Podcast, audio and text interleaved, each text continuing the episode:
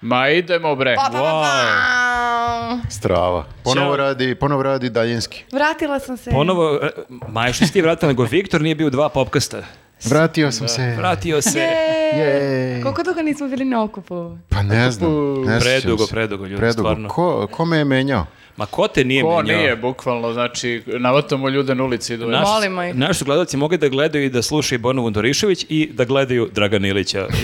Ja, opet zvuk, a? Jeste, to je bio taj e, prethodni popkast. Nadamo se da nas sada čuju i da će i tebe moći da čuju i nedostaju si. Hvala. Ti sad sigurno nisi bio Sad tu... su velike očekivanja od E, tebe. Nisi da bio znaš. tu dva popkasta, ti sad sigurno pročito silne knjige, pogledao silne filmove, Ne, serije. Ne, E, ne, Ti imaš ljudi. tri knjige i pet serija, pretpostavljam. Pa imam sve su dečije knjige. Nema veze i Znaš, to i... moja prva reč, kuća. Imamo mi decu koja nas prate, mislim bebe. Mhm, Prate popis. Doneću možda u sledeći popkast, imam dosta dečjih knjiga. Dosta. Možda je Može, to. može, Jedva može. čekam. Da. Super, pa gde ste ljudi? Evo. Evo, evo ja se vratila, mnogo sam srećna što snimam. Malo Mi mi smo je čudno. najavili u podcastu da si ti bila u Puli na koncertu i da ćeš verovatno pričati o tom koncertu. Nadam se da ćeš nam reći nešto o tome Mm. kad dođe vreme. Ajde, to Da, da. ćemo na kraju. Znači, e, da si bio na koncertu o- ovako divnom kao ja, ne bismo živeli od tebe. Ja sam... Ja- I od tvojih statusa na Facebooku i koje si majice kupio i što one znače. Jeste, ja razumem, ne, stvarno, ja razumem kad odeš na koncert koji bude onako baš lep i bude više iskustvo nego koncert. To se zove life changing, Ja life to- al- altering Experience. experience. Ja to Da. potpuno Experience. razumem. Ja jedva čekam da opojasniš ono što si nam napisala na četu. Bio je divan koncert, prvih 15 minuta sam plakala. Sve vreme, da. A, Ali o tom potom. to je Potom mali Sedela, teaser. vam sam, sedela sam na Florence i plakala. Tako je. Ali samo da kažem, nisam jedina, javljali su mi se sa svih strana i rekli su da su proživjeli isto iskustvo, Dobro. tako da nisam luda. Kakav Ali- teaser, ja jedva čekam ovo. Sad ja jedva čekam, zamisli slušalci. Da, da, Možda da. budu i slušalci e, plakali dok ti objašnjavaš kako si ti plakala na koncertu. Zašto da ne? Zašto da Takmičenje ne? u Jer se plakanju. možda ja sama rasplačem opet, tako da, jer moje, moje suze možda nisu presuša. Nego, stanite, a, da krenemo od početka. A, prvo, čao svima. A, drugo, a, da se zahvalimo prijateljima a, našeg a, podcasta. A, Popkasta. popka- pa dobro, podcast Ne, je jednu podcast. epizodu nije bila i zaboravila gde je došla. Dobro bre ljudi, čekajte samo rečanicu da završim. Znači tu je uh, Converse sa nama. Jeste. Jeste. Neko ovdje ima i majice, Viktor i ja smo Tako uspeli, ali- je. Neko ima Kakve ja patike. imam patike. Dobro, Jeste. dobro. Chuck Konač- Taylor, Chuck Taylor. Konačno su prestale kiše i ja mogu da nosim svoje bele patičice. E, da li, e, mogu da pitam, da li Pitaj. Converse ima papuče? E, dobro, A, pitanje. Mhm. dobro pitanje. Ako To treba nemaju, pitaš trebalo nekog bi da iz imaju. konversa, pošto pitaš nas kao Pa ne znam. valjda gledaju ovo. Ej, Converse-u, jel imate papuče? Žene neke? iz Converse, da li imate papuče? Žene iz Converse-a. Pa žene su iz Converse. Pa što ima neki muški valjda tamo? Pa, isto? a, Nema, imali to mi je. di- d- direktno sarađujemo sa ženama. Dobro, ajde. Ako nema. nemaju papuče, možda ako nije problem da pišu centrali da naprave recimo za sledeće leto Može se kolekciju napravi, za da. Viktora. Ja mislim da imamo u opisu baš ovog videa jedan link koji ti Dobro. možeš da posjetiš i Dobro. na tom linku možeš da vidiš sve njihove Aj, proizvode. važi. Tu ima shop. a, Klikneš lepo i ideš jeste. po sajtu i sve vidiš. Važi, A znaš važi. šta je najbolje od svega? A, što im je sad krenulo sniženje. Mhm. Oho, ho. A, 20% popusta na neke određene artikle koje traje do 23. jula, 25. jula i lepo možeš da vidiš ako nema papučki, možda ima neki patički. Što ja volim popuste. Oho, ho, ho, volim te. Više, više volim da kupim kad, ne- kad je nešto na popustu, nebitno šta je, samo da je na popustu. To je znaš psiholo- zašto? To je psihološki, da. Zato što tako, to što, tak- time ti zarađuješ. Ti si Jeste, zapravo da, zaradio pare. Uštedim, da. A Ušteda jednako zarada. Tako je, tako Za je. još savjeta platite, Pratite, da, ovaj pratite blog. Viktora za Ja još sam uskoro- ekonomskih Uskoro saveta. financijski podcast. Majko, majko, majko. News, fin- news Finance bi bio dobar podcast, ono, Da. ćutimo od dva sata. Dobro, dakle, ako želite onda da i vi uštedite, Znači da- odnosno da zaradite, posjetite link u opisu profila, imate divne stvari na popustu, idu Ja. lepo festivali, idu letovanja, šetnje, da ne kažem još šta, a krenula sam palci. Čuće mi žena ovo. A, jao da. Ti je zagovari, uvek imaš taj moment da daš neki komplement. Kad, krene da gleda po, podcast, Nađeš sekundažu to je, kad e, ne- vidi ovo, interesantno, vidi ovo Jesi ti vevericu to kako se šišala? pravi mrtva. A, a sa nama je danas i Manč, a, prijatelj Evo ga, našeg i ovde Mm. naš popkasta. A, Jeste, fulio. Fulio je kulio. Jo, opet je to rekao. A, znači, imamo i ove šolje, a, kla- klasične, a, imamo i Fulio, možete da pogledate ima njihov shop u sradnji sa Dečko Car a, brendom. Napravili su majice, šolje, a, priveske, cegere. Napravili su nama ono gore, ono od folije. Jeste, i zato ćemo mi danas vas da pitamo, da nam pišete u komentarima šta vi ljudi radite sa Manč Foliom. bolijom, pošto raznih bolesnika ima, da vidimo u kojoj ste kategoriji. Da li želimo da znamo baš sve šta rade? To su neke jako Ma, privatne. Fil- e, filtrirajte, znači nemojte da nam sve nemojte kažete. baš sve da. da nam kažete. Jeste. Ja, na primjer, volim da je ispravim, ali to je zato što sam ja ono osjedi bolesnik. Mislim, bolesnica i... A ti ono uzmeš, opeglaš. pa. Je. A Jeste. čekaj, a šta ako se pocepe, ali si ne vjeraš onda? Da, i onda moram da iznivelišem da je pocepam i sa druge strane. To malo to peglanje noktićem liči na onu igru iz Squid Game-a, znaš, onaj e, keks što Mhm. Jeste. moraš nešto da mu uradiš da, da ne pukne. Mhm. Moram da ti Mhm. kažem da nisam gledala Squid Game. Skreću. Ne, E, nisam ni ja, moraš- moraš nisam da ni ja. Bilo mi je potresno malo kad sam E, videla neke Drago mi je da smo mimove. nas dvoje popričali Da, da. o ovome koji nismo gledali. Dobro, pa dobro, mi smo pričali o Jokiću e, na, u prošlom podcastu, pa je baš bilo komentara kao od četiri lika, kao četiri nisu gledali Jokića, tako Vlada da je gledao. gledao sam i ja. Ja? I Nisam, ja mislim, sam pratila bukvalno. malo. Samo ja nisam gledao, ja sam najviše pričao o Jokiću. To je Dobro, tačno. nema Ja Ja sam veze. čitala. Do- ja sam isto mnogo čitao. Ja volim da rolam fali onako da bude Kuglica. baš kuglica lepa. E, si vidio one ljude što kad e, naprave tu kuglicu, ona bude potpuno glatka, kao E, da se to ne znam sjaj, kako nekako je da, imaju- ispoliraju. ispoliraju, je, da, ne znam št- kako i čime, ali da, ovaj, to, to je sledeći A stadij. mislim da je to varanje. Ne smeš da koristiš neke alate, smeš samo valjda ruke, da Ruke, a, koristiš. prsti a? i to. Pa ovo, ja bi je, tako o- rekao. o- ovo je, mislim, o sto čoveče, nego ga A, onako i onda... A misliš, to je isto alat. Dobro, mislim, i- Dve imaš, škole imaš mišljenja. vremena sad tokom Ja moram da leta, pa ću kažem e, da, probam. kako ne idem u ško- otkad ne idem u školu i ne studiram da manje radim te stvari, ali dok sam ono šatro učio baš sam voleo da to i od folija pravim razne oblike, a imao sam i drugi e, jer ne znam najveće budalaštine koje sam radio tokom srednje škole je da uzmem novčiće i da ja da samom sebi pucam penale. Jeste to radili možda? Jesam, Da. ja sam Kako to radio. sam sebi da pucam? A Imaš znaš šta, to dva je- Mm. novčića kao gol i ti si golman za dva prsta, a, a druga- drugom druga dva pucaš, prsta da. šutira penal tebi sa dva I prsta. ko je, ko je pobedio? A, u- pa u- u- win-win je u svakom slučaju. Ne, malo je zeznuto jer čini ti se da nije pošteno zato što i ti si golman i pucaš, ali e, e, prosto to je fizika. Kad pucaš penal, ti ne znaš gde će novčić da odnosno. Ja kad šutem, ja stvarno ne znam gde će I da ode. generalno, to da. generalno napad je uvek napredniji od odbrane. Ja sam nekad igrala sama sa sobom tablić, na primjer, ali sam uvek samu sebe uspevala nekako da prevarim i da pobedim ja. Sljedeći na Da. RTS utakmica Rade Bogdanović i Viktor komentarišu ono kao... Kako si rekao, napad je... Napad je, pa ne, nisam ja to izmislio. Napad znači, je napredniji od- Zato se povećava broj poena u NBA ligi stalno. Dobro, ovo nije sad, ovo su penali, jel pa to, ali e, si primetio da se povećava broj poena? E, jesam. Odbrana, odnosno napredovanje odbrane, ne može da isprati napredovanje napada. Aha, znači Ne znam ti da li si sam u- dobro objasnio. uvek si u- da, uvedeš nešto novo u napad i treba odbrani par mjeseci da ukapira kako Pa da to Ili ne radi. ga znam. brzina kojom ti napreduješ prosto ne može da d- bude ekvivalentna brzini kojom nekom treba da se odbrani od tvojih napada. Šta pričate? Prvi, je li savjetin zakon fizike? E, u pravu jeste, to je to. Znači, i to, to što si ti rekao. Znači, koliko god da ovi e, napreduju u napadu, ne znam, hoćemo još da pričamo o ovome? Ne, ja sam se mislim, baš... a, okej. uh, Možemo da Oblici, pređemo znači na... oblici, šta radite sa Jeste. celofanima? U svakom slučaju i mi ćemo tokom po- popkasta verovatno otvoriti, ja se Video sam kontrolišem. zabrinute, zabrinute poglede, kao nećeš valjda stvarno da nam objašnjam. Ne, ne, ja sam bilo u fazonu, ovdje smo mi u sportski Ne, popkast. već si nam u podcastu oterao ono par hiljada gledalaca svojom e, anegdotom kad vam je istekla registracija kad ste išli u Hrvatsku. Nisam oterao, svi su do kraja saslušali taj, taj suspens. Taj suspens, šta se desilo na kraju, da li smo stigli kući. Da, da. Jeste, jeste, bilo Ali- uzbudljivo A što se baš. tiče sportskog i finansijskog popkasta, mi moramo ljudi, znači mi imamo sada podcast i popkast. Mi smo popunili tipa šest sati od nedeljno, koliko je postoji sati u nedelji? 24 puta, Sedam. 24 Da. puta 7? To je... To je. Ne, umem da preko izračunam. sto sigurno. Ovaj, Ima dosta, ima dosta Ovo je sati. lik koji hoće pravi finansijski To podcast. 148 148 sati ima, znači treba popuniti još tih 142 sata. Mi smo popunili šest možda. Se, tek šest. Pa možeš ti moramo nakon- da spavamo. Ne, ne, ne, ti Viktore možeš nakon Ne, svakog na smenu ćemo putovanja da da, radimo. pričaš iz minuta u minut šta se dešavalo na putu. Ne, mora da bude nešto zanimljivo. Kao neka Viktor Patrola. Na smenu ćemo da radimo. Može. A, eto, Dobro. a, i onda da sad možemo stvarno E, da pređemo i na novi glavni zvanični deo. deo. Hoćemo da krenemo od filma ili od serije? A Pa to uvek pitamo i uvek kažemo da ćemo od serija. Ajmo od serija, ja imam neki film koji mi se nije svidao baš. Pff, ajde, ja imam seriju koja mi se onako. Ajde. E, Ja imam jednu seriju, sam počeo da gledam, jako je čudna. koji je? Inside Man se zove. Okej. Da- nemojte da pomešate sa filmom Inside Man. Znači, Dobro. nije- to je film, a ovo je serija koja se zove Inside Man. Igra Stanley Tucci. Dobro. Tucci? Ne znam kako se izgovara. Dobro. Tući. Tucci, Stanley Tucci.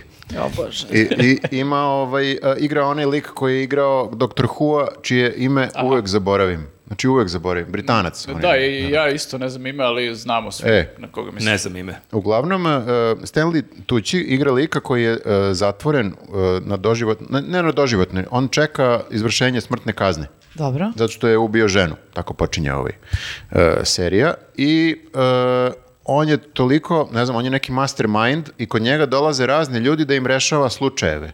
Znači, ne- kad je neka misterija u pitanju, bilo da je ubistvo, bilo da je ne znam ni ja šta, dolaze ljudi kod njega, iako je on zatvoren, kao imaju sa njim sastanak i onda im on rešava, pošto ima toliko razvijen mozak, e, rešava im te slučaje. On je kao neki detektiv. A oni dođu kod njega u zatvor. Da, oni dođu kod, pa on je u zatvoru, ne može Čekaj, dođu detektivi kod njega ili... Do- e, bi- bilo ko ko ima problem. Znači, ne mora da bude detektiv.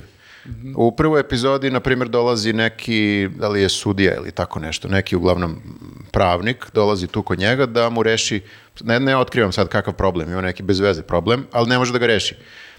Neku misteriju. I onda on odlučuje da li će da mu pomogne ili ne. Neće svakom da pomogne, jer a, a, ima nešto što, što on naziva moral worth. Da li je njemu to vredno da rešava taj slučaj ili ne, pošto ne može da dobije pare, ne može ništa da dobije, nego samo kao da li, da li ima neki moralni fit, e, e, feedback od tog. A čekaj, kako moralni feedback kad čovjek ubio ženu?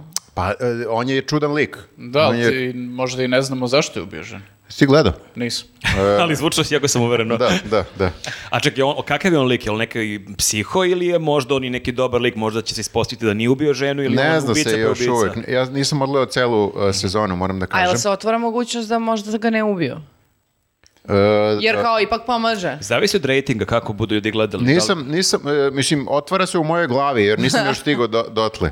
Znači, ja mogu da zamislim da, da, mogu da zamislim da, ali nisam još e, toliko napredovao u seriji, a serija je, znači sad ovaj lik koji igra Dr. Hua, Dobro.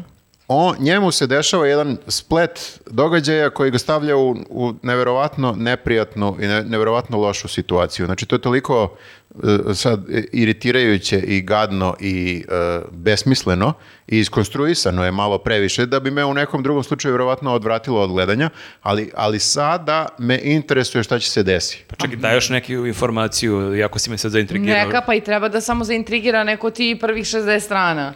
Pa ne Ali bih... bi- ja, bukvalno si kraljica spojlovanja, ne, Ne, ne, ne, ne, neću da spojlujem, Ja zato, zato nije- što je e, čak i prva epizoda je prilično zanimljiva, a, s- a onda bih spojlovao i Sve. prvu Čekaj, epizodu. svaka epizoda je zasebna priča ili se provlači jedan Ne, slučaj? ne, ne, ne, od jedan slučaj, Radnja je, da. radnja, radnja se provlači kroz, pa ja mislim celu sezonu, mislim, pretpostavljam. Nisam, nisam odgledao do kraja sezone. Da, da. Ali, e, uglavnom, e, lik koji igra Dr. Hua, moram da pogledam kako se zove, ovo je baš bez veze, zaboravio sam, ne mogu da se setim. sad. Kucaj u, u Google. E, e, njemu se, on je e, sveštenik i da bi zaštitio nekog svog e, kolegu, on preuzme na sebe, Matt Smith. ne, Ove što igra Tar- Targaryena. ne nije Matt Smith.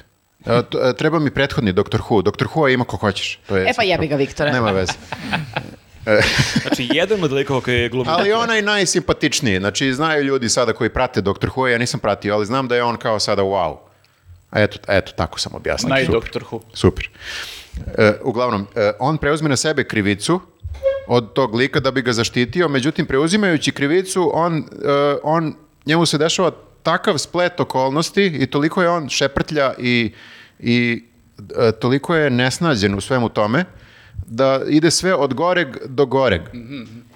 E, namerno neću da, da spojlujem, pa sad zakomplikuje pokušavam što može, da... Sve se zakomplikuje što može, kao u Breaking Badu, što se zakomplikuje što može kroz celu sezonu, međutim ovdje je već u prvoj epizodi se toliko zakomplikovalo da si ti u fazonu jebem ti sunce. Kako će da se čupe? Da, da, Gledaš da. i cokćeš kao... da. Tako da, e, meni je to, to iskakalo kao trailer na Netflixu. Iz, iz trailera me nije povuklo uopšte da gledam. Nego sam, e, ne znam ni ja zašto uzeo kao ajde da, da vidim šta je. Pošto Stanley Tucci, to mi je malo, e, on uvek igra neke e, ove uloge koje nisu glavne.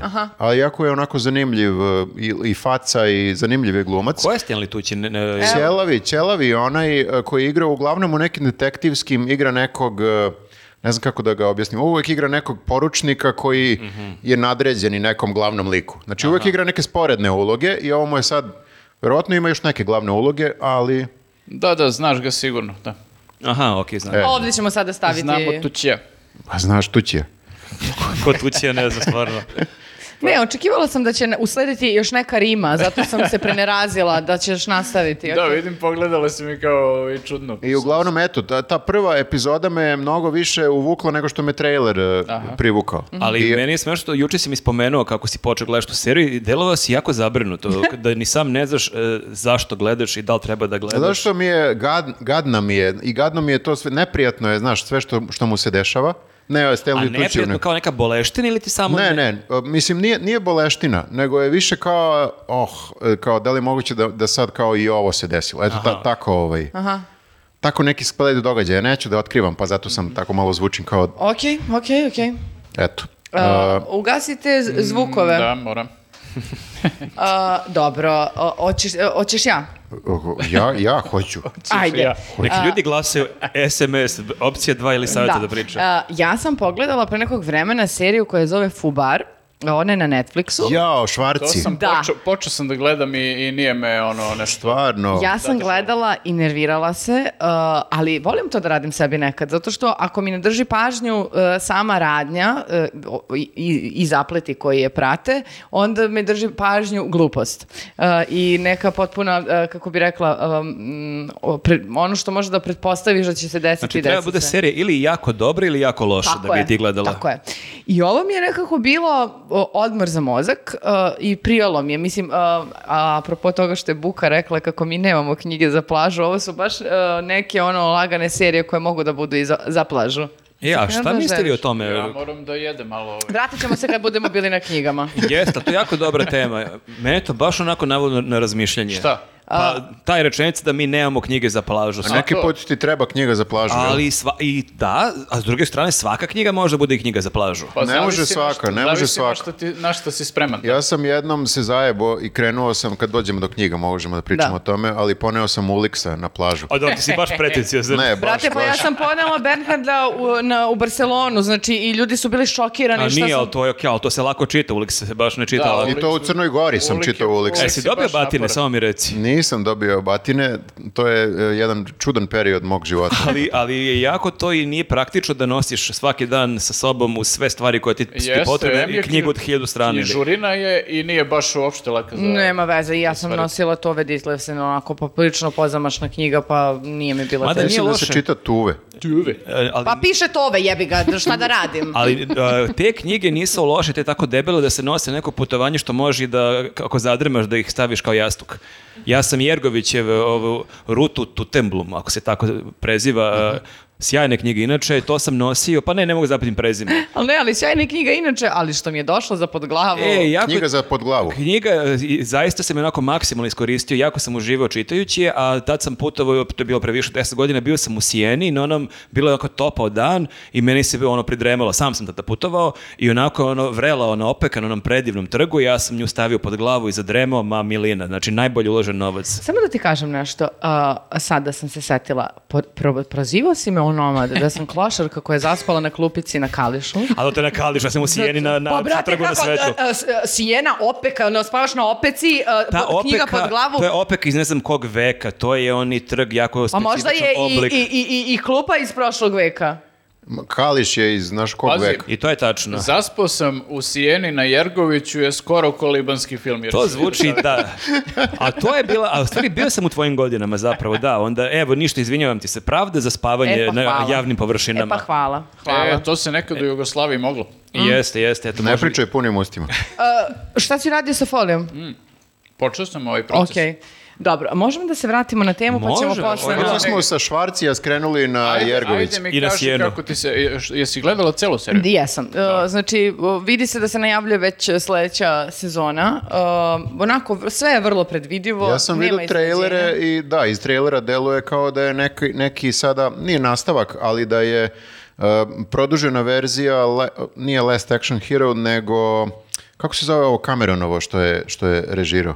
Igra Švarci i Jamie Lee uh, Curtis. Super film. Ne sećam. Mislim, kad je on uh, u... u A, kad je on tajni agent, a onda ona nešto Da. upada da bude ona tajna agentkinja. a, istinite laži, True Pa, Lies, True I onda ona Lies. igra pred Jest, njim, a on da, sedi da, na stolici da, čuvena sa... scena. Da, da, da. Sećam Jel- se. jel ovo to?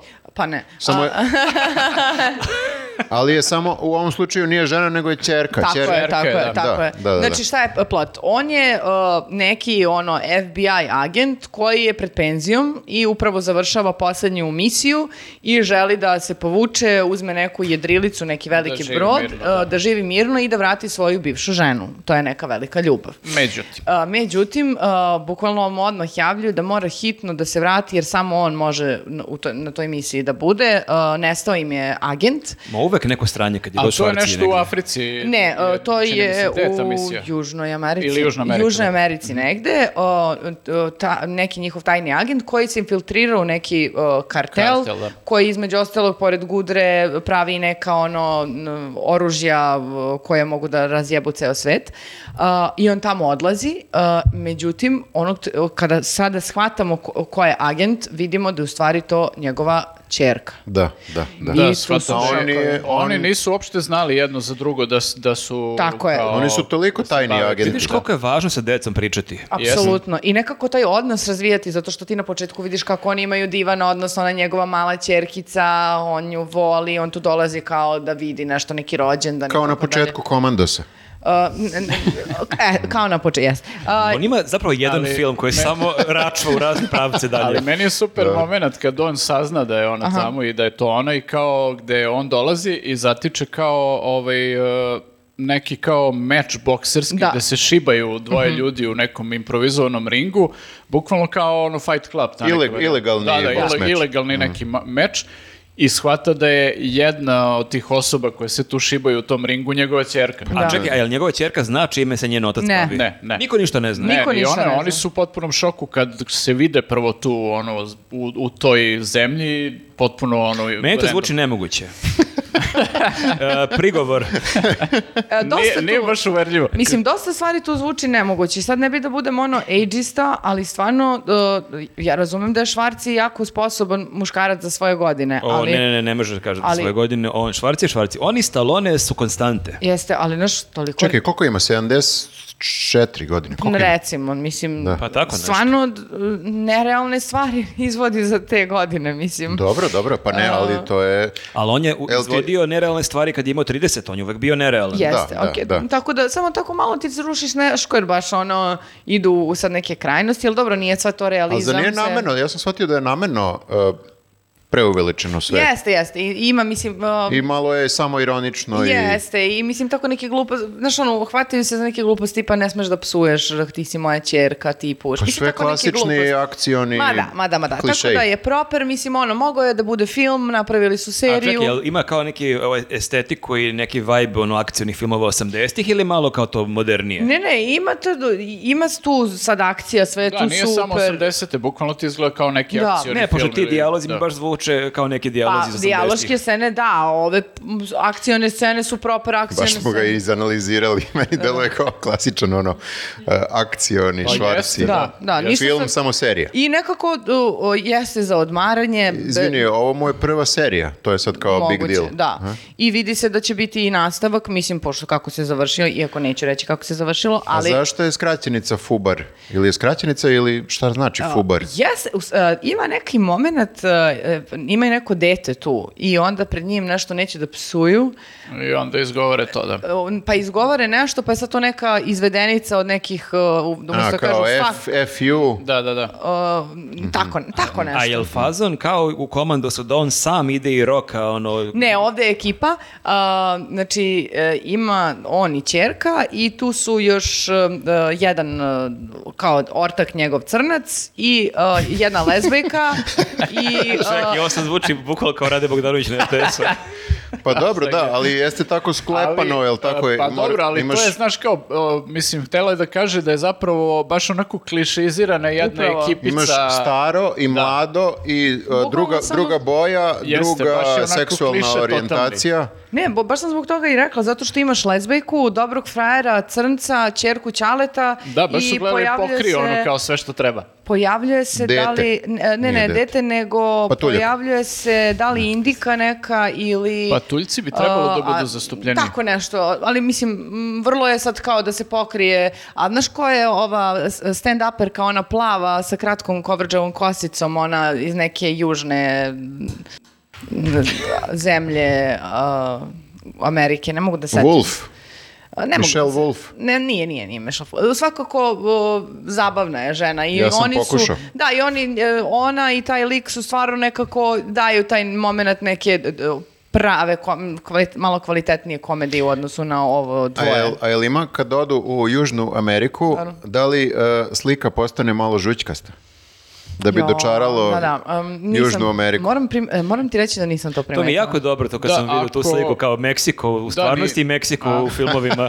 Da, nije, nije- Okir žuto. Jeste, jer kad odu u Kanadu ili negde, onda je malo plavo. Da, A u to Skandinaviji ni ja isto nisam, tako plavičasto ovaj, malo. Sivo plavo. To ni ja nisam skonto, mislim, verovatno nije, ako je stavljen filter, nije toliko ovaj, naglašen. Ja nisam, recimo, primetio da li su to... Ovaj, A što si ti odustao od e, serije? Uh, ja sam samo zaboravio na nju, ono, posle par epizoda. Pogledao sam par epizode kao, ok, može da se gleda to s pola mozga, mislim, dok bukvalno mogu da gledam seriju i da čitam nešto.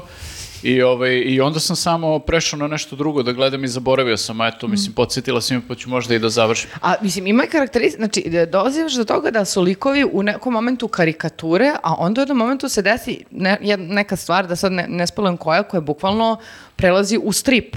Znači, m, Sve zvuči i meni primamljivo, moram da zvuči kažem. super. da, tako da... Hoćeš da odbiješ Viktora u fazonu, daj mi još toga. Šta, jako je glupo, Ne, može. da, stvarno, ja sam u fuzonu, brate, pusti da se iskuliraš, onako, toliko je predvidivo, smiješno je, nije, Su, pa to nije sad sam i- neka ono to sam i vrhunska komedija, nije ni vrhunski, ali kao, kad sve to sabereš, bu, budeš u fazonu, doj, aj, pogledamo ono E, da znaš, što ovdje pusti. gledaš to kad si bila mlađe te neke akcijne filmove. Pa neminovno sam i gledala, ali nisam baš sad, kao, okej mi je. Da, a baš konkretno Švarci, imaš ono kao, jel ga dižeš u nebesa ili... Ne, ne nešto pretjerano. to su Znaš ti koga mlađe sam- generacije, Znaš ne? koga Znaš, sam? t- takvo je nula poštovanje. Dizala sam u nebesa Toma Cruise. Pa dobro, On mi Tom je bio- Cruise, okej. On mi je bio frajer, sjećam se Milena, i ja sam bil, moja sestra rođena, i ja sam bila pozorno, bože, kako je dobar frajer. Ona kaže, kao naš tata. To, on i Sergij Jao, Četković. bože. Znači, Tom Pa i tvoj Cruise, tata tako visi na litici. Tom Cruise, Sergij Četković i naš Mića, tata. i Mića. naš tata. Da, to je bila dobro. uh, sveto trojstvo dobrih frajera uh, u našoj... kad smo To mi je bile i meni male. svetotrojstvo najboljih frajera, moram ti kažem. Pa To šta? je nekako opšte prihvaćeno Slažemo se, globalno. to je- I Da. vidi me gde sam Pa sad. Pozdrav za Miću, ono... I za Toma Cruise i Sergej I Četković. Naravno, nemoj da zaboravimo. Možda Sergej- Sergej Četković To podržava na je bio Patreon. Sergej Četković, nije Sergej Četković, kako se zove? Vojin. Vojin Četković, jebote. Da, da. A, ja Kakav rekao, Sergej? Ali Sergej je isto dobar frajer. Jeste. To je već, ne pišite u komentarima ko je bolji frajer, Čekaj, Sergej koji- Četković. Ko je Sergej Četković? Koji Ovaj bre Četković? pevač, onaj crnogorski. Jeste. A Ne, imaš ne, i ne. Sergeja Trifunovića. Ne, ne, ne, ne, Koji ne. Četković vam je omiljeni? Ne, ne, ne, molim vas, izvinite. Da, o, Vojin ka- Četković. kako, kad, znači moram da se ispravim. Ovako, Tom Cruise, Vojin Četković I Mića Četković. e, i A Mića- čekaj, Mića je na prvom mjestu, tako... Pa mislim, izvini, kad, a ipak mi je otac jebi ga. Ja bi Mića A to je mogu da sad- iznapada Toma Cruza. Malo je to onako ovaj, pristrasno. Ko je, ko je bolje ostario, Tom Cruise ili Mića? Pa, e, jebi ga Tom Cruise. Ne, nije, ali znaš šta, malo je to... Ali ima ove poteškoće na Ali putu to je kao moj malo- čale, To inače je bi malo bio. trik pitanja, zato što Tom Cruise ne stari. To je tačno, a on ima baš mnogo resursa da to spreči. ne Jeste, a stari, i da. Vojin Četković baš lepo stari. Znaš šta, jako je to slatko kako čerke gledaju svoje očeve, znaš, i moje deca misle sam ja najveći a, legenda, da sam najduhovitiji, možda pomaži to što sam u jednom momentu tražio da me oslavljavaju sa legendu kosmosa i neko vreme su me tako i oslavljavale i on se shvatio da me ozbiljno tako oslavljavaju, ali u svakom slučaju to Bože, nije loše. Bože, dobro je da nisu Tako- zvali centar za socijalni da- rad. Zavisi u javnosti. to tako Jedanput su osobe. rekli ćao legendo kosmosa kao ok, mislim, ša, kapiraju oni to kao zezanciju, ali u jednom momentu postane kao ok, aj sad da prestanemo s ovom šalom, ali eto mali savjeti kad imaš čerku, Da, Desi probaj čisto. legenda.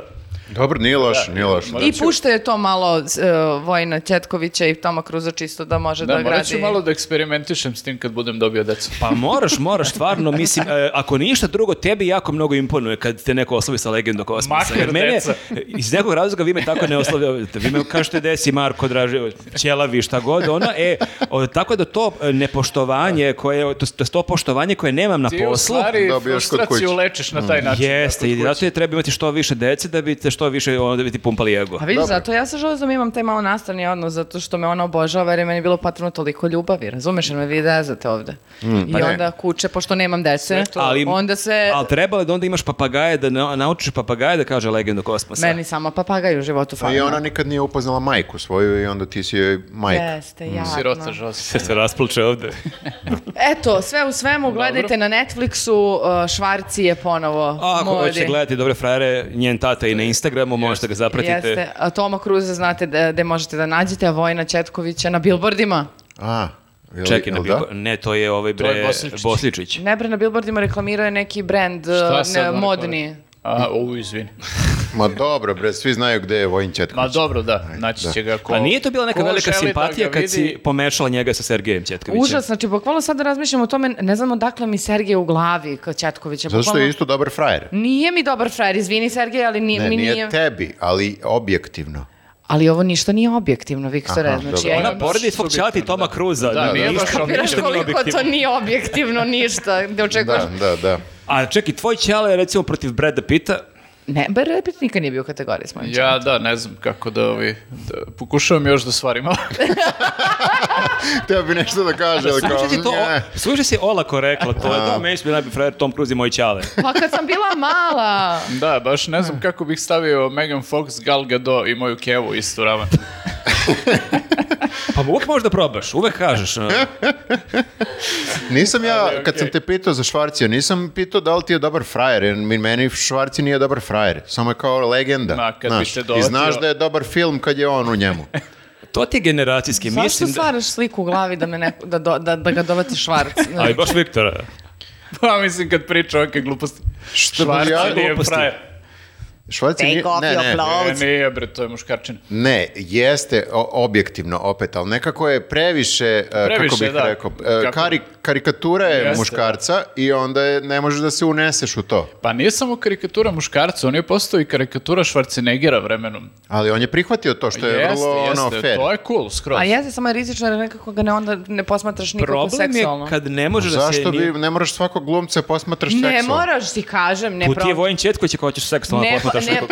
e, čekaj, ma nisam ja toliko seksualno posmatranih, bila sam dete, jebote, samo su mi bili Frajeri, lepi. frajeri, Ali, frajeri. lepi. Lepis, on lepis. jeste hodajući seks. Mislim, nemam ja ono, d- k- ko je to, elekt, jel to elektrin kompleks beše sa ćaletom kad ima problem. Ja to zovem daddy issues. Pa nemam to, znači nisam Dobro. seksualno posmatrala mamom pobogu. Pričajte vi o Presi da serijama. lupaš tom hemijskom, iritiraš ljude Pa koji se da samo sad slušaju. ljutiš, ti si uvela ovo Bukvalno u ne priču. bih u životu uveo tvog ćaleta u, u ravan sa Schwarzeneggerom, pošto je Miću veliko pozdrav, ali ne, Vratimo se- ne gledam ga na taj Vratimo se. način. Čovjek je na bio dobar serije. frajer i dalje, da, mislim, drže za svoje godine. Ajde. Švarci. A, Ovaj, I dobro. Tom Cruise. Problem sa Ok. Schwarzeneggerom ne možeš da se s njim identifikuješ, suviše Da, je da, on naš. kari- da, nije karikatura, karikatura je i na good way, to sam mislio, Jeste. nekako prenaglašeno je sve. Čak i što oni koji idu u teretanu ne možeš se identifikuje s njima. Pa de- On mu je samo inspiracija, to je i uzor. Ne, ja ovi, posle toliko godina u teretani sam ko jedna švarcijeva noga.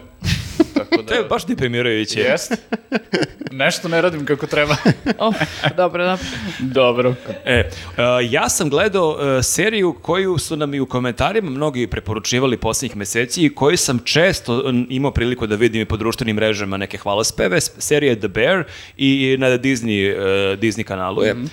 A Da nije onaj bear, cocaine bear. Ne, to je... Nije- ne, Nije, ne, taj, ne, nije dobro. taj Bear. Ovo je Bear, e, serija se dešava u restoranu. I ja moram da kažem da sam e, dva puta pokušao da gledam seriju i oba puta sam e, pogledao prvu epizodu ili bih pred kraj prve epizode e, batalio i onda sam toliko dobio komentare i privatno i naletao na raznim društvenim mrežama da je to kao remek delo, ono, serija godini slično. I rekao, ajde da probam da je pogledam i evo pogledao sam je ovih dana. E, ima osam epizoda, ono što se meni sviđa je što epizode traju po pola sata, osim poslednje koje traje možda 45 minuta. A jel to to završena je serija tih osam? Završena ili- je, pa e, bit će druge sezone. Aha, Mislim, aha, nije sad neki ono, ne znam kakav cliffhanger kao da sad nisi živ, Da, da, da, da, ne vidiš drugu okej. sezonu. Jeste koliko toliko uokvirena priča, ali ima prostora da oni nastave. A, priča je, e, dešava se dakle u restoranu i e, glavni lik zove se e, Jeremy Allen White. E, m, ako vam to ime ne znači mnogo, on je glumio u Shamelessu jednog Mhm. od, od onih, ono, od 50 dece. A, I on je neki čuveni šef kuhinje, čuveni kuvar, mlad, koji... Pa To onaj lepi.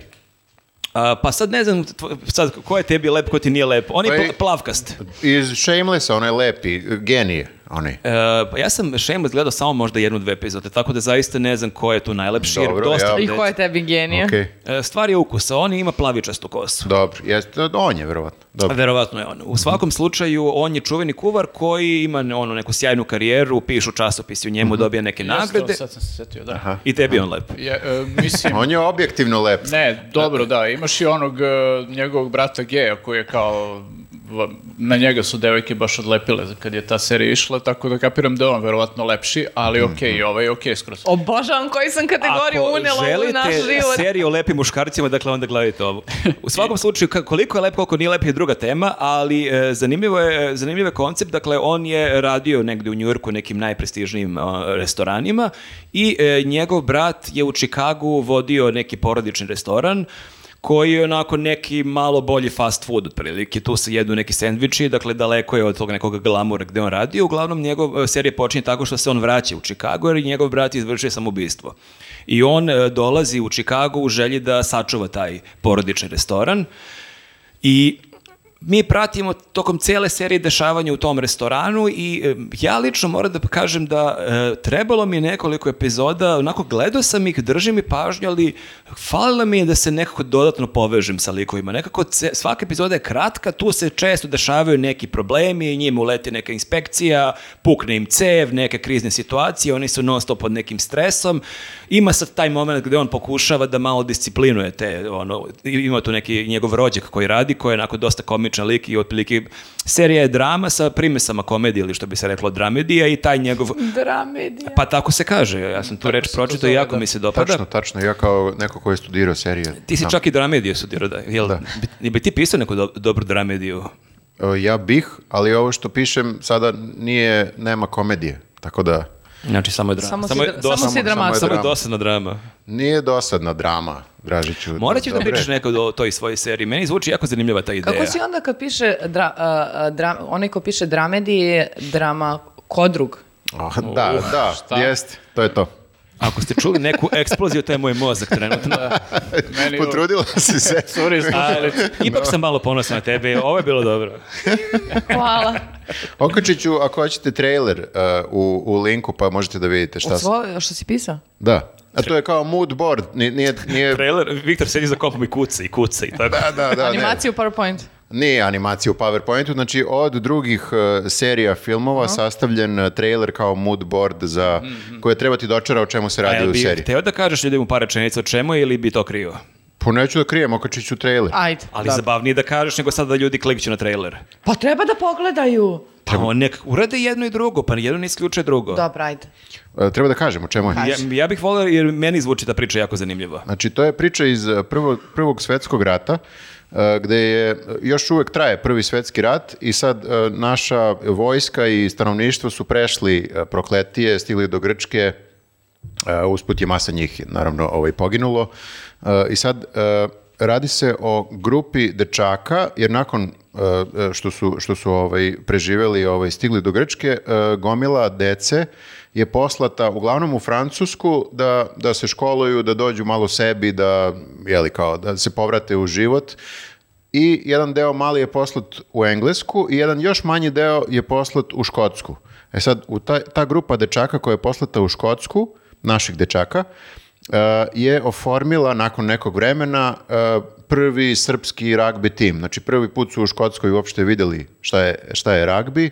Ispostavilo su da su nek- neki od njih prilično dobri u ragbiju i e, kad su se vratili u Srbiju, formirali su već u Škotskoj su formirali prvi srpski e, nacionalni ragbi tim i kad su se vratili u Srbiju i dalje su tu malo kao e, mnogi od njih su postali poznati i uspešni e, ljudi Mhm. Ali i tako dalje. Nisu imali protiv koga da igraju u Srbiji. Znaš, kao, ljudi, ajmo da se... Ali taj ragbi ih je, ja mislim, malo dodatno, e, kako bih rekao, pomogao im da prebrode traume sve koje Dakle, to je su. sve, ako nije razume, to je sve istinita priča da se to desilo. Da, da, istinita je priča. Eto, o tome je ovaj. I e, fokusiram se na Škotsku, šta im se dešava u Škotskoj. Eto, to je ovaj priča. Zanimljivo, a? Yes, Da biste yes, gledali? Ja bih, Ja. ja bih...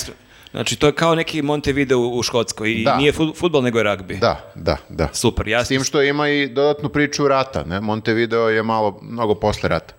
Tako da, Ja bi to gledala. da. Podržala. Eto, eto. Mhm. znači, Ja bih, to, ja bih to gledao, da imam pare, možda bih ih finansirao, ali sam čuo da serije dosta koštaju, ne znam, ovi, da, skupo je dosta. ovo što nam ljudi uplaćuju na Patreon, mislim da nije dovoljno da se snimi sezona te serije. Nije, ja, i to nam je bio isto deo ovaj, e, studija, baš mnogo para košta što sediš. serija. Ali možda neki producent gleda naš podcast i možda Da ga I sad možda se zainteresuješ. javi, da.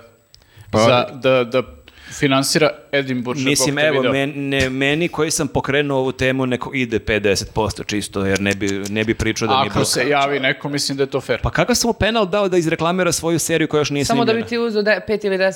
Pa moram neki Dobar je interes. menadžer, dobar je menadžer. Mhm. Menadžeri uzimaju 10%. A, da li si završio? nisam, Ajde, ajde, sam ajde. počeo, tek sam na prvoj epizodi. Jo. U svakom slučaju, ja sam imao... Moram da pojedem nešto. ja, pazi, epizoda traje po pola sata, ja sam tek na prvoj, znači još dva, tri sati i prepričat ću sve.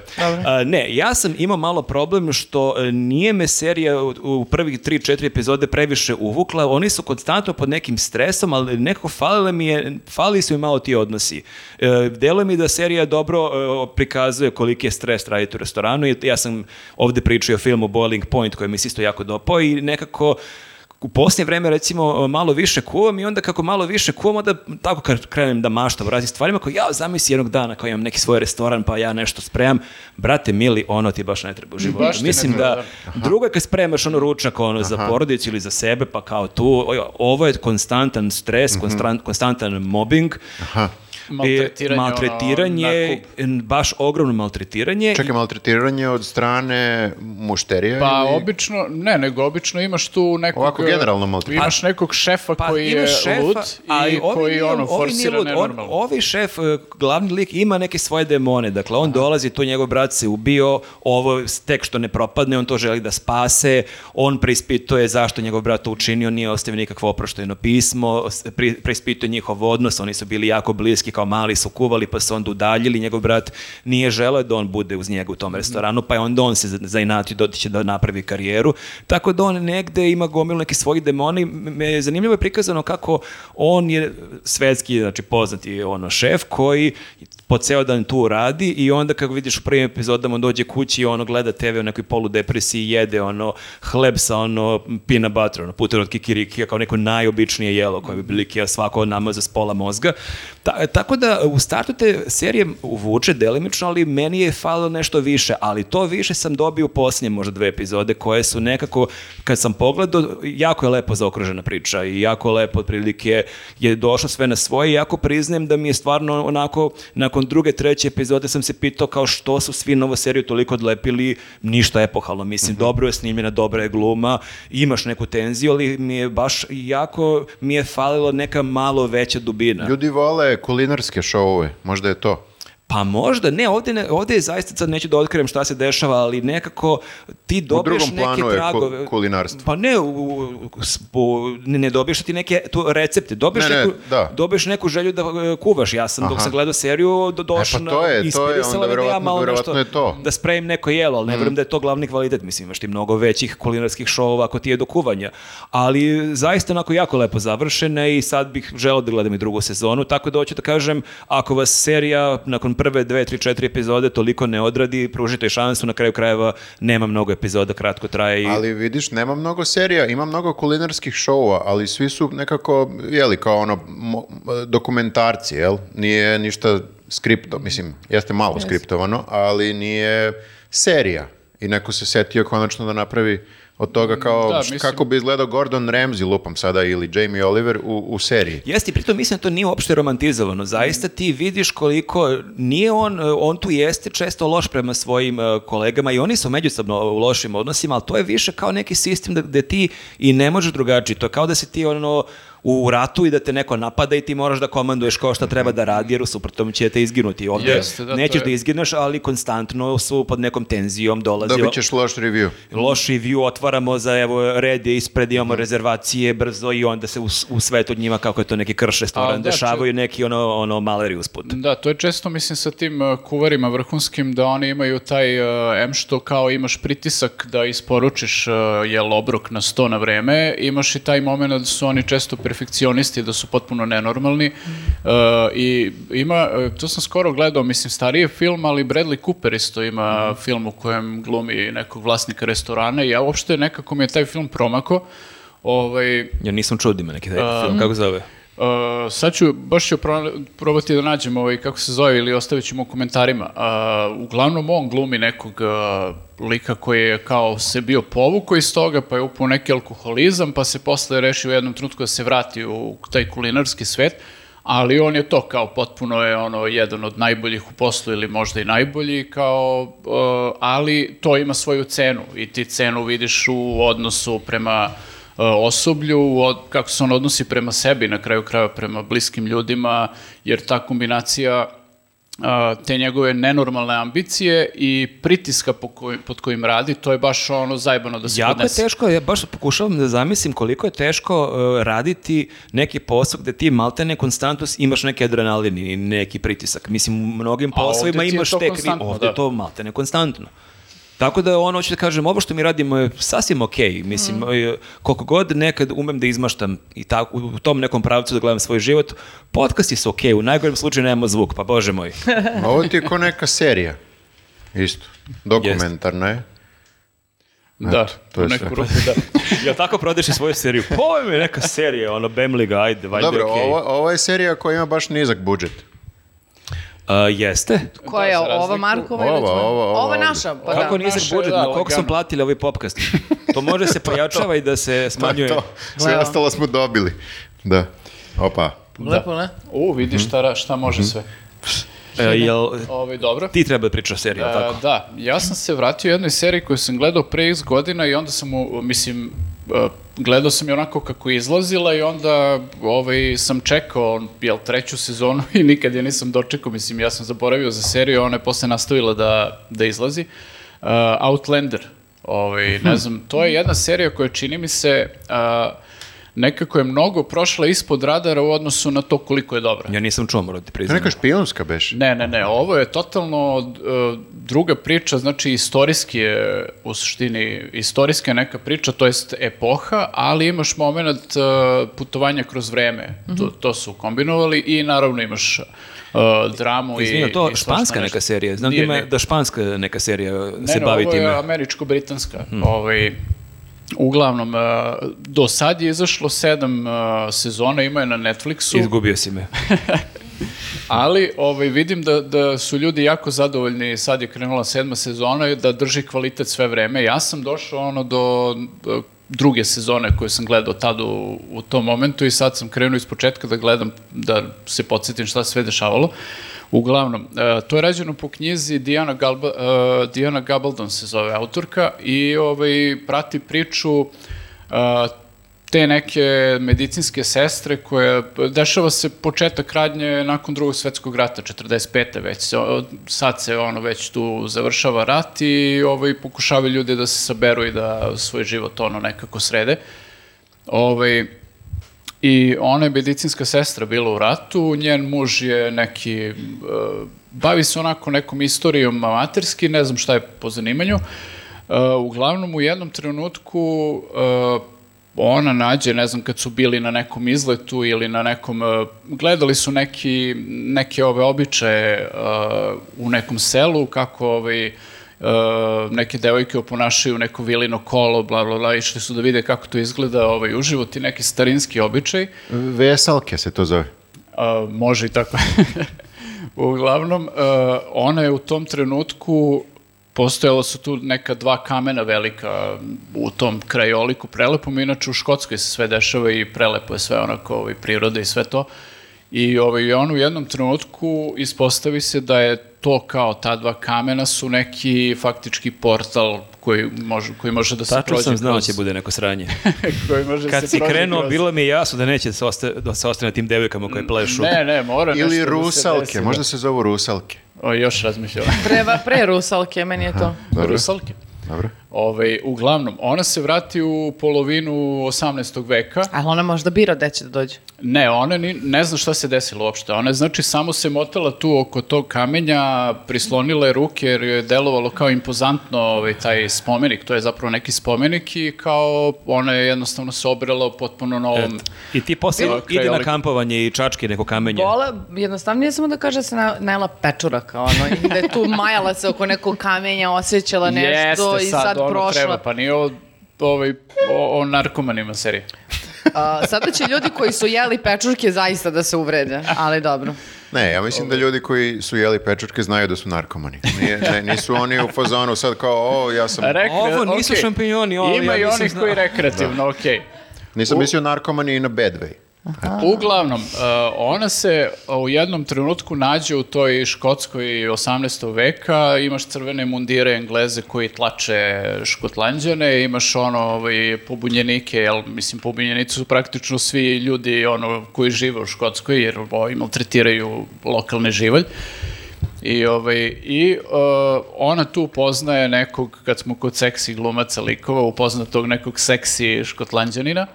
Reci mi Ovaj, nešto više o Jamie tome. Ima, ima kilt ispod ništa. Da, da, taj fazon. Tačno sam znao. Jamie Fraser se zove lik, ona njega upozna i onda... Ovaj, Lep. Lep, naočit, riđ. Ovaj, Ma baš to, onako- ti riđi su najbolji. Da, da, da, to je. Ima malo više kose od tebe, do duše. E pa sad, da se pidle. Znaš koliko sam ja kosao nekad ali imao? nema bradu. I vidite Ne sad. možeš sve da imaš. Uglavnom, e, tu kreće da se razvija radnja zapravo, jer ona naravno se zaljubi u ovog lika i mislim čak u tom nekom prvom periodu ona ne zna ni kako da ovaj, dođe, do- kako da se vrati nazad. Ona želi se vrati, ali ne zna kako da se vrati i silom prilika ostane tu sa tim divljacima. Mislim, oni su divljaci u smislu e, kad se vratiš jel, par vekovu nazad, nisu to više sofisticirani ljudi u tog doba, nego onako, svi su sirovi, svi su grubi prema Kad se ženama. vratiš par decenija unazad. Da. Šest godina unazad kao... Bukvalno, da. Ovi, tako To je da, ono, konkretno različito. Koje je od- šifre za Wi-Fi, a dosta- nemate Wi-Fi? U dosta je ekstremnim uslovima i shvata da je Čekaj, neko... Znači, on se vraća 46. godine, I 45. 45. Ma, i tu nije bilo interneta, Nije- opušteno. pazi, nije bilo neta ni tamo ni ovamo, ali dosta toga je ovako ovaj, različito i uh, sad nju na osnovu tih nekih stvari koje ona zna, jer zna da leči ljude, zna tako neke stvari, nju već po- počinju onako malo da posmatraju kao vešticu, sumnjivo je. Ali nju je porodica ovog Jamie Frezera i ta njeg, neka njegova ekipa uzeli su je kao u zaštitu, mada i sa njima ona ima razne probleme. U zaštitu. Da, Hehe. uglavnom e, sve vreme imaš taj neki clash između e, Škotlanđana i e, crvenih mundira i ovaj, to je kao ona je negde između svega toga, a sad, mislim, to je poseban moment, e, taj neki glavni zloća, e, Jack Randall se zove, e, neću da otkrivam, to će da bude verovatno ljudima šok kad shvate ovaj, Da će da pogine. kad shvate ko je on. A čekaj da te pitam, nemoj to otkrivati. A jel ona ne može sada da se maje oko tog kamenja u Škotskoj i da prođe Pa opet nazad? Pazi, ona do neke kraja druge sezone provali kako da Ide ide, napred, tamo nazad. ovamo, ali to ne uspe uvek. Znači, Ali možda ne žele da se vrati ako se zaljubila. Ne, ona posle već... Ja e, razumem zašto bi ostala, ali... Posle, posle se njen život, taj stari, ono da kažemo relativno ono skoro pa raspada. Znači, ona se šalta iz epohe u epohu ili... Šalta se neko Aj, dobro. vreme, da, kad je shvatila da može i kad je shvatila kako, ali ni to ne uspeva uvek, ali ima tu mogućnost da se vrati tamo ovamo. Ovaj, Znam se sad, eto, e, e, pojaviš se u Srbiji 1800, koja je, 30, 40. Što, bilo brate, bi u Srbiji uzbudljivo. Pa od svih ono A Pa u zemalja? svojoj zemlji motaš se Da, po ona je u kamenju u svojoj Srbiji. zemlji, Nije da. ona otišla u neku egzotiku. Nije otišla u Španiju. Na Ibicu. Da. Ali u 19. veku Ibica. Pa dobro, zamišljam. Uglavnom, Nisi me baš ono sada da... nisam baš oduševljen. Ali čekaj, koje bi se zemlju, evo, koje bi se zemlju Pa ne vratila znam, od on mi sigurno... 1830. Pa godine? ne znam, nego ne bi mi sigurno prva na listi bila ono... Čekaj, ona je, ona je beše engleskinja i sad sa škotima je tu, je li tako? E, Kad da. se vrati unazad. Znači ti bi onda, kad se vratiš unazad, sa Sa Turcima, Turcima. sa, Turcima bi morala tu da se Ali fajtaš. neki seksi Turčin. Pa ne, sek, seksi Turčin. Ne, se neki podrazumeva. ono Musa eh, Podrazumeva se. Kesedžija... Znam, znam ovaj koji je spoiler. Setio sam se, sad kad si počeo pričaš, zvučalo mi je I ja ću da ga kažem. kao- Neću da kažem, neću da kažem. Dobar je, dobra dobar je, fora. dobar je spoiler, znači e, vezan je za tog zloću ovaj, glavnog u... Nemoj više, u- znači- Neću da spoilujem ništa to kao ovaj, ko je on i šta je on. Uglavnom, e, hoću da kažem vezano za njega. Đavo li ga deru da kaže. Znači, bukvalno će da pu, pukne. Ne, ne, ovo Pišite moraju, mi privatno ovo u moraju inbox ljudi da da vam znaju, govorim. ovo moraju ljudi da znaju jer je e, do jaja teaser, zato što je ovaj Jack Randall jedan od najgorih likova na filmu u serijama koje sam ja vidio u životu, bukvalno, znači, e, Da, da, od svega psihopat. što sam gledao. Gori, Bukvalno- gori od Cersei iz Game of Thrones. Ma kakva Cersei, to je sp- sprdnja. Mislim, ti bukvalno imaš na kraju prve sezone... Sersi sprdnja. Bukvalno sam šokirana. Ne, ima, na kraju prve sezone kreće ozbiljno sranje i to je nešto što ovaj, a, meni koji sam gledao već i tad prvi put kad sam gledao ja sam bio u šoku, a gle- bio sam, sad sam gledao ponovo i sad mi je bilo jako teško da gledam. Znaš, gledaš najavu serije, kao rekli su o seriji na kraju prve sezone kreće ozbiljno sranje Nenad Milosavljević. Uglavnom, baš je shocking moment ono, uh, pa možda čak i na nivou, možda čak meni i jače od uh, one žurke u Succession kada ovaj, napravi ono... Čekaj, spoiler. Čekaj, čekaj, čekaj, Nisam, dobro. nije- A, Eh, kao cr- a, Ma ne, Red Wedding na, u nivou, Game of Thrones. na, ni- na tom nivou. Na tom Okej. nivou je ono kao shocking uh, moment i ne samo moment, to traje. Znači, bukvalno znaju da ti je neprijatno i... Nenad više nije isti i posle ove to traje. serije, već vidim da je on potpuno poludeo. Ne, totalno je ludilo jer, jer e, zbog e, mnogo nekih, e, da kažem, zbog takvih scena recimo su, ne znam, Game of Thrones ili Succession postali antologijske serije, ovo ima to, ali uopšte je nekako prošla ljudima, ne znam da li nisu, nije toliko gledana serija ali, šta Ali, god, ali izvini, a, nekako nije baš ovi, mislim, mislim da... i- toliko popularna. Pa mislim da jeste popularna zato što je e, prva sezona urađena i onda su oni na osnovu popularnosti napravili još koliko si rekao da ih ima šest, Sad ih ima sedam, da. sedam.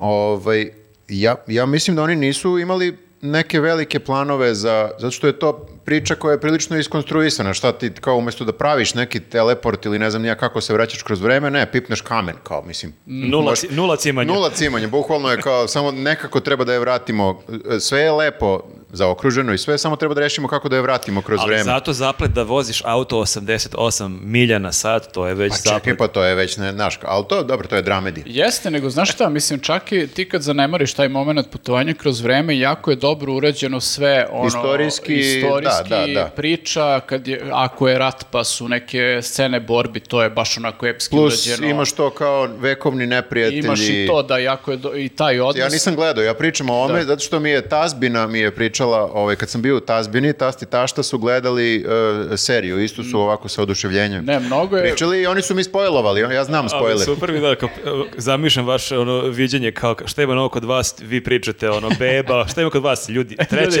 epizoda, ovu pazi seriju. ovaj obrt. Ne, ne, mi uvek razmenimo, kada odemo u Tazbinu, razmenimo šta smo, Šta šta, se je gleda. ko gledao, čito i tako Jesi to. ga navukao na južni vetar? E, gledali su oni, ja mislim, ceo, ceo Južni vetar odgledali su, ali nisu toliko oduševljeni kao ja. Mislim, niz- i ja sam na kraju onako, splaslo mi je oduševljenje kad su ga završili malo u... Ti imaš jako modernu tazbinu koja prati Netflix. pr- prate sve, ne samo Svaka Netflix. čast. Da, da, da. Jel prati ovo što radimo? Nisam siguran da li ovo gledaju. Baš Nisu ovo. toliko moderni. Da, Ovaj, Dobro. Uglavnom, vrhunska je serija, gledajte, mislim ima da se gleda ako volite sad da A koliko ima bingeujete. epizoda po sezoni? A, ima deset, ja A mislim. koliko traje jedna? Od devet ili deset, a traje, bog me, po sat vremena sigurno. Čekaj, znači 70 sati treba da uložimo u to. E, treba, da. Jesi odgledao sve? Nisam odgledao sve, znači sad gledam ovaj, odgledao sam ponovo prve dve sezone, pa sad gledam ovo što nisam gledao ni ranije. A samo te pitam, jel e, sezona kad se završi kao okvirana priča ili je Ne, cliffhanger? ne, nastavlja se priča, samo ti imaš ono, znaš, oni razvijaju priču u smislu imao si kao u toj prvoj sezoni, ne znam, odnos sa tim zloćom, Ali ono... obožavam što ga zove zloća. Pa Da, da, ne možda ono- kažeš zloća i kao najgori lik na filmu ik. Zloća. Da, zloćeno gar- Gargamel. Pa da, villain je ono super Da, da. izraz engleski, Jeste. samo što mi nemamo kao dovoljno dobar izraz tog Ma tipa. đubre od čoveka, bre. Zlikovac. Zlikovac, da, Ne može ali zlikovac, ne ne znam mi može da li je đubre. to dovoljno jako... Đubre je više kao neki bivši Ne, dečko. ovo je bukvalno, Negativac. ovo je bukvalno nad- nadmašio ono, ne znam, sve te ono izraze koje mogu da upotrebim za njega, znaš, bukvalno si sve koji psihopata, ono, znaš, ne veruješ bukvalno šta radi lik.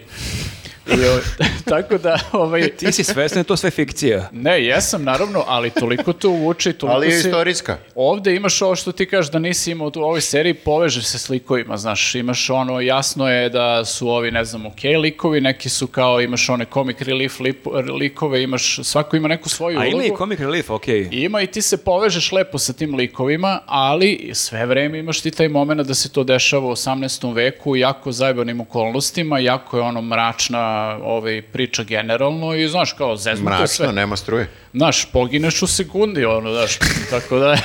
Znači, ljudi, Možete ne, skenja lik u sekundu. ne putujte kroz vreme, ljudi, nemojte Ne se bojati. pipajte I kamenje. pritom kad pogineš u sekundi, najčešće jako bolno pogineš, to je ono A da nije tipično one za to vreme. eutanazija neka. Ne, ne, ne, ne, nego baš onako zajebani načini da pogineš. To je to beše, jel to uh, Louis C.K. ima uh, taj neki stand up kako ljudi jedini mogu to da umru u krevetu, kako svaka životinja posi sekundi ono te neko ono e, Mm, Da. koljete zubima Pa i jeste, slično. da. Smrt svake životinje sem čoveka je jako bolna. Da. Jeste, da, ovo je onako dosta dobro snimljeno i baš je, mislim, vidi se da su uložene dobre pare ono, u celu seriju, tako da ako... Ni- Nije te zaintrigirao. a, mislim, O, da, ne, da, ja- ne, može, ne može ona da podnese verovatno ovo. Ne, ne, ne, nego zato što stvarno se pripremam psihički da kad krene pauza da se posvetim Successionu i da gledam sve sezone i to će biti moje leto. I sad ako mi uleti i ovo, 70 sati, de, mislim, ja ne, ne, ne, nemam kad. Dobro, dobro, nemam ti kad. Nemam, ali moram da pogledam i nešto za septembar. d- d- Ti Ma ovo ti je pogled- bukvalo najteži posao na svetu, ili savjeta? Nije najteži, nego samo moram da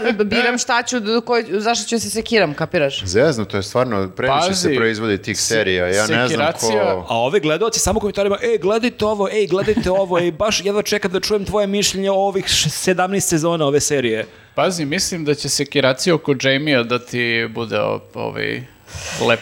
A, koji si film gledao? Filmovi, ja? Brzo, Viktore, koji film? Odmah da si rekao. Ah, Gledao sam, eh, gledao sam neku eh, glupu akcijnu komediju sa Ryanom Reynoldsom, Mhm. eh, The Rock, Dwayne Johnson, The Rock i Gal Gadot.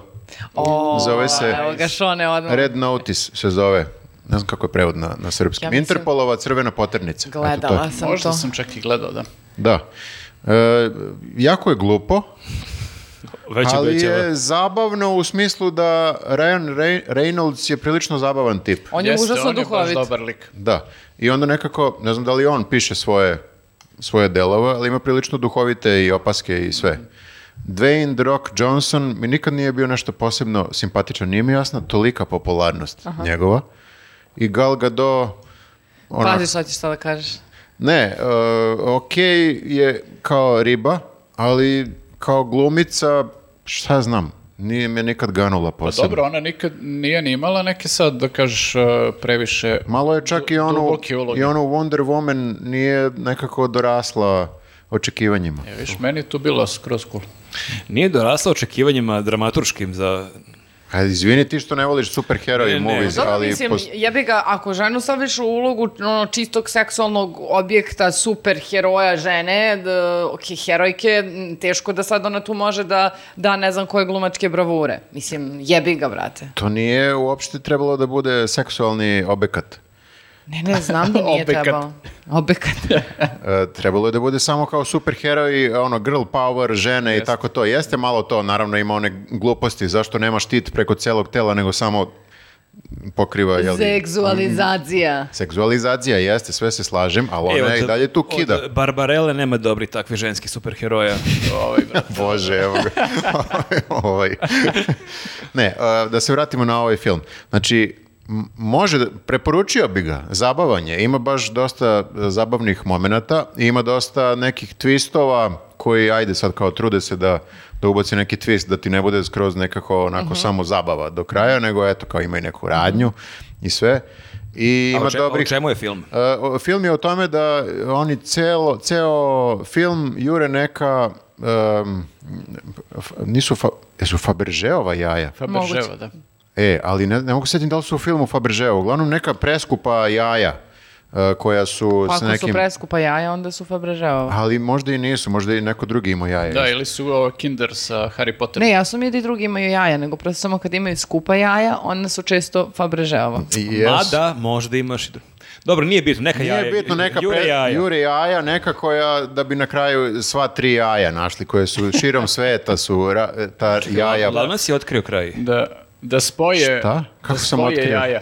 Kako sam otkrio? Pusti ga, molim te, znači... Ne, rekao je na kraju, znači to nije na kraju filma, nego na kraju su uspeli da... Da bi na kraju uspjeli da ta... To je i- cilj, To da. je cilj je da, da ta jaja sva na jednom znači mjestu. nisi A rekao dobro, da- takav film nema sad neka preterana iznenađenja na kraju. Pa Prosto nema, znaš to sam šta će teo da se desi. Čak i da sam spoilovo, ja se ni ne sjećam na kraju šta se... Znači, film nije, nije poenta kako će se završi.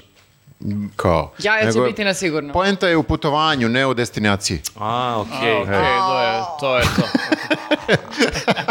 Ovo je možda i najlepša stvar koju je neko ikad Jesi. rekao o ovom Cilj filmu. je da se jaja ponovo spoje na Jesi kraju. to učio na ovom kursu za scenariste? Ne, školi, o- školi. pardon. Pročito negde na internetu. Ne, taj kurs je, e, dobar je, dobar je kurs, stvarno. Mislim, vidjet ćemo kako će biti moja serija, ako ikad nešto bude od toga. Do Ali- profesore, oni su dali svoj maksimum, Oni su dali ostalo je maksimum. na piscima. Jeste, ta, tako da sve, je- sve je na piscima, što nije dobra stvar. Da se vratim e, filmu, e, e, Ryan Reynolds ima nekoliko sad u posljednje vreme tih akcionih, ne znam ni ja šta, on pokušava da bude posle ovog, e, a htio sam kažem Daredevila, ne Daredevila, nego... A, Da, posle Deadpoola. Deadpoola, ovaj, pokušava da bude i akciona zvezda, što mu ok ide. Ima on e, građu za to, jel? Mogao bi da bude, ali je akciona komedija, pošto je komičar ipak. I onda tu negde u- ubo taj sweet spot. I ima ovaj Six Underground se zove isto film, gde je sve isto nešto nabuđeno.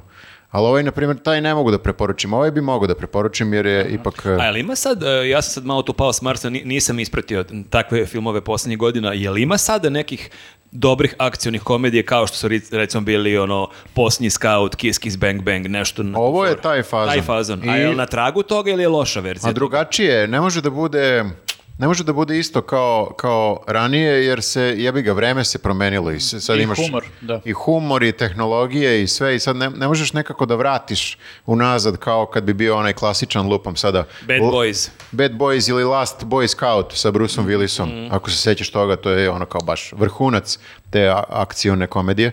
Ali e, e, mislim da je drugačije sada, jer ne možeš ni da napišeš film kako treba, ja mislim zato što je tehnologija toliko napredovala, da bi se mnogi slučajevi jednostavno razrešili ovako danas. Ti koji nisu mogli da se razreše pre nekoliko decenija, imaš mobilne telefone, imaš internet, imaš To je- lokacije, to imaš... je Irvin Welsh pričao na Krokodilu kada Da. je bio pisac Trainspottinga, kako je sad to mobilni telefoni tehnologije kako ubiju zaplet, kao sad gomila filmova i serija kao da. lik se izgubi negde u šumi, nema, Da. o, kao sad Da. GPS te locira E, i kao to je eto, to. to- Da, Tako da- ili kao istražuješ nešto kao što traže neke informacije, a sad bih ukucao to na Google i našao. Ali dobro, uvek možeš samo da kažeš puko telefon. Nema baterije. A to je sve više lako, to je odlika kukavice. Jeste. Da, Ima da. si iPhone, istrašila mu se baterija posle 3 sata i eto. Da, da, to je, moglo bi tako da se napravi, bilo bi uzbuljiv film. I onda traži punjač ceo film. Ljudi, ne utikač, ne, ne radi mi kabel. E, Ima neko zapiši power ovo, bank, zapiši Ima neko pa ovo. power bank. Da. Dobro, uh, mogu ja sad. Ajde. A, ja sam gledala jedan jako neobičan film i dalje krkaš. Ako, Da, da. A, ne, ne, Što sam, je se Sve, ugojim sve vreme. 5 kila tokom... Kako gledala si se sam ugojio film tokom koje- podcasta? Gledala sam film o magarcu. A, taj E, film- evo. Ovo Evo. obećao. Ja sam počeo, ja sam gledao Šta? prvih pola sata. Čekaj, o čemu se Kakav radi, ljudi? film? Viktore, slušaj, poljski film, ali nije dovoljno što je poljski film, Poljski nego film o poljski magarcu. film u gde je glavni lik magarac.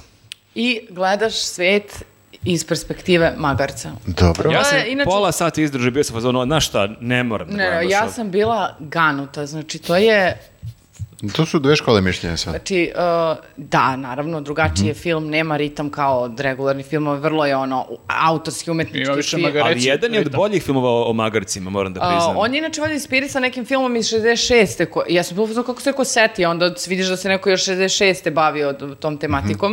Uh, Magarcima. Uh, d- n- fascinantno je koliko mi, meni je baš držalo pažnju i toliko te nekako u stomak nekako pogađa te- da vidiš da je neko izrežirao magarca po, po, pobogu ono E, Magarac je vrhunski glumio, to moram da Čekaj, kažem. Magarac nije Znači- ono kompjuterski generik. Čekaj, Ne. i vi ste mene zajebavali za knjigu o pčelama. Ja moram da kažem da sam ja batalio film nakon pola sata, ali mi se čini da je film više bioskopski, da to ok da odeš, on, je- ja mislim da je bio na, Na festu, festu, da, jeste. to je možda ok da odeš na, u okviru nekog festivala u salu i ti se fokusiraš sat i po vremena, pratiš magarca. Znači- ja kod kuće nisam mogao, deca prolaze, nešto, kao ne mogu, toliko je film spor, da Nije baš... da- Ali nije, Nije- sport zapravo zato samo zato što ti Moje su deca brza, možda je Uh, to ne, problem. nego što si u tome da film nije spor uh, u smislu ti sve vreme pratiš šta se dešava s njim. Magarca, sva- uh, uh, znači počinje film tako što je magarac u nekom cirkusu i tu i vidiš uh, posebnu vezu koju on ima sa devojkom koja ima s njim neku tačku. I nakon toga... Igračica na trapezu. Ne, ne znam šta je oko nje, ne vidimo tačno skoro šta je. I onda uh, e, dolaze ljudi, zaštita životinja, ovo ono, i oni oduzimaju sve životinje tom cirkusu i vidimo odvajanje magarca od te A devojke. magarac je zapravo, magarac je niko nije pitao, ali on tu nesrećen. Magarac je tu, koliko sam shvatio, lepo Magarac uz tu je devojku. super, da. Čak i da, o tome se, mislim, ja sam shvatila to da čak i ako su ti uslovi u kojima je on bio, ne znam kakvi, on je imao odnos sa tom devojkom koji je bio, Bio je- pun bilo mu je ljubavi okej zbog i njega. Mhm. nežan. I onda njega sada seljakaju na različita neka mes, mesta. E, vrlo je zanimljivo, znači, e, e, kao da imaš neke, e, e, kao da je film pome, po- pomeš, e, podeljen u neke činove i sada između svakog čina se nalazi neki, e, ne, neki intermeco sa ne, neko- nekim crvenim svetlima koji ti zapravo svaki put zapravo najavlja neki problem ko- u koji će magarac doći. I ti se zaista nekako involviraš, brate, u tu priču. E, Pritom, znaš, ono, njegove oči, kako on to snima, kako ti osjećaš tu patnju E, e, mno- životinsku. mnogo je sladak magarac, moram da kažem. Ne, baš, e, t- mene je uvukao, ja sam bila ono, gospode Bože, mislim, ne, ne- nisam znala da može toliko da me, ono, magareći život im- involvira i da budem u fazonu šta će sada da se desi. Kao samo E što- thriller ne, neki, to ne, je samo što ne, thriller. pu- ne pukne, ono, Pa vidim da se dobro, ali to zadržao. su životinje, mislim, osetljivi smo na Da, prvo životinje. prvo na životinje, a onda na ideju k- k- kakav tretman na tim farmama, sad imaš na primjer farma, on prvo dođe na nekih gde su konji i kako sad se oni brinu, znaš ima ta super scena da oni e, kupaju nekog predivnog belog pastuva, a on tako stoji sa onim mm, e, uzdama i kao teretom na sebi jer on im služi samo da, Da- da rmba, da. prenosi nosi stvari, kako oni ovako sapunjuje, kako oni peru njegovu grivu i on, a samo u, pa u, u drugom planu je taj magarac koji tako stoji sam i To je pati. muški magarac. Pa ili magarica, ne znam sad. Pa, ako je magarica, onda od od nje uzimaš mleko. Od Pa muve. dobro, nisu je muzli, okej, mu- ma- magarac je, Da, okej. dobro je da smo ovo rešili. I a, e, muzika je neverovatna, mislim, ti tu imaš vrlo malo nekih dijaloških scena, na kraju se posle pojavljuju neki ljudi, znači to je poljski, malo ima i, i ta- e, neki italijani, ova Mhm. Isabel Huppert se a, pojavljuje isto. I Pea. Izabeli Per. Jeste. A, ja sam ljudi stvarno bila fascinirana. E, nekako, e, i oni njega sad prebacuju sa jednog na drugo mesto, onda ga nešto prebiju, a, pa ti onda gledaš šta će biti sa njim. Ja bukvalno shvatam sebe da razmišljam, gospode Bože, šta li... Znaš, ono, e, strepim. e, Nadaš se da ima i drugi deo.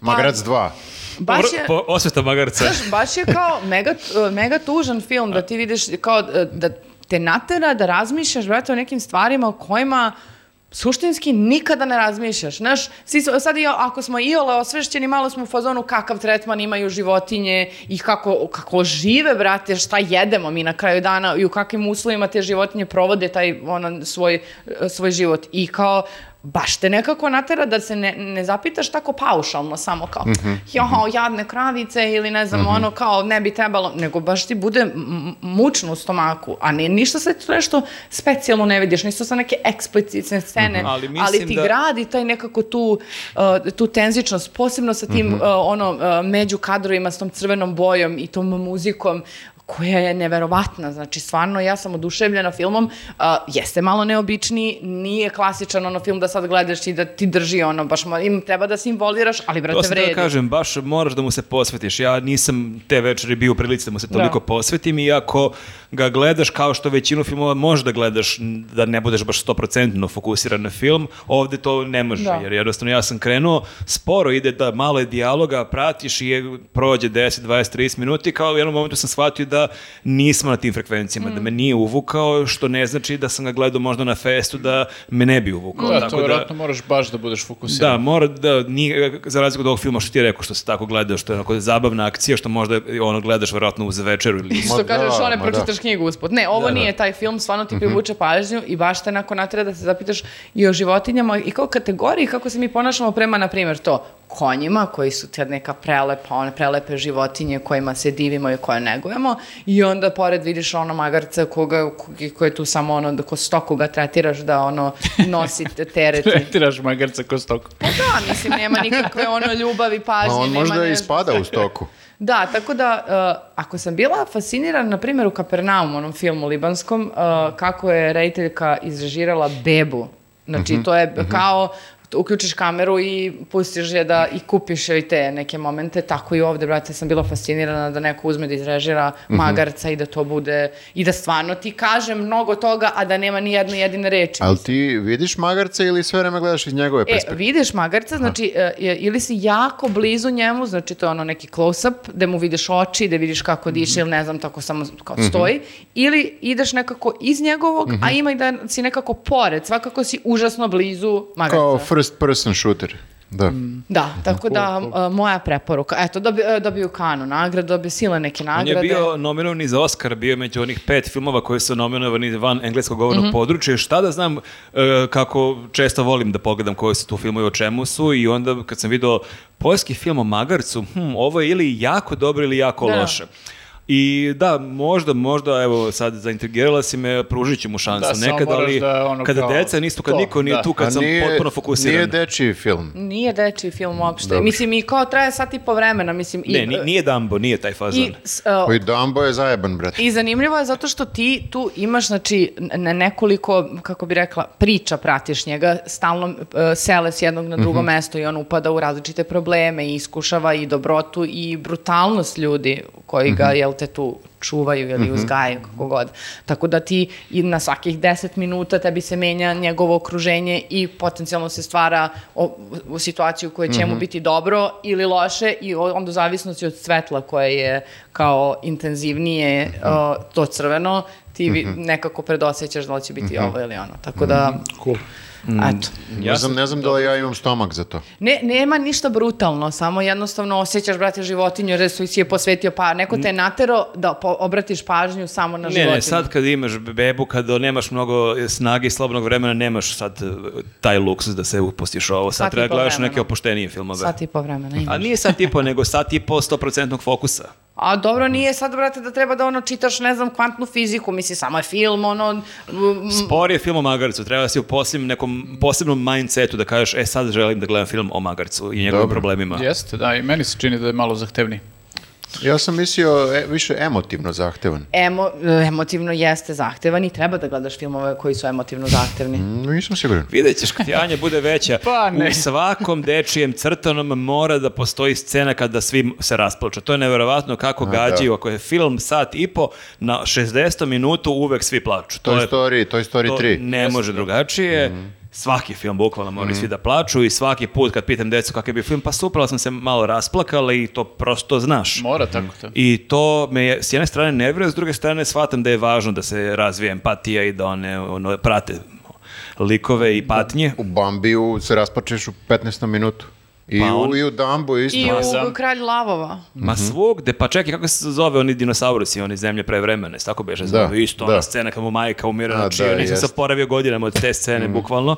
Da. Tako da, e, to je, taj trend i dalje postoji. Znači, čak i ako se napravi neki sad ludilo spektakl kao drugo je vreme, novi dečiji film, sve je ono brzo i dalje imaš taj moment da je neka velika nepravda i svi moraju da plaću. Dobro, ali to samo znači da treba da učimo decu od malih nogu da tako nešto postoji i da se to dešava, a ne da je to da dožive ono kulturološki šok sa, ne znam, 10-15 to- godina, da kao, vo, neko umire jebote ili e, ž- svet je nepravedan ili ljudi su zli. Treba da im ubijemo nadu od starta. Pa ne, nego da, da, da ih Da učiš znaju gde nekim žive. realnim, ono, Snežana i Sevan Patuljak. sranja se dešavaju, deco, U Petru pa- nažalost. Panu nema toga. Petar Pan je onako... Da, leti, Ali brate. Petar Pan je oko- poprilično- Oni ih pohapse, i u, u, u- ono, zarobe ih tu, ima šta scena hoće da oni ih bace s broda, ali... Dobro, ali shvataš da imaš uh, jednog uh, simpatičnog dečaka koji dolazi na prozor dece i odvodi ih sve u drugi, uh, drugi, drugu dimen- dimenziju. Sad kad tako kažeš, zvuči dosta pogrešno. Meni I je to leti bilo... okolo. Ima nož pri tome.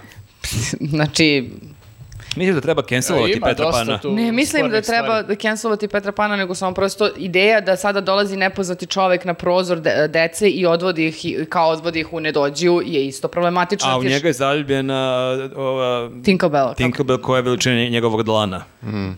Jo, u Alisi zec dođe i odvede devojčicu. Znači, ne pratite zečeve, niti dečake koji lete Mm. Samo ispod magarce. prozora. Ali magarca koji pati, to je ono... To je Da. Njega sad- zagrlite, Ljudi, to je sve Strašno je mašta. bilo tužno. Jel, znate da postoji jedan kadar, kada se odvajaju, pošto je to odmah na početku, ovako, magarcu koja ide suza i ja sam u fazonu, ja ne mogu da, nije mi da plačem, nego te samo duša boli, razumeš, jer ti Mhm. Ne. znaš da te ta životinja pati jebote. Pa nisam siguran da si mi dobro izreklamirala, da ću da pogledam. Ali dobro. Viktore, treba da pogledaš, umetnost nije samo da nas nasmeje i da nas relaksira. Nekad može da bude i bolna, nekad može da bude i teška, nekad može da bude i sjebana, ali zato je važno, zato što nas ono nekako čini živima i d- d- d- čini da razmišljamo o stvarima. Podcast o istoriji umetnosti, prva lekcija. Šta je svrha umetnosti? Da li je umetnost samo lepa? Vi- više volim da me knjiga rasplače nego film, ali okej. Shvatam što hoćeš da kažeš. Da, vidiš, ja... Pišite nam u komentarima. Da, šta volite najviše da vas rasplače? Da, vidiš, mene mnogo više pogode filmovi nego knjige, ono u tom smislu, ono, nekako, možda Mhm. sam više vizualan tip, Pa, ali Da, i ja isto.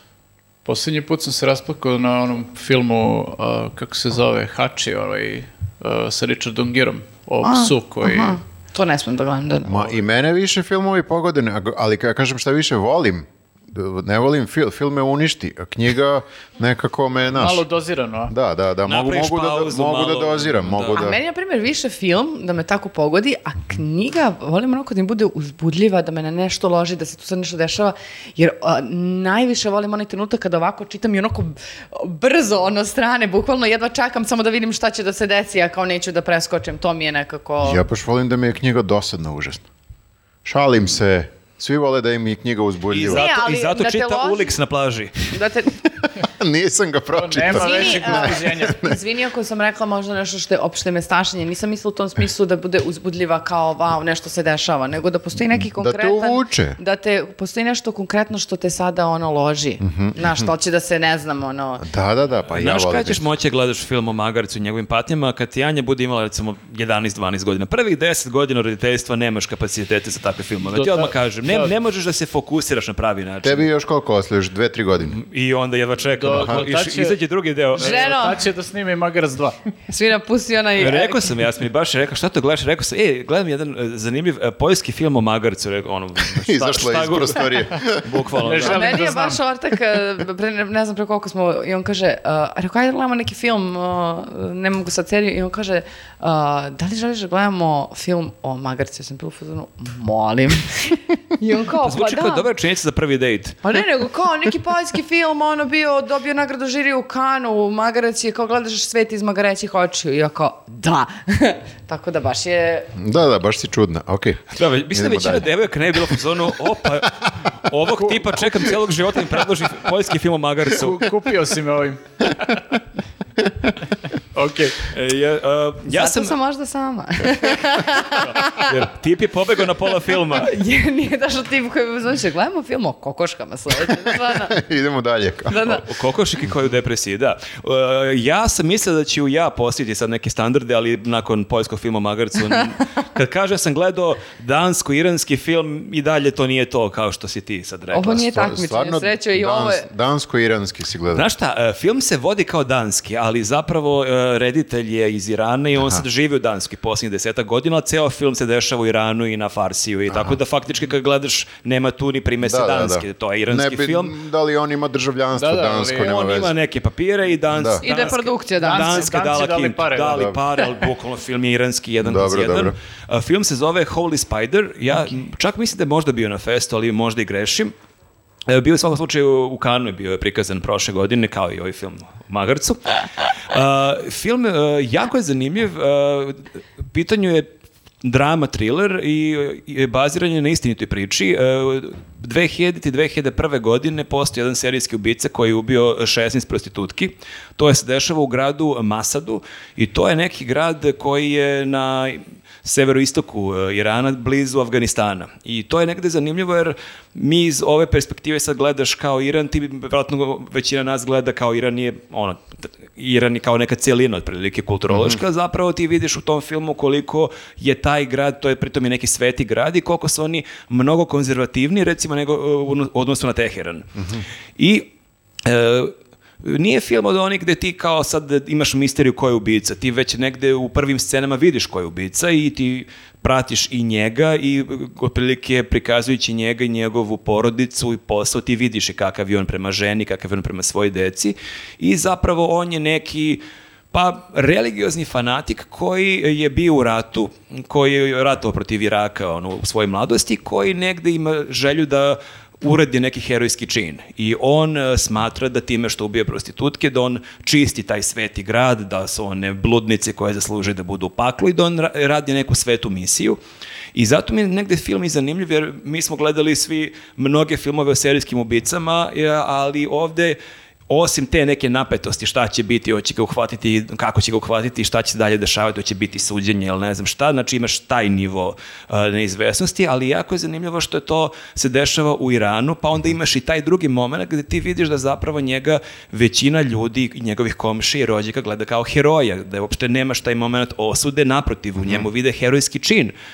I ono što je meni još jako zanimljivo, vidiš, uh, film je, glavna juna- junakinja je jedna novinarka. Ja sad ne znam da li je i taj njen lik stvaran ili je to ubačeno zbog uh, napetosti, ali ona je novinarka jedna mlada koja dolazi iz Teherana i koja je, tačno vidiš i po njoj, upravo tu razliku koliko je taj grad, pritom taj grad ima 3 miliona stanovnika, dakle to nije neka provincija, neko selo, to je ozbiljno velik grad, gde su ljudi očigledno mnogo konzervativni, gde u startu i nju gledaju kao neku polubludnicu koja eto tako puši sa ne, ono, uzme, Previše ciga, se slobodno uzme ponaša. cigaretu od nekog muškarca koga ne pozna i to je već kao traži nevolju, otprilike već je tako posmatruje i tu ima recimo super scena na samom početku gde te otprilike malo smestite odmah da vidiš koji je to ambijent gde se dešava film. Ona dolazi u hotel i kaže imam rezervisanu sobu i ovi shvate da ona sama dolazi u hotel, a da nije udata. I oni neće da je daju sobu, kao i izmišljeno licu mesta, kao ne, imamo problem, nemamo, nemamo soba. I ona shvati, onda pokaže novinarsku legitimaciju i kad shvate da je novinarka, to je onda evo, otključa Kao, ajde, došla je zbog posla, da. Zbog posla je došla, ali taj posao je malo sumnji šta sa tu neka sama mlada žena bez muža ima da traži u hotelu. Tako da je jako to zanimljivo prikazano i ona fenomenalno glumi. E, u pitanju, da, inače, režirao ga je reditelj koji se zove Ali Abasi, čiji ime vratno ne znači previše, ali mislim da će ljudima biti zanimljivo da je to reditelj koji je režirao posljednje dve epizode serije The Last of Us. Tako da se eto i tu negde dokazao. On živi u Kopenhagenu već 10 godina i e, Danac, znači. pa je danac, ali zadržao iranski pasaš. Savršeno. Pa dobro, što ne bi Zadržao, to sam pročitao na Wikipediji da živi u Kopenhagenu. E, ako si na Wikipediji, onda sigurno. Jel ovaj. postoji nešto što nije tačno na Wikipediji, pošto nama stoji, stajalo godinama da nam Nenad Milosavljević iz grupe Galija, da nam je član ekipe. Ne, kad klikneš na ime Nenad Milosavljević, odvedete da. Idemo na na, Galiju. na Nešu Galiju. Ali da. Tako da moja želja je da dovedemo Nešu Galiju nekako u neki popkast samo zbog Fenomenalno. Da, tako da zaista jako dobar film, Oko- mučan je, e, dosta je ovako, imamo nekih e, mučnih scena, e, pogotovo je mučno što vidiš da se to stvarno dešavalo, ali najviše je mučno e, kad shvatiš, e, pritom, da- dakle, to je neka ono, pro- provincija u Iranu i još se dešava pre 22-3 godine kad vidiš taj čitav ambijent i kako ljudi posmatraju nju i ko- i koliko recimo tu policija u startu nije previše zainteresovana, to neko on ubija m, e, prostitutke, one su i narkomanke, one su same tu traže nevolju i kako prilike i sveštenstvo tamo njihovo to gleda i policija i kako ta jedna žena pokušava se izbori da pomogne tim devojkama, tako da zaista ovako osim tog nekog e, momenta koje imamo i u raznim filmovima tog tipa i Zodijaku i raznim američkim filmovima, jako je zanimljivo što se to sve dešava u jedno potpuno drugačoj zemlji, drugačoj kulturi u kojoj možda ne znamo dovoljno, pa je zbog toga super i gledati iranske filmove kojih ima stvarno sjajnih, da se malkice upozna bolje ta zemlja i ta kultura, da se onda malo bolje razumeju i situacije u toj, toj zemlji. Da je Pa neku, bravo, Maki. Da je neku komediju iransku ili E, nešto. Da. Zasenio si. nešto veselo. Pa ne, e, ovo je sad mrtva trka, pazi, magarac je magarac nekako, znaš.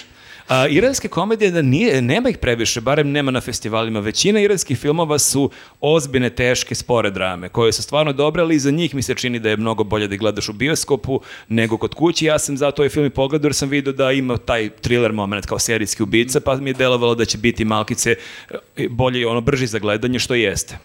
Da, i još da je ovaj ubica bio magarac. Pa to je zapravo na kraju shvatiš. Nenade, da čujemo vas. Ja sam gledao nešto što je, nije baš skroz antipreporuka, ali ono, ako Na baš... Sky Show time. Jeste. Jo, bože, Ako brate, ja baš znači da iznenadi imate nas. su, više vremena, pa evo, Outlander je na Netflixu bio. O, pa idemo, šta ćemo Ali sad nisi Elisaveta? pomenuo, znači, uh, Šta? ka- on kad gleda seriju koja nije na Sky Show time ona, on ne, ne, kaže rekao gde je. sam da je On na dobije mesec Nisam- dana gratis za svako spomenjanje Sky Show time. 100%, znači Rekao sam da je na 100% te Netflixu. sponzorišu ono ispod žita nešto. Gađit ti ću se- te ovim, pa ćemo da otkrijemo još jednu svrhu. A, ove- Daj mi papir, taman ka- je- a, papir kamen makaze, moje papir, ono. Moje Ele. znači- folija. Ti Gle- napravi makaze, Dražiću. Gledao Sad će sam, otac posla. gledao sam neku romantičnu komediju koja se zove Ticket to Paradise i tu glume uh, George Clooney i Julia Roberts. Znači, Ja, čula sam, dobro. nije Giri- Richard Gere Julia Roberts, nego George Clooney. Uf, odlična kombinacija, dobro. Ovaj, oni su bračni, pa, to jest već su razvedeni, ali bili su u braku i idu na Bali zato što im je javila čerka da je tamo upoznala nekog eh, tipa i hoće da se uda za njega, Balistu. balistu. I oni su poludili potpuno jer kao šta radiš, tek si ga upoznala, ko je on, nemam pojma, ispostaje se da je on sasvim okej lik, b- roditelji imaju neki privatan biznis, ono, super porodica, sve cool, ali oni, jel, veruju da ovaj, moraju da je spreče da uđu u brak zato što su oboje ogorčeni njihovim brakom, ono kakav im je bio i razvili su se na kraju i uh, oni pokušavaju da dođu zasebno na to ostrvo, ali sve vreme nekako se desi da slučajno dobiju iste karte, to jest je, mesto do mesta u avionu i slično i bukvalno sve vreme moraju da putuju zajedno i sve vreme se hejtuju ono nenormalno i tu mi je onako, taj deo mi je dobar što se dijaloga tiče dobro je napisano, jer stvarno oni imaju ping pong, ono izgleda. Pa dobro, oni se i znaju privatno i dobri su, tako da, super kapiram da se ima hemije. kapiraju, tu vidiš da se kapiraju lepo i baš... Vidim u kom pravcu može da ide njihov odnos dalje. Ovaj, baš je ovaj, jako je predvidljiv film, da, slažem Okej. se. Ovaj, tu je taj njihov odnos jako zabavan i to, taj deo mi se sviđa u smislu kako je napisan i replika i sve to. Uh, međutim, nekako, uh, mislim, to je, znaš, uh, film koji je baziran ono na sudaru dve porodice, u ovom slučaju i dve kulture. I sad tu imaš jako mnogo prostora da se zezaš Kao dobro. Jonah Hill i Eddie Murphy. Da, mislim, samo što je i to propao pokušaj, a ovaj je kao nije bio toliko loš, ali nije ono kao uređeno sve što je moglo da se uredi, moglo je mnogo smešnije da to se uredi, ali nekako vidim da izgleda sad, danas postoji tu oprez da ne preteraš uh, da se neko ne bi uvredio.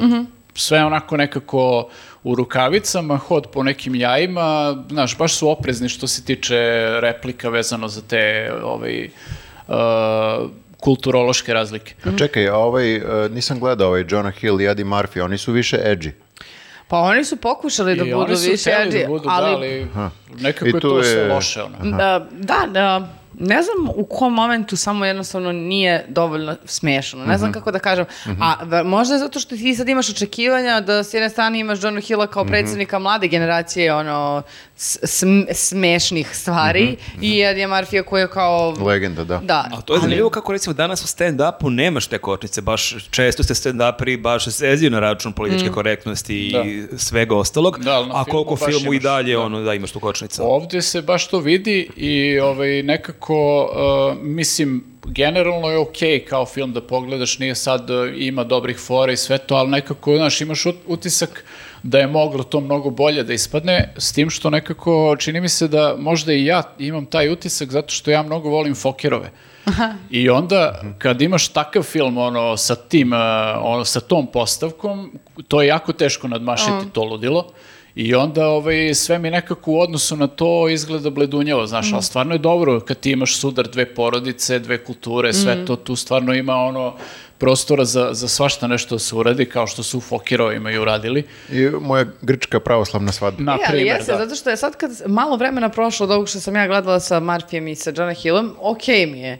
Ali tačno fali da tu gde su oni krenuli da imaju a, pikove, da su samo otišli malo iznad. Jer kao same situacije u kojima on njega preslišava neke stvari i kao Mhm. ne- nešto treba da mu objasni, a ovaj mu pravi zamke, jesu smešne Da, same ima po tu da. sebi. zabavnih momenata, da. Mhm. Ali samo su mogli još nekako da prebace Da, ovde i to kao, mislim, nekako je predvidljiv film i sve se završi baš onako kako misliš da će se završi i sve je tako lepo i fino, bukvalno ono, nema što, što bi ti reklo, nema nikakve brige u filmu.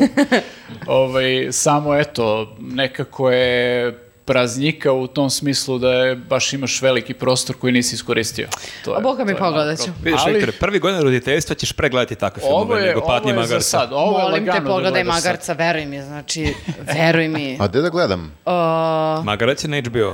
HBO. HBO, ok. E, dobro, Pogledaj, gledat ću veruj mi, ja. sat i po vremena, znači, Tako da eto, Julia Roberts i George Clooney možeš da gledaš, bit će ti cool.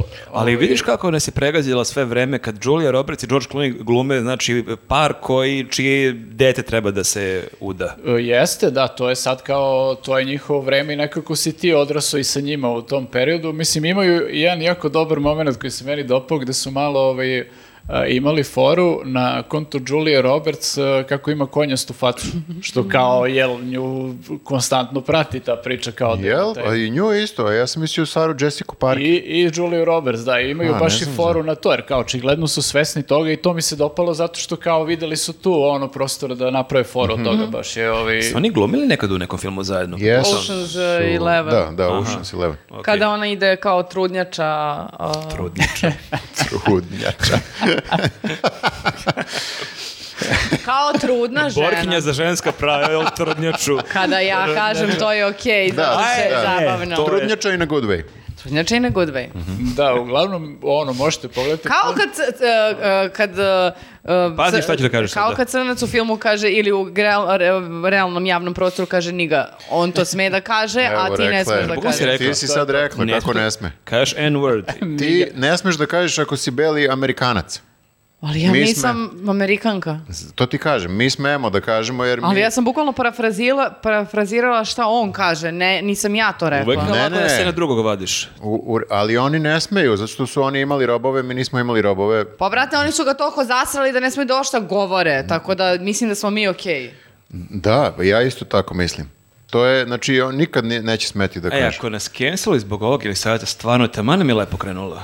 Jeste, bre, Taman smo se kidamo. stali na svoje noge, kao... Jesmo. YouTube će da Staklene. nas canceluje, oni to Trudnjača ne i sme da se miga. kaže. I Pa to bo- a, tako si pričala lepo, emotivno, magarac, plačeš i kao... Sad je i Nenad rekao, on je parafrazirao nju. Ni ja bukvalno ćutim, Evo, pričamo valili basno, smo deo se baš. pričam. Hoćete da bipujemo, šta vam Ima da je? nam cancel ovaj deo stola. Znači, sledeći podcast, Viktor i ja, jedan naspram drugog, kako pričamo. Nema ničeg ovde. Bukvalno me izluđuješ z- Ovaj bez terarijum razloga. znači, stoji ovde, ja, terarijum. Jeste, ja da. sam toliko brižna žena, brate, vodim Ne, ja sam računa o samo toliko citirao stvari i sad kao me d- tu d- maltretirate što sam parafrazirala šta neki tamo o, k- kaže n- negde tamo. Šta neki niga tamo kaže. Ne, ne, gotovi prekine. smo, gotovi smo. Viktore, molim te, pazi šta pričamo. Ono. Ovaj, dobro, ćemo pređemo na knjige. Pa bojim se da nije, e, si čitala neku knjigu koju je neki afroamerikanac možda pisao. Neku, Afroamerikanac. neku, Evo ga, ovaj, šta, osvešćeni. sa- Sad si osvešćen kad su upale kamere, jebem Je- je, ti. e, je li sad? Sad je se afroamerikanac. Kako su upali ovaj popkast, ja postajem bolji čovek. Je li Ja. saveta, koja je tvoja knjiga? Knjiga.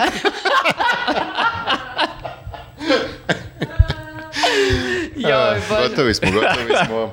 E, a, da. E, Samo da nas ne drukaju ljudi, znači ovo, Nemojte, ovo što ostaje slušate, među ovo je nama. među nama. Znači, ne mi prijavljujete YouTube. Ovo nema veze sa afroamerikancima, ovo ima više veze što smo mi retardi pa se zajebamo. Mislim da je i retard. Retard, isto ne da kažeš je retard. Da, siguran. ni to ne možeš da kažeš. E, pa sad mi uzmite sve i onda...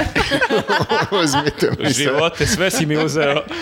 ne, najviše volim to kad se bunim. Još pa, kao, samo te cigare imam Da. i to mi uzmi. Ili to kad kažu, još samo da to ne mogu da kažem i onda bukvalno ne možeš to da kažeš i prekini. Znaš, ono, ne ponavljaj više, objasnili smo ti zašto. Um, A, Dobro. Ja neću ništa, ovdje samo prestani da lupaš po stolu. dobro. Samo, mu- samo je još to uzmi. Uzet ću ti hemijsku, tu koju bataš deveti put u podcastu. A, Elem. Ponese je. Od kad si mi rekao nisam bacila. Dobro. E, knjige, Nenade, ćeš ti? Ajde, mogu ja. Ja sam imao vatrenu krštenje ovih dana sa Elenom Ferrante. Joj, neka Nikad, slavi ova kuća. nikad nisam čitao Elenu Ferrante. Si počeo da heklaš možda. U... E, pa počet ću posle ove knjige. Šalim se kao spisateljica, kao malo E, muškarac je ali čekaj, čita. ja koliko sam razumeo šta je neki njen identitet se ne zna i to šta. Pa Da. šatro se ne zna ko je, da. Da. M- u smislu kao možda bude i muško. I može da bude i grupa Možda autora. je Ellen Ferrante. Da. da. Ovaj, uglavnom, Vratite se na fokus, znači žena je napisala toliko toga. Ili muškarac. da. E, E, vidiš ja, kako ja sam nežno spustila olovku, iako sam se iznervirala a, Pričam, sad ćemo ti neki sunđer da kad bacaš olovku da upije taj ili sunđer. rukama kad lupam, zato što Ja o njoj znam e, ovako površno zato što je Maja baš volela moju genijalnu prijateljicu i seriju je baš gledala onako obsesivno i ovaj, baš mi je hvalila. Ja sam sad pročitao, ovo je prva njena knjiga Mučna ljubav, jel kao otkrio sam sad toplu vodu. Ovaj, ali ono, mislim, svidelo mi se jer kao e, ima tu dosta te neke introspekcije i promišljanje tih stvari, ali opet imaš neku radnju koja je onako prilično zapravo možda je početak nekih 30 strana dok te ne uvuče, kad te uvuče to ovaj, ide svojim tokom.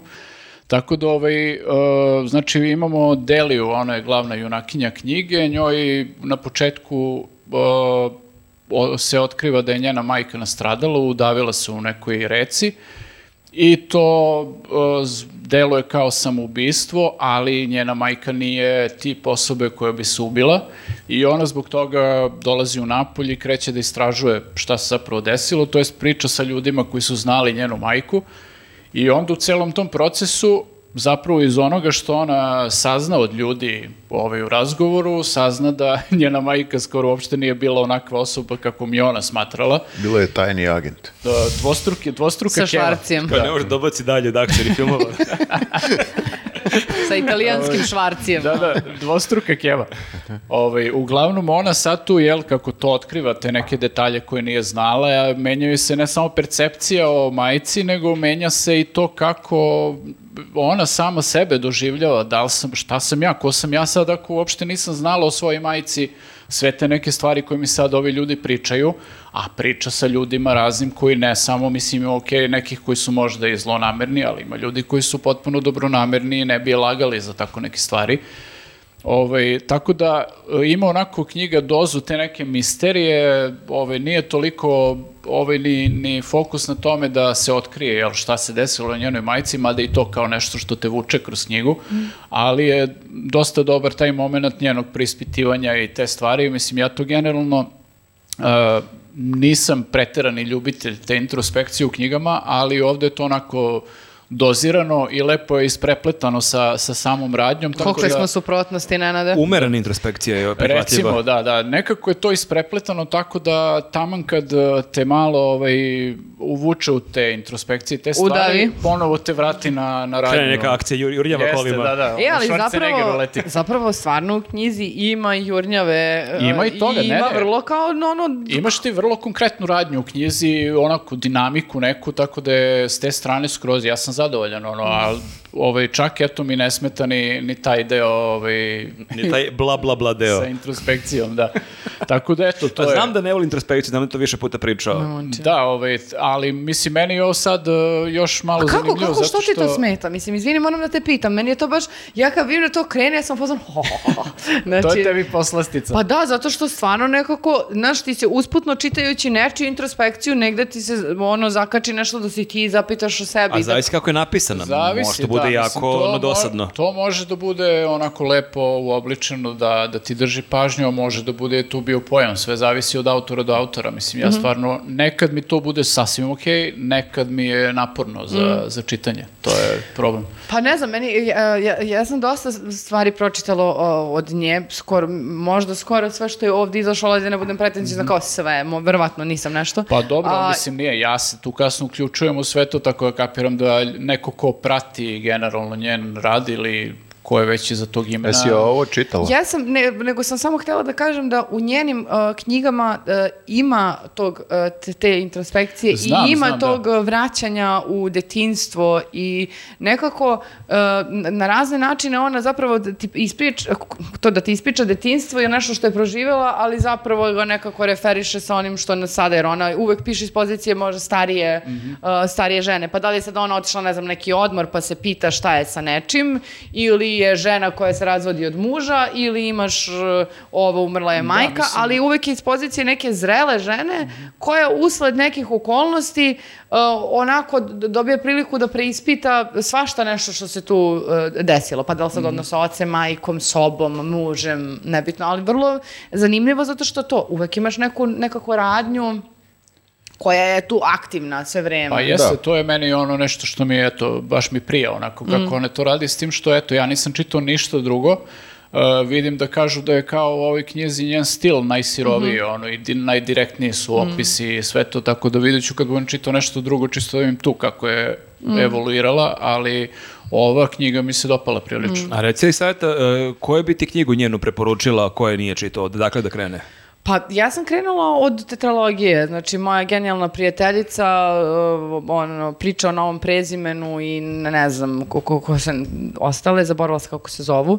E, svakako priča prati dve, e, dve devojčice od njihovog one Mhm. su, ranog da. detinjstva e, i kasnije kroz njihov odrasli život e, i šta im se sve dešava. I ima i serija na HBO-u, mada bi ja Ima, mislim, da, to je... ja sam krenula da je gledam i nije loša, ali to samo jednostavno, kad, na, e, uvek mi je to bilo kao, ne može da pre, ne mogu knjigu Knjiga da je prenesem. bolja. Knjiga Da. je bolja. Ja stvarno, e, sad ovo kažem i znam da sam se hiljadu puta smela kad su to ljudi pričali, ali knjiga je toliko toga da prosto nemaš, nema šanse da ga nekako prenesem. Ja, a suviše knjiga kao, koliko sam razumeo, epska u tom smislu, da ne možeš to Jeste. sve da dočaraš. Ja znam kad je Maja gledala seriju, malo sam onako ovaj, e, obratio pažnju povremeno, samo se, ono, neki utisak mi je da je ovaj, nekako a, atmosfera u seriji jako lepa, onako i nekako Jeste. Mm. predivna i taj odnos između njih dve i to sve, tako da to sam ukačio, ali nisam baš pažljivo gledao seriju. Jeste, da bi- ali je što se u tome što je uh, unutrašnji glas te d- devojčice i njene drugarice Lile toliko jak i njen,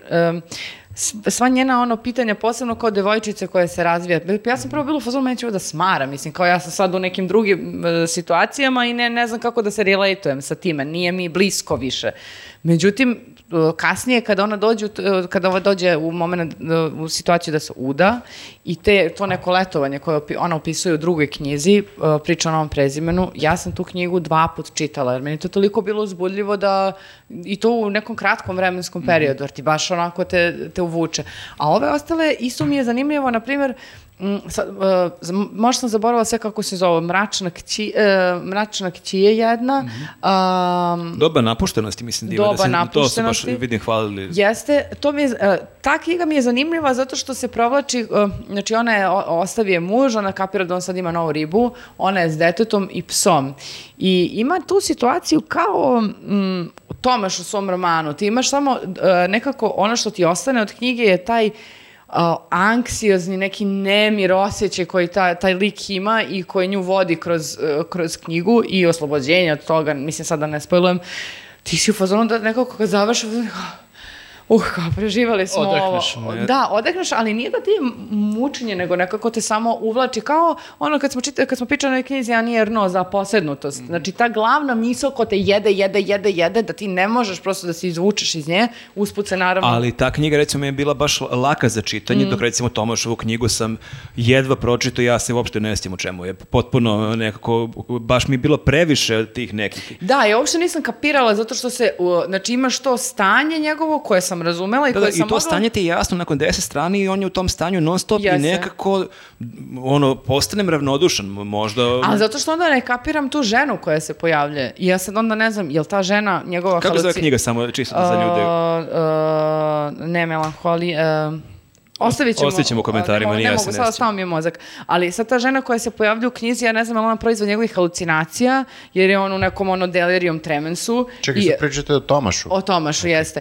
Ili je to sad ne- neka kao potencijalno ljubavna priča koja se odvija u nekom, n- ne znam, št- baš sam bila zbunjena, ali mi je taj deo koji on imao u vezi sa pisanjem tom sobom, na tačno osjećaš onaj miris cigareta tu, ono z- z- zadimljeno z- znoj, e, nemire i ono sranja, to mi je bilo kao, da, s ovim mogu Pa da ne, ali to rezonujem. osjetiš već nakon 10-20 strana, meni je bilo previše da čitam 150 strana o tome, neko sam izgubio me u nekom trenutku, a moram ti kažem, ja e, probao sam da čitam moju genijalnu prijateljicu i dva puta sam počeo da čitam i dva puta sam je batalio na nekoj stotoj strani i to mi je jako čudan osjećaj jer Vidim ja da je to dobra knjiga, vidim da je- ima priče i, i ono, lepo je napisana, ali nekako uopšte se nisam na bilo koji način povezao i moguće je da prosto ja kao muškarac Da. od 40 godina u tom trenutku ne mogu se povežem sa devojčicama u predpubertetskom uz, stanju, uzrastu u, u Napolju. Moguće, zato sam ja se ja i nisam vraćala na primjer na prvu kad sam krenula opet da čitam, nego sam uzela drugu, jer druga je moment u kojem se Lila udaje. Jel, mogu ja da čitam od druge knjige ili moram da pročitam prvo? ne da bi- moraš, mislim, da vrlo ti ona i referiše te, o,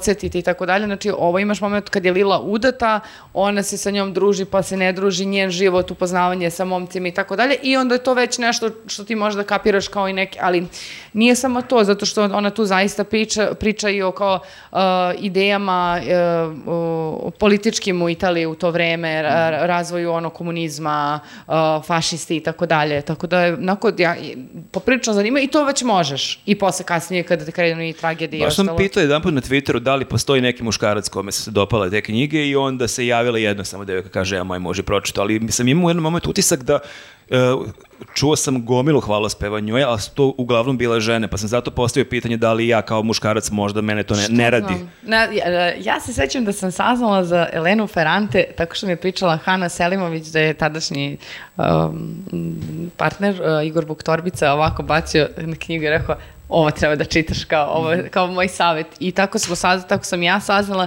i krenula i bukvalno ja znam da sam nosila tu knjigu. Što kad kao kažu ne mogu da se odvojim od knjige, ja sam doslovno ovako idem ulicom i čitam, sedam u autobus, tad sam radila još u Philip Morrisu. Ti si, čitala si u autobusu? Da. Kao u metrou što čitaju ljudi, Da. samo mi ne Ali ne, ja tako ne čitam sve knjige, samo da ne budu ljudi da budu ono kao, da, ona se čita. Dobro, sada knjige na pre- trotinetu bi bilo baš, ne bi bilo bezbedno da čitaš Elenu Ferrante dok voziš Ma trotinet. da, generalno i ne čitam knjige u busu, mislim. Ne, Ne možeš nemam- da sedneš. Ne, ne, mogu uvek znači da sedem, ali e, što- Kako uvek nađeš Ovo da je sedneš? jaka izjava. zato što se snađem, ali ako uđe... a, Maskaraš te kao trudnjača. Samo da ti kažem, ali ukoliko uđe starija osoba, uvek ustanem. Znači, uvek, uvek. Ili kontrola. Ili kontrola. Onda i trči često. Tad Da, ne ustanem, tad poletim kad vratimo, tako da eto. A, Da, čitajte Elenu Farante, E, stvarno... Ali, ali koji je savjet za mene? Tebe sam pitao, evo, ako me ne radi moja genijalna prijateljica, koju njenu knjigu da uzmem? Da. Možda je baš ova mučna ljubav. Imam, a, posle, doneću ti, imam i mračnu kći, ima A, jedna- mogu ja da kupim, nego mi reci jednu koju da uzmem. Ne mogu sad da se setim imena, plava je, znam da je plava. Njena Dobar dan. plava faza. Da li imate plavu knjigu Elene Plava, Ferrante? plava knjiga, jer to mislim da je ta kad je ona s tim e, se razvela tog muža. Pa to je doba napuš, napuštenost, ja mislim. Doba On napuštenost. ima neke, neke A si plave to korice. čitao? Nisam, nego sam, znam da ima neke plave korice. Doba napuštenosti je super. Ima jedna u kojoj ona kao e, se dvomi gleda da ukrade lutku od neke devojčice. I onda sam u fazonu, ovo je dosta zanimljivo odabran kao e, za šta će biti zaplet u knjizi. Jer Kao, brate, sad se neka žena na svom odmoru e, pa premišlja sve vreme da li da uzme lutku od devojčice ili ne, mislim, kako i đavo. I na kraju ona tu lutku kao krade nešto, mislim, Malo je iz Kerry. jeste, ali je zasvim zanimljivo zato što nije samo, naravno, o... o- Dobro, ne moram da čitam knjigu koja se bavi time da će da ukrade lutku ne moraš, ali ima devojčice. zanimljiva... To je samo motiv. Da, ali ima zanimljiva jako knjiga da ona treba da poseti svoju tetku koju su je branili da poseti. To ću da ti dam, samo da setim kako se zove. Izvinite, sam je stao mozak, nisam se... uh, Nisi se spremala nisam za se ide. pre, pa ne, a nisam se prestišavala od, od celokupnom uh, opusu Elene Ferrante. Mislim da si dosta ljudi zainteresovala. Kako Ako- ne, ili ih isključilo zato što smo ih izgubili već kod um, Da, ako ne vole. Tomaša Kod od- knjige. Kod knjige, da. Dobro. E, hoćeš ti ili sad? Neću, ja sam dosta pričala, ide E, malo... mogu i ja e, da pričam o jednoj knjizi i to je knjiga koja se razlikuje od svih knjiga o kojima sam sada pričao. Zove se Ja sam Akiko, pisac Što mi je je to poznato? Stefan Tićmi. Mislim da si i upoznat Tićmi. Pomenuo- Aha, pa zato, spomenuli smo za, to. za, za, Spomenuli smo ga da, možda. jeste, jeste. Jesmo, jesmo. Ova knjiga je jako zanimljiva, a razlikuje se od e, ostalih knjiga o kojima sam pričao, jer se ova knjiga vodi kao dečija knjiga. Dobro. I to je opet tema za debatu. I ja sam i njega pitao kako bi on ovu knjigu ono, definisao, jer mm, Jasmina moja ovu knjigu kupila za našu decu i onda smo shvatili, ono, tad su i bile baš mali, ima tipa 6-7 godina. Da ne- Deluje i korice, deluje onako kao za decu. Jeste i ona se i u knjižarama nalazi u onom odeljku za dečije knjige. Ali meni je ona nekako žanrovski otprilike me najviše postijela na Malog princa, koji se opet vodi kao dečija knjiga, ali je isto teško reći da je to knjiga za uzrast od e, 10 godina ili je okej da čitaš i sa 15, a možeš bez problema i sa 20, 30 i Pa 40 da čitaš. uvek, možeš. Uvek možeš. Čak je, meni se čini, Malog princa, a isto bih to rekao i za ovu knjigu, čak je bolje da čitaš u 20. ili 30. godinama, ja sam je čitao sad on 41, 2. A Ali- uvek ali i kad si mislim- mali pa posle ponovno. Pa da, Mislim da ne smeta da pročitaš i kad si mali pa neće ti pošle. da- škoditi, ali kad si mali, mislim da 70-80% stvari nećeš razumeti. Ti ćeš dobiti neku sliku i ti ćeš se u, u, u, zalepiti Nema za neki veze, šta detalj. razumeš, razumeš. Ali moraš da pitaš tako onda decu kao šta su oni u tome videli, uh, zato što znam da s- meni je mama dala kad sam bila mala da čitam uh, Galeb Jonathan Livingston. To sam recimo obožavao, sam ja to čitao sa 17 recimo. Da, a ja- ja sam možda bila malo mlađa, možda sam bila to osno, o- o- osno, kraj osnove, početak srednje. I da ti zapravo kren, da ti navodno kao kapiraš ono po- površinu. A ti kad kreneš da pričaš, ja se sećam jebote da sam baš dolazila do nekih finih zaključaka, nisam kao hvalospev, ono, ja, pa- ja pametna, nego samo kad te neko malo uvede u priču, pa šta o ovome, pa šta o onome, sećam se da sam posle citirala tu knjigu, ono, svim sastavima u srednjoj školi, jer kao mi je bilo zanimljivo. Jeste, Gallup, Jonathan Livingston, meni ta knjiga čak možda je bila i važnija od Malog princa, ali da, ovu knjigu bih, ne bi sad poredio sad kao, mm, koja je bolja, koja je gora, ali negde bih je tako svrstao da nije dečija knjiga, kao ne bi ja ni sad pričao da je neka dečija knjiga, niti bih ja pročitao knjigu koja je dečija. I e, jako je lepo napisana, dešava se u Japanu i glavna junakinja se zove Akiko, I ona je devojčica, kako kaže ovde na koricama, romana devojčice koja ne voli granice. Ona je devojčica koja je, s- koja je u nekom predpubertetskom periodu i ona se jako razlikuje od ostalih devojčica. Ona e, živi sa ocem, e, nema majku i njen otac je jedan usamljen, prilično nesrećan čovjek i jako lepo opisuje taj neki njihov odnos i neku njihovu toplinu, ali zapravo ona je jako usamljena i ona u toj svojoj usamljenosti e, ona ima prijatelje s kojima komunicira, ti prijatelji su jedan bonsai i jedan peškir. I ja kad sam vidio da spomenje bonsai, baš sam i, e, ne bonsai, e, e, baobab, ako, sam, e, ako nisam pomešao, mislim da je baš baobab, što me podsjetilo na... Mi baš pravimo Ne, razliku zato što između se baobab... baobaba Ja i znam bonsaija. šta je Baobab je bonsai. veći mnogo od Baobab Znači, je bonsaija. veći, ali Baobab je zanimljiv zato što se Star, staro je spominje drvo. e, i u Malom princu. Ja sam mislio da je on možda time hteo da da neki omaž toj knjizi, pa mi onda on rekao kao ne, potpuno je slučajno to bacio, uopšte nije hteo da time ima, jer baš ima cijelo jedno poglavlje u Malom princu. Mhm. On gde- nije ni čitao malog princa. Suptilni genije, Mm. spontani genije. Kako? On, great minds. E. E, I onda recimo ima jako lepih nekih, onako tako toplih, tako onako emotivnih i slikovitih scena. Recimo ima jedna scena koja je meni ostala onako upamćena, e, ta devojčica je tako usamljena i ona napiše jednu pesmu i tu pesmu ostavi na papiru i stavi mokar peškir s kojim priča, stavi ga iznad te, tog papira i ona se probudi ujutru i vidi taj papir na kojem je pesma natopljen i peškir nje kaže, cijelo noć sam čitao tvoju pesmu, ona je divna, ja sam cijelu noć plakao dok sam je čitao. I ima toliko takvih predivnih scena. E, ima takođe neka jako lepa scena gde ona, ona je na času likovnog i oni treba da nacrtaju Sneška. I kao sva deca crtaju Sneška na jedan način i te pers- perspektive od, od napred. Ona crta kao dva kruga jer ona zamišlja Sneška od ozgo kako bi izgledao i njoj u startu kažu učiteljica kao ovo, ovo nije Sneško, ovako se Sneško ne crta i onda ona pokuša da je objasni da on ima drugačiju perspektivu i onda ne samo što to uradi, nego se popne na klupu i onda neke pocepane e, list, listove kreće da baca po tom Snešku, po tom crtežu, što kao treba da prikaže da je to sneg koji pada i nju podrže drugari u tome.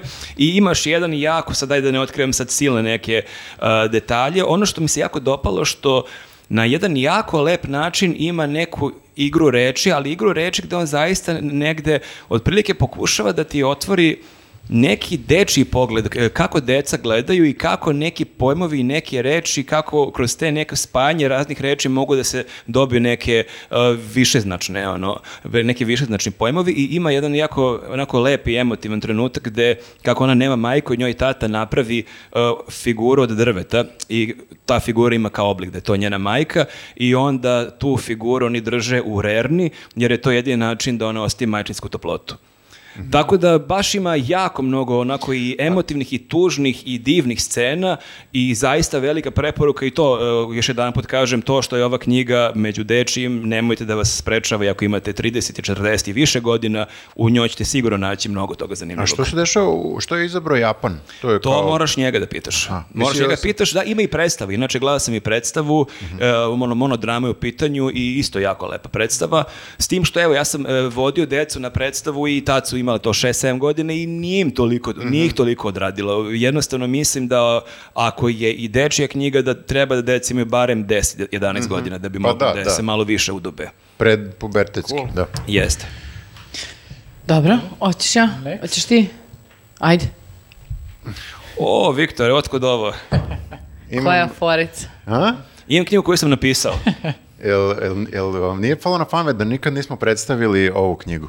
A? E, nije nam da. palo, zato što je U to... podcastu, u podcastu. Zato što je to i, bio jedan od najvećih bestsellera i mi polazimo od toga da su svi naši gledalci to već kupili i pročitali. Ali, ali Uvijek nisu. ima neko ko nije. Ali nisu. Nažalost. Znači ima, ne- ima popkasta koji su imali 100.000 Ovo je gledalaca. najveće džidanje u istoriji našeg podcasta. Lik Jeste. ladno priča knjigu. ono- Ali bukvalno sam ganuta i uh, poštujem I te mnogo šokirana. zbog I ovoga. razočarana. Ne, ne, ne, ja te, Sledeći, kao š- šta si gledao? E, 24 minuta sa Zoranom Kesićem, Ne. ima jedna super Ne, emisija. Generalno sam te jako poštovala i cijenila u životu do sada, a posle ovog poteza ja te poštujem još više. Ovo li- ovo je ili da neko najbolja- tako šmekerski izžida i, da pritom bude još Jeste promoc- džidanje, ja pre- priznajem prevaru. Priča o priznajem, svojoj seriji i priča o svojoj knjizi. Nisam ništa čitao, ljudi. e, A to je okej. okej. I to je okej.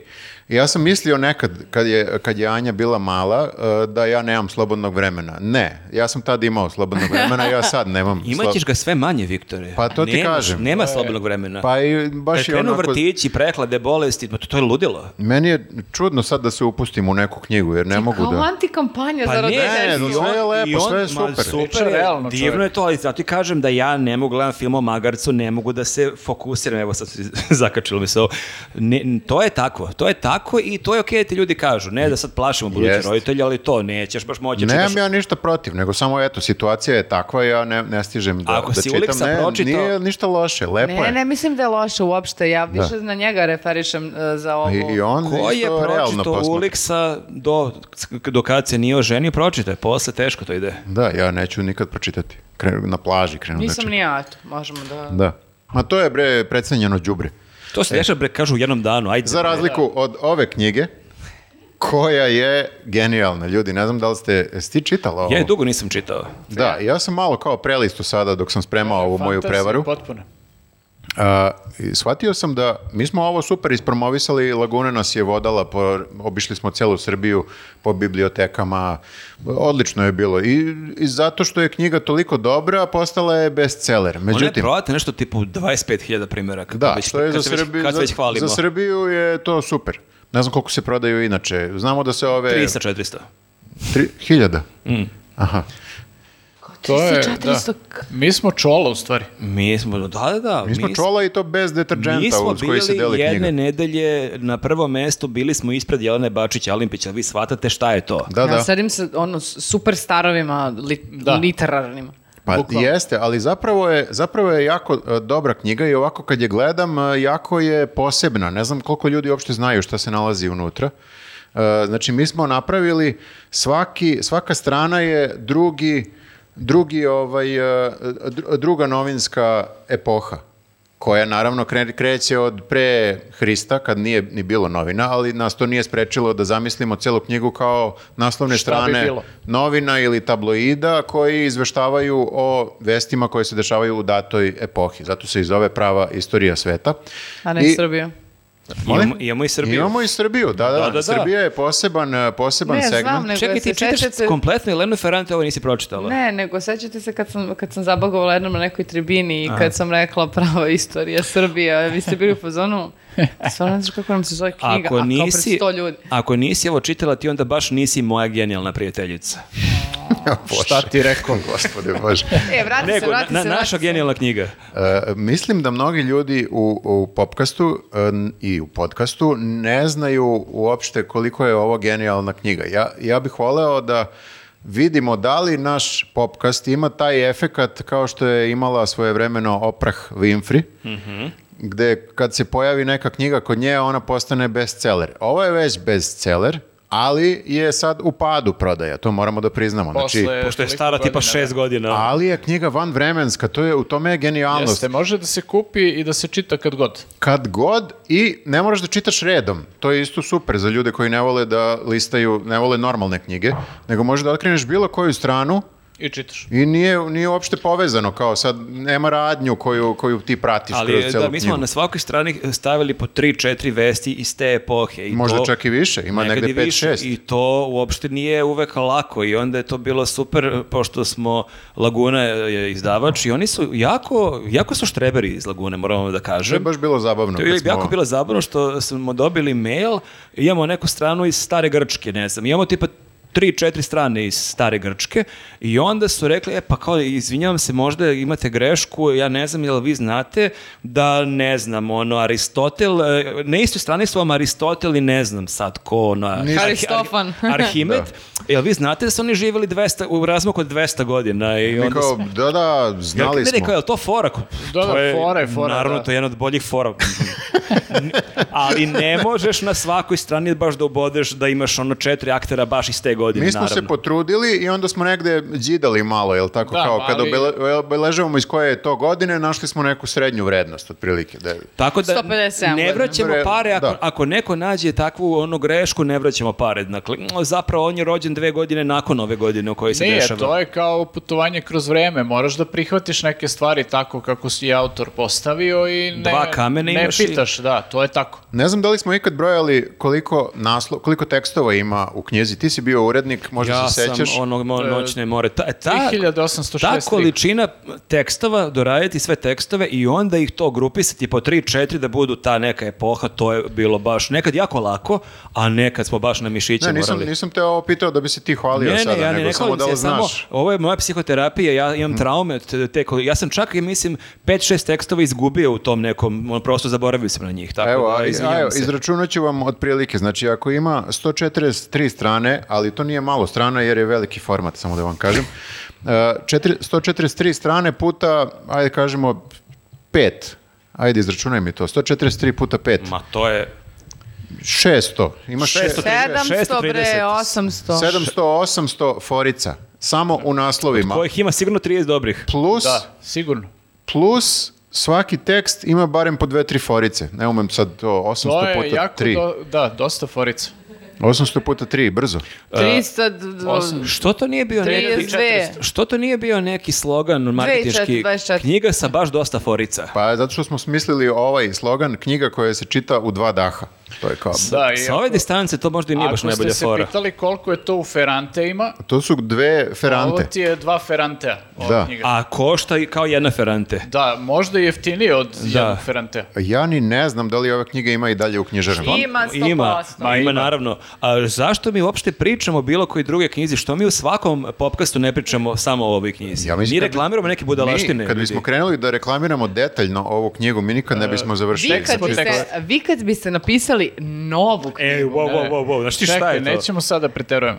To mi je bio, moram da kažem, još jedan od razloga zašto sam eh, hteo da pričam o ovome, pored toga što nisam pročitao ništa drugo, a, a, a to je da bih voleo da nas sada pritisak eh, gledalaca i Javnosti. čitel...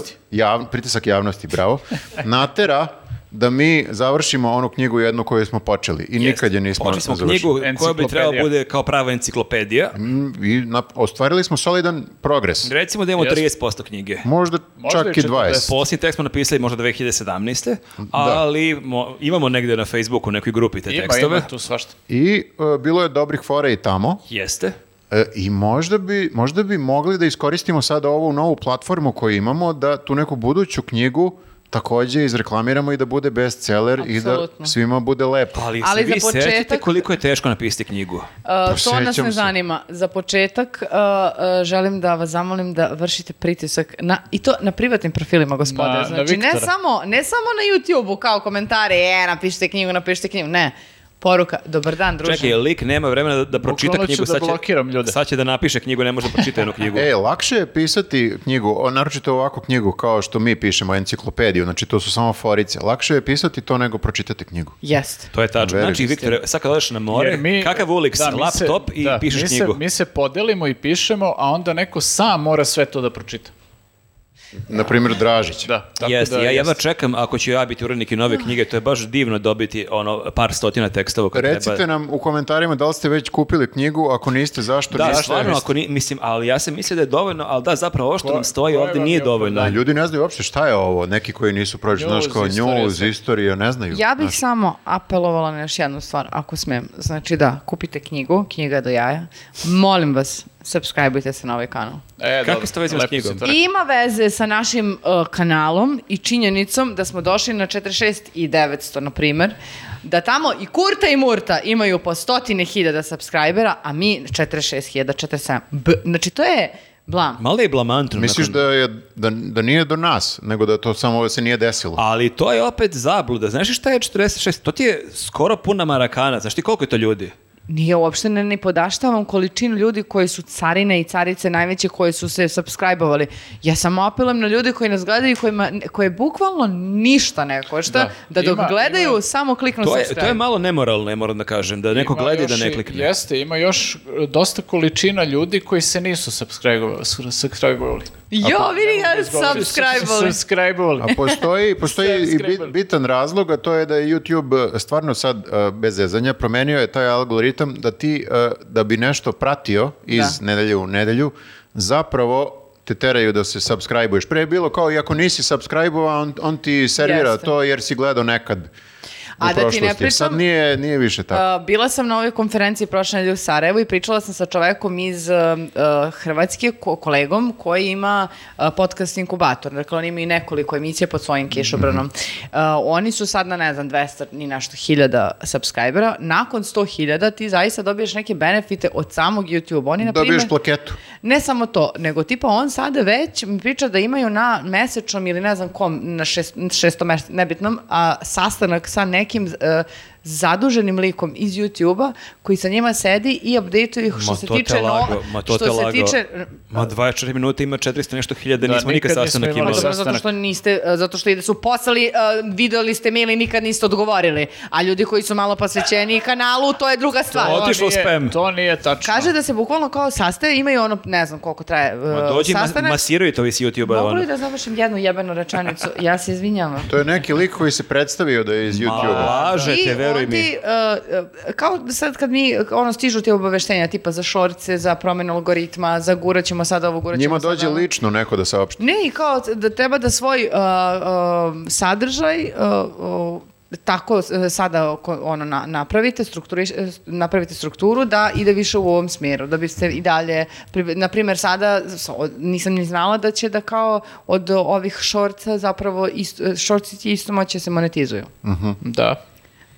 To je neki Jehovin svedok koji se samo maskirao. Što je za kreatore uh, samog, uh, z- na samom YouTube-u, ako to posmatraš Business Fights, malo jeste sjebano, neću sad ulazim u tu temu, ali generalno možemo, ja gledam mailove uh, i znači će mi ako dobijem od YouTube-a malo da se posavetujem i sa njima i generalno želim plaketu, brate, ovdje da nam stoji. Što je to loše? M, subscribeujte se, dosta. Nije loše, plakete su cool.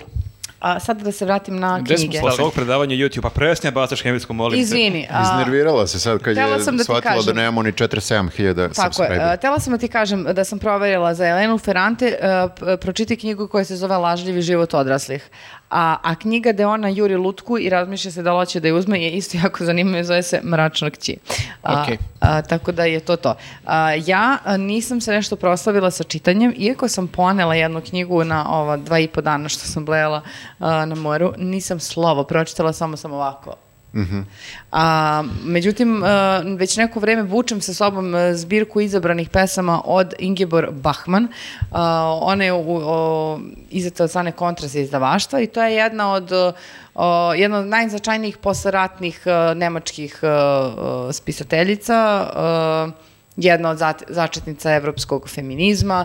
Onako zanimljivo je, ja sam čak uzela tu, tu zbirku koja dakle sadrži različite faze u koje, kroz koje je napisala. Um, Iz koje godine knjiga? Nije iz koje godine, ona sadrži uh, pesme iz različitih Iz faza. svih godina. Da, da.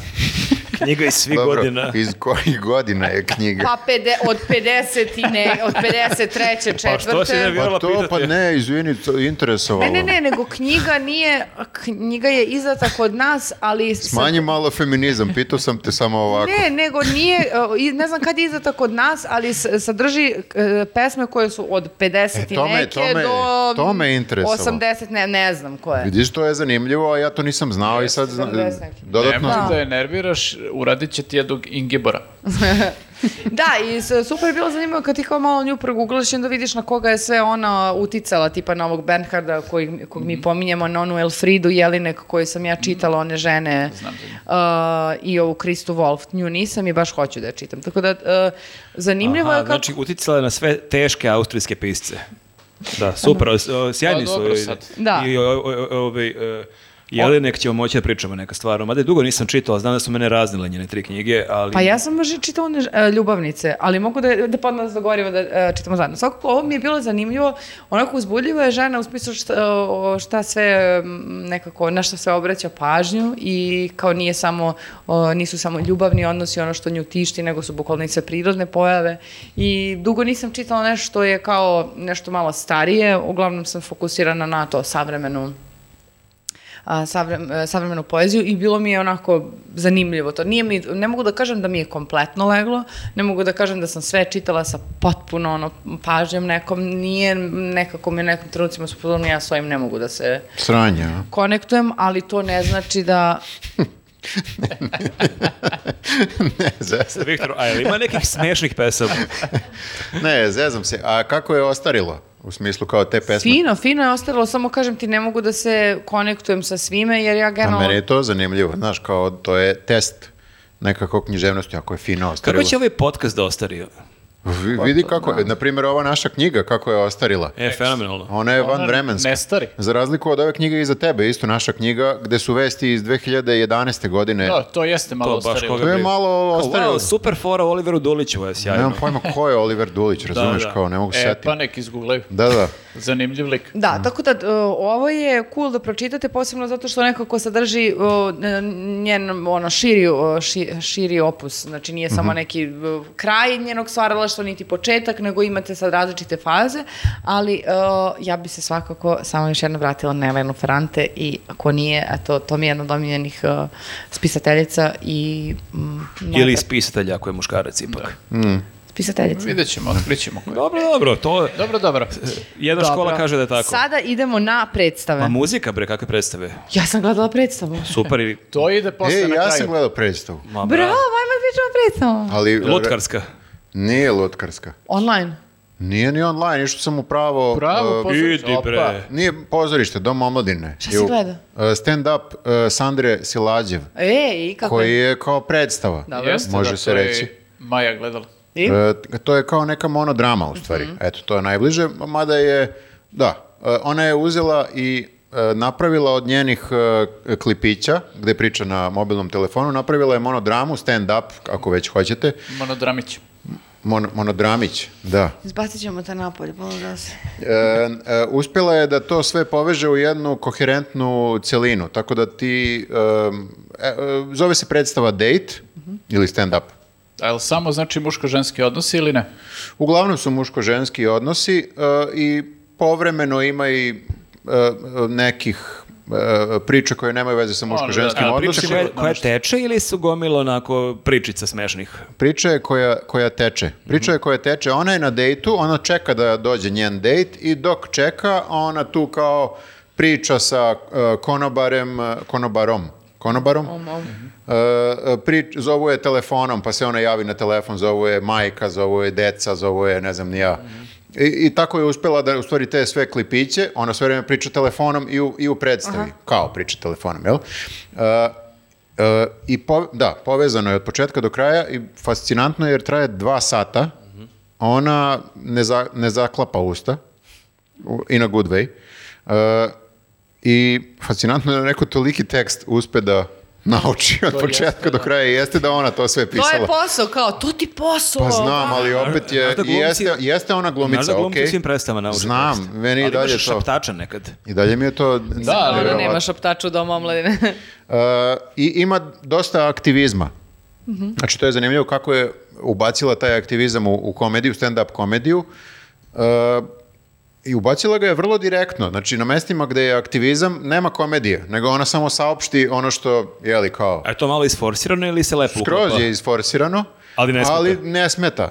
Znaš, ona je samo rešila tako, ja sad treba da kažem ovo što je, ne znam ni ja, da li za HPV vakcinu, da li za Mhm. e, to, i samo kaže, vidite, žene, ovo je sad kao... A kako otprilike- Pa, to ubaciti? Znaš, kad dođe konobar, hoćete još jedno piće, Teško je, hoće ne, ne, ne, i ona, vakcinište ona se. se u razgovoru sa, o razgovoru sa nekim toliko zanese da u nekom trenutku samo, se kao, samo ti saspe to, u, u, u- mislim, e, publici saspe u lice taj tu rečenicu. O- ode u neki rent i kaže, "Jel vi znate da se žene kod nas ne pregledaju, da toliko i toliko Mm-hmm. umire. a?" A, mislim, vrlo je onako, e, e, kako si rekao, vrlo je e, isforsirano, ali si u fazonu pa dobro. Pa eto, dobro, Važno je da ali se ok. kaže. drži Okej. pažnju i kao ona nastavlja posle toga dalje sa, sa komedijom. Tako da je jako A je mogla čudno. to da upakuje nekako uz neku foricu da, Ne da znam, bude ista pitaćemo poruka. Ne, sad razmišljam, ono, Ne da li to znam. može se... malo- možda je nije Ja bilo razmišljao potrebno. sam o tome, ali mislim da je bilo u fazonu zabole me, znaš, kao... Ja, Ovo mi je važno i ja Sad, ću da ga kažem. 20 sekundi nije smešno, da, preživećete. da, preživećete, bukvalno. A možda to. baš zbog toga što je takav rez je kao cool, zato što ćeš Upamt- baš... zapamtiš Nije kao taj da se prekid. razmišljaš da li te neko skapirao, da, da- šta si hteo da kažeš, nego... A, drži pažnju sve vreme što je jako nekako onako teško izvesti s obzirom da traje dva sata i ona je jako smešna sama po sebi, mislim kako priča, kako glumi, kako đuska povremeno i tako, mislim sve, sve je smešno. Ima momenata koji su ono prvo loptaški, naročito ti muško-ženski odnosi, ali opet kao preživećete. 90% publike su žene, ne znam, nisam vidio mnogo muškaraca, tako da se obraća uglavnom ženama koje umiru od smeha. I ja sam isto se smejao, naravno. E, ali, ali je, e, ne znam da li joj je uopšte cilj da privuče malo šareniju publiku u smislu kao da dođu i muškarci, jer kao možda bi muškarcima i pre značilo da, Mm. da čuju neke stvari, Mhm. ali n- ne znam ni da li je za to zabole. Ili je samo kao u fazonu, evo, ovo je moja stand-up komedija i to je to. Tako da, A, jel ti, su ti zvonile mm, e, njene psovke? Ja sam, e, mislim, m- m- ja jako cenim to što ona radi i mislim da je važno da kako to se je... mnogi žale na to. Meni to ne smeta. jer, ja sam e, gledao jedan put, da, isto je bilo, i baš je bilo mnogo psovki. Ono. Ali ja ovo govorim iz perspektive nekoga kome jako ide na živce kad mi neko kaže e, dame ne treba da psuje, sam u fazonu pozdravo dame. A, I kao psovaću. Međutim, e, nemam problem sa time, ali toliko puta izgovoreno nešto, insistiranje da se kaže, m, e, Aha. ne znam sad, sam u fazonu, m, malo mi je pre... Aha. Mm, Ne, meni nije nije. mi- to mi nije- Kapiram što hoćeš da kažeš, da je isforsirano samo da bi izazvalo smeh. Pa da, ali meni je kao i da bi bilo sad kao nekako, ne znam, hrabro, ali a, od, svih, a, kao, od svih stvari za koje možemo da izaberemo da budemo hrabre u javnom prostoru da govorimo o njima, ovo Mhm. mi nije, na- deset puta su mi važnije neke stvari koje je ona rekla i koje izuzetno poštujem i cenim, Mhm. što mislim da bi pre trebalo da forsira nego da sada na sceni kažemo kurac, mislim kao ako je to naj, ono, Mhm. Ne, disruptive thing, onda... Jasno mi je šta hoćeš da kažeš, nego samo sam u fazonu nije da mi, nije da mi nešto sada para uši, niti, niti smeta. Da, ja ali, se uvek dvoumim između toga, Da. zato što ne znam da li je to toliko e, prenaglašeno da bi upravo došlo do toga da i žena može da psuje ako je se psuje, njen je prostor da kaže kako god šta hoće, jer je meni Mhm. to ide na živce. Da, Iako nije- se nekad trudim da kao, da, slažem se, ne treba da budem nekada toliko vulgarna, mogu da iskoristim drugu reč, posebno u nekim situacijama i kao uvek vagam. Nisam ni ja e, kompletno sigurna gde je ovo u fazonoma batali me, Ma ali da jasno mi je, možda ja... Da, možda ona samo Da. hoće da poruči nisam manje žena zato što... Ali znaš šta je još, mislim, problem? E, publika jako voli to, mislim. e, nisam bio sad na Mhm. njenom ovom nastupu, ali ja mislim da publika jako voli psovke i onda je to možda malo problem što i ljudi koji su na bini se možda ohrabre time da to e, nastave da pričaju. Ali to nije da, mislim, to je od uvek, ono i u pozorištu kad čuješ da neko kaže neku psovku, t- d- d- to je ono ha ha ha, ali to je podilaženje publici koje kao, brate, treba prevaziđemo. I sad samo pitam, je li podilaženje ili je razbijanje nekog eh, ono tabua da žena ne, ne sme, jer to kad muškarac kaže to je smešno, kad žena toliko puta kaže ti si fazon što ovo nije u redu, ne treba žena. Znaš, otvoren aplauz u pozorištu sam čula za psovke koje izgovori umac na sceni. Da, da, jasno mi je sve šta hoćeš da kažeš. Možda ja samo e, sam nekako više se fokusirao na to da vidim da li su fore dobre ili, Da. ili nisu. I kažem, ima nekih, više bi mi godilo, psovke potpuno kao ne, ne primećujem ni kao dobre ni kao loše, ali primećujem kad su neke fore ono na prvu loptu, srećom nema ih, nema ih mnogo. Ovaj, e, voleo bi eto kao to da se popravi, ne da se popravi, nego da, da, da toga nema. Ne znam, A meni- ove psovke sad, Meni A su opet te i fore, izvini, fore na prvu loptu većini ljudi su okej, jer Odu nisu dobre, svi da. ljudi da se bave Ma ne, komedijom. jasno mi, je, ja pričam iz Jeste, moje zato što ih ona tako istakne da ti ono što ti je najočiglednija stvar koju ti u svakodnevnom, uh, koji sam nekad uh, radiš, uh, ti nekako oparati pažnju da to nije, nije cool. I, I- ja tu u tom da. smislu baš nju, baš ju cenim, zato što je nekako upro- pronikla u ono kulturu o- o- o- i muško-ženskih odnosa i žensko-ženskih odnosa i odnosa majke prema sinu i majke prema ono d- d- ženskom detetu. Baš ima toga, mislim. Pa ne, ima naravno, ali ti kad gledaš to s- e, iz e, perspektive sad e, da se to e, i odigrava u Srbiji ta Mhm. predstava i kao neke stvari e, koje priča jesu revolucionarne po, po znakom naroda, ali onda se zapitaš, brate, kao, za nije ceo svet od ovoga već se odmakao ne znam, nijak- Kako ne? ne ceo svet, lupam, ali jedan deo sveta se odmakao od ovoga pre nekoliko decenija ili tako nešto, a mi i dalje sad kao tu e, ju, ju, ju, da li žena sme ovo, da li žena sme ono, kao u fazonu si jeste smešno, ali malo je i tužno, Brate, Ali malo i smešno. ali malo i smešno, da. Najbanalnija stvar, pričam s nekom Banalno, eh, da. devojkom iz organizacije, ne znam, koja želi da se bavi po- po- pomoć ženama kao mla- mali, eh, mla- eh, mali preduzet, male preduzetnice, ne znam sad, proizvođači, ne znam čega i sad oni hoće, jel te, da kao organizacija da im pomognu, da ne znam, ih nauče, da se oglašavaju na Instagramu Mhm. i prodaju svoje proizvode i glavna stvar koju su žene u tom trenutku tražile jeste da ih nauče da koriste Viber, da mogu da komuniciraju. Mhm.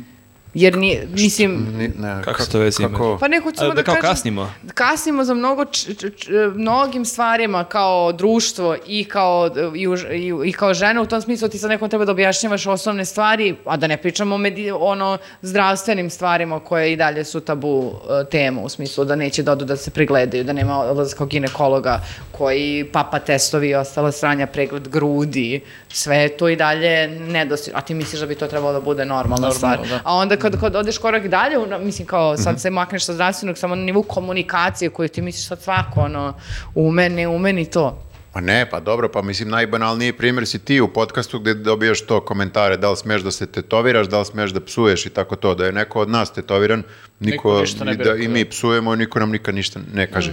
Mislim, gluposti A neke, Pa Jeste, čim neka devojka je, se malo odskače od tog, pogotovo sad, e, kad je reč o humoru, mislim da tu imaš dodatni, kao, "Aš- aj baš da vidimo ova šta je, duhovita, nije Mm. mi duhovita, znaš, baš imaš taj veliki problem ono, kod nas, ali ti rušiš šta boje, Ma ne, da, da, da okej. nego- samo te te tvaže završi. Da, i drago mi je da ona priča o tim stvarima zato što o, o, mnoge žene su nju gledale i o, mnogo je važno da se da dođe do žena, t- posebno to da, za zdravlje, mislim koliko nema, ne- nema toga i dalje. Ti misliš što je normalno kao otići ćemo kod ginekologa, ima žena koje nisu 20 godina, posle porođaja nikad nisu otišle kod ginekologa. Nikada, jednostavno. A koliko je e, sumanuto ako ti stvarno, kako smo u takvom društvu, da ti kroz neki stand-up nastup moraš i da na Tako te je, stvari tako ukazuješ je. i da to ima nekog efekta. I da to pu- pritom bude mega zabavno i da kao to d- traje dva sata i da ti drži pažnju i da ti provuče još hiljadu drugih stvari, ali da ti provuče i ovo. Meni je to ono baš da kapu dole, mislim, zato što je mega potrebno danas. da. Vole, voleo bi da a, vidim i ženski nastup koji je kao, no, kako bih rekao, st- stand-up koji se ne bavi to, muško-ženskim odnosima, to, nego, brate, kao udri po svemu što ti je, mislim, ima i toga, naravno, e, i verovatno ću ići da gledam i to, ali samo voleo bi da ima više toga, eto, to je. Nego da biće. se kao maknemo od ovoga što valjda bi trebalo da je, da svi znaju, a očigledno ne znaju svi. Pa bit će polako. Jedno po Dobro, jedno, godinu dobro. za godinu. Ja sam bila na, uh, bila sam u ateljeu 212 uh, na, na predstavi koja se zove Sin, uh, zato što sam se e, uh, zarekala da ću sad odem da pogledam sve od ovog pisa koji se zove Florian Zeller, jer je to uh, a, njegove komade sad u posljednje vreme no- do- postavljaju na nekoliko mesta, znači bilo je u ateljevu, a, jedna, pa onda a, sin, pa je bio otac, pa sad u e, Beogradskom dramskom pozorištu opet ga postavljaju.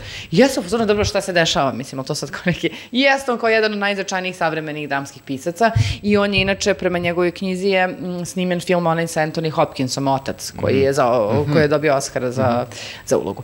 I onako, e, bavi se, zanimljivo je zato što se bavi temom porodičnih odnosa, ali naravno uvek iz drugog ugla. Ovo je trilogija, dakle ima si, e, sin, otac i majka.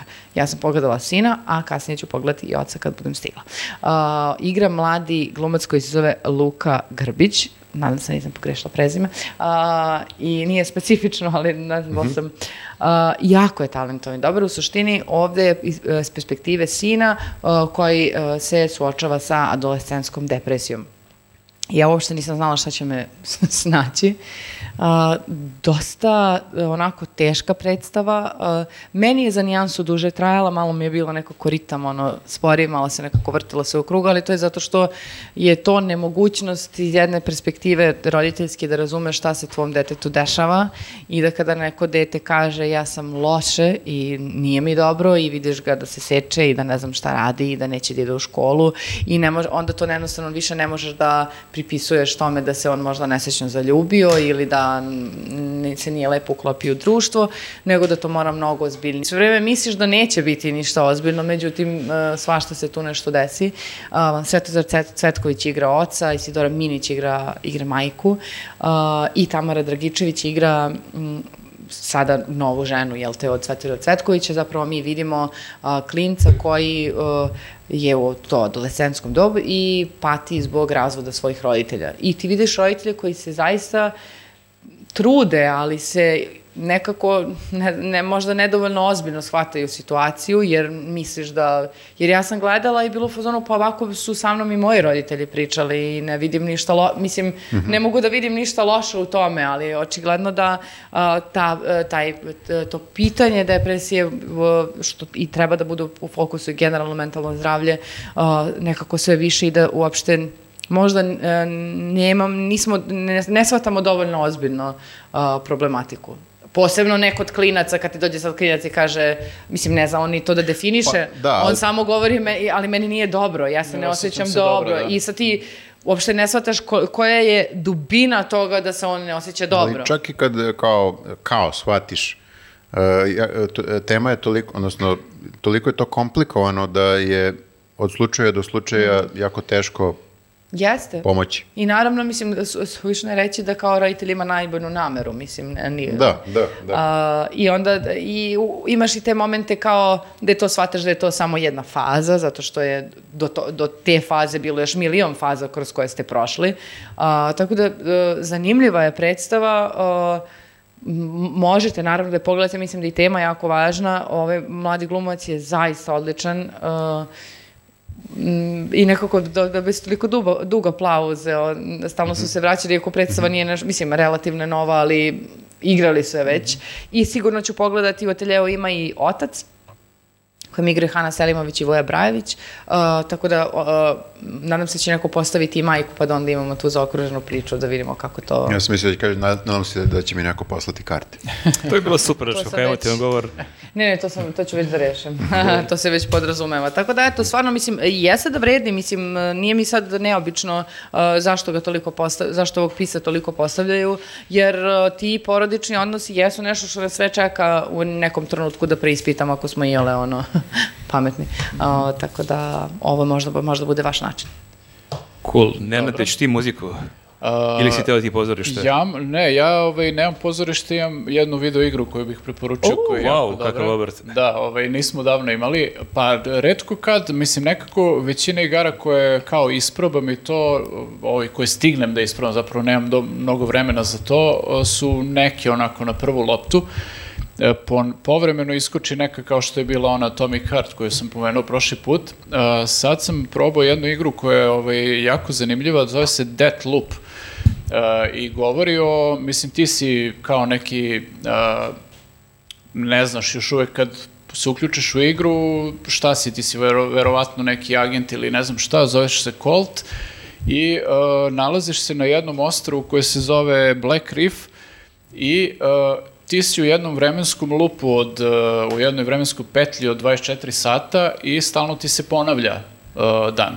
E, ima nekoliko filmova na tu tematiku, to je, to je uvek dobro. Jeste, da, samo Zvuči sve kao zavisi. pakao potpuni. Da, sve zavisi kako je urađeno. Ovde ovaj su jako dobro napravili taj uh, za- uh, zaplet i nije preterano popularna igrica kad je izašla, izašla ja mislim početkom ove godine. Uh, zato što ovaj obično se ovaj zalepe ljudi za te neke koje su onako straight forward igrice, pucačina neka i to je to, nema mnogo filozofije. Uh, ovde imaš tu neku radnju koja svaki dan ti se ponavlja Uh, ali uh, i jedini način da prekineš taj uh, ovaj, tu petlju je da ubiješ nekih osam vizionara, oni se tako zovu, koji su uh, zapravo napravili ceo taj svet na tom ostrvu, uh, za koje ti još uvek ne znaš koji je njihov motiv da to urade, o čemu se radi, mislim sve je očigledno neki eksperiment, ali ti ne znaš ništa još kao o čemu se tu zapravo radi. Uh, sve vreme kru- uh, na neki način nedefinisan sa tobom komunicira neka uh, Juliana se zove, koja se ispostavi da je jedna od tih vizionara uh, i sa kojom vi ti kroz komunikaciju sa njom vidiš da imaš uh, još neke nerešene odnose sa njom. Očigledno se znate, ali ne znam šta se tu dešavalo ovaj, između ta dva lika i uh, postoji neki ono hejt odnos uh, sa njene strane, a ti samo jel pokušaš da se izvučeš iz, iz svega toga. I ovaj, uh, tako da dobra stvar u celoj toj priči kao može da zazvuči da je dosadno kao ponavljati se isti dan svaki, sve vreme, ali ti uh, imaš neke zadatke koje moraš svaki put kad se probudiš na obali tog ostrva, na plaži zapravo, ti uh, imaš da obaviš neki zadatak, neki mikrozadatak. Uh, kako obaviš taj zadatak, ti si ili postao bolji, ili si stekao neko novo znanje, ili si uh, našao neke ono ovaj predmete koji treba da ti da te na kraju dovedu do toga da uh, dođeš do tih uh, vizionara da ih ubiješ. Uh, s tim što imaš... Što ubijaš vizionare? Šone zapravo prepri- prepričava Survivor. Da, s Čekaj, tim što ubijaš vizionare, zar oni nisu kao... Nisu dobri u ovom slučaju. Oni su, oni su Zloće. te zarobili u Zloće, taj Da. ciklus. Oni su napravili taj vremenski lup u kojem se ti nalaziš i kao moraš da izađeš iz toga. E sad, ovaj, vidim po nekim opisima igre da ovaj, imaš kasnije kad uđeš u, u, u neku kasniju fazu, da imaš i moment da, ne znam, e, neki od njih moraš da ubiješ e, ono dok su na istom mestu, znači moraš da ih privučeš e, da budu na istom mestu njih dvojica, trojicu u isto vreme. Ovaj, tako da, dosta su se iscimali oko plota igrice, to često nije... Ovo Ovaj, je super rečenica, kao da baš nije lako napraviti igricu, baš su se ljudi iscimali. Ne, pazi, ti imaš gomilu igara koje su krajnje jednostavne, pucačina, imaš cilj ono Super koji Mario. moraš da ostvariš Tetris. i, znaš, nemaš ti, znaš, kod dosta igara nemaš mnogo filozofije. Ovde stvarno imaš ovaj, uh, baš onako detaljno razrađenu radnju i to je prilično onako ovaj, dobro je osmišljeno sve ovaj, onako u paketu.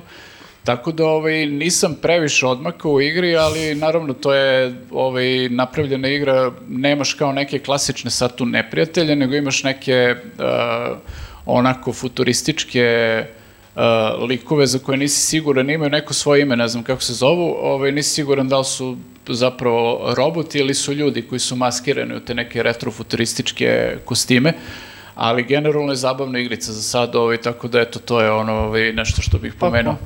E, ja bi sam... Ja sam, ja sam e, pokušao, izvini, molim te, e, nije da s nekim četujem na telefonu, nego pokušavam da se setim kako se zove jedan film koji, koji je... e, e, Dan im- marmota. a ne, nije, da- nije komedija. Znači, akcija je, i on, poku- on je upao u vremenski lup i pokušava da izađe iz njega. Iz 90 i neke je film.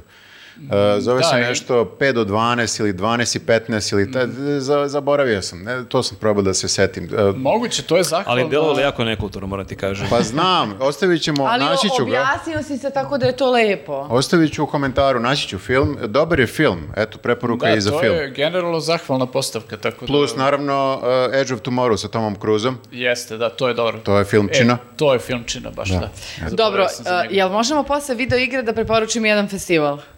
Opa, Čekaj, ali Čekaj, Čekaj, ovo je muziku novo. nismo... Pa čekaj, festival Nismo još stigli do pozorišni je. muzike. Ja, ja imam i neki podcast. Ajde, festival, šta god. da. Ajde, Ajde. možete Pa festival... obukla i- sam majicu. Možete Ajde. festival i podcast i to je sad ovako jedna svaštara i onda pređemo na muziku. Da. I onda šone 20 minuta. Amfiteatar. Da, Jeste. Anfi. Sa N. Anfi. Da, Anfi. Anfi. A, to je a, festival alternativnog pozorišta koji se održava u Kraljevu već skoro de- deset, preko deset godina. A, I ja bih vam prilikom htela da a, vam obratim pažnju na taj festival, da vas pozovem da dođete, pošto se dešava od 1. do a, 7. jula u Kraljevu. A, a do tada bih vas pozvala da o, u opisu ovog videa imat ćete link, ako možete, podržite festival, zato što je baš zbog toga što je alternativni. A, Treba i- mu podrška. treba mu podrška e, sa svih strana, boga mi, organizovali su razne neke događaje, donatorske večeri i tako Mhm. dalje. Uh, A kako da podržimo?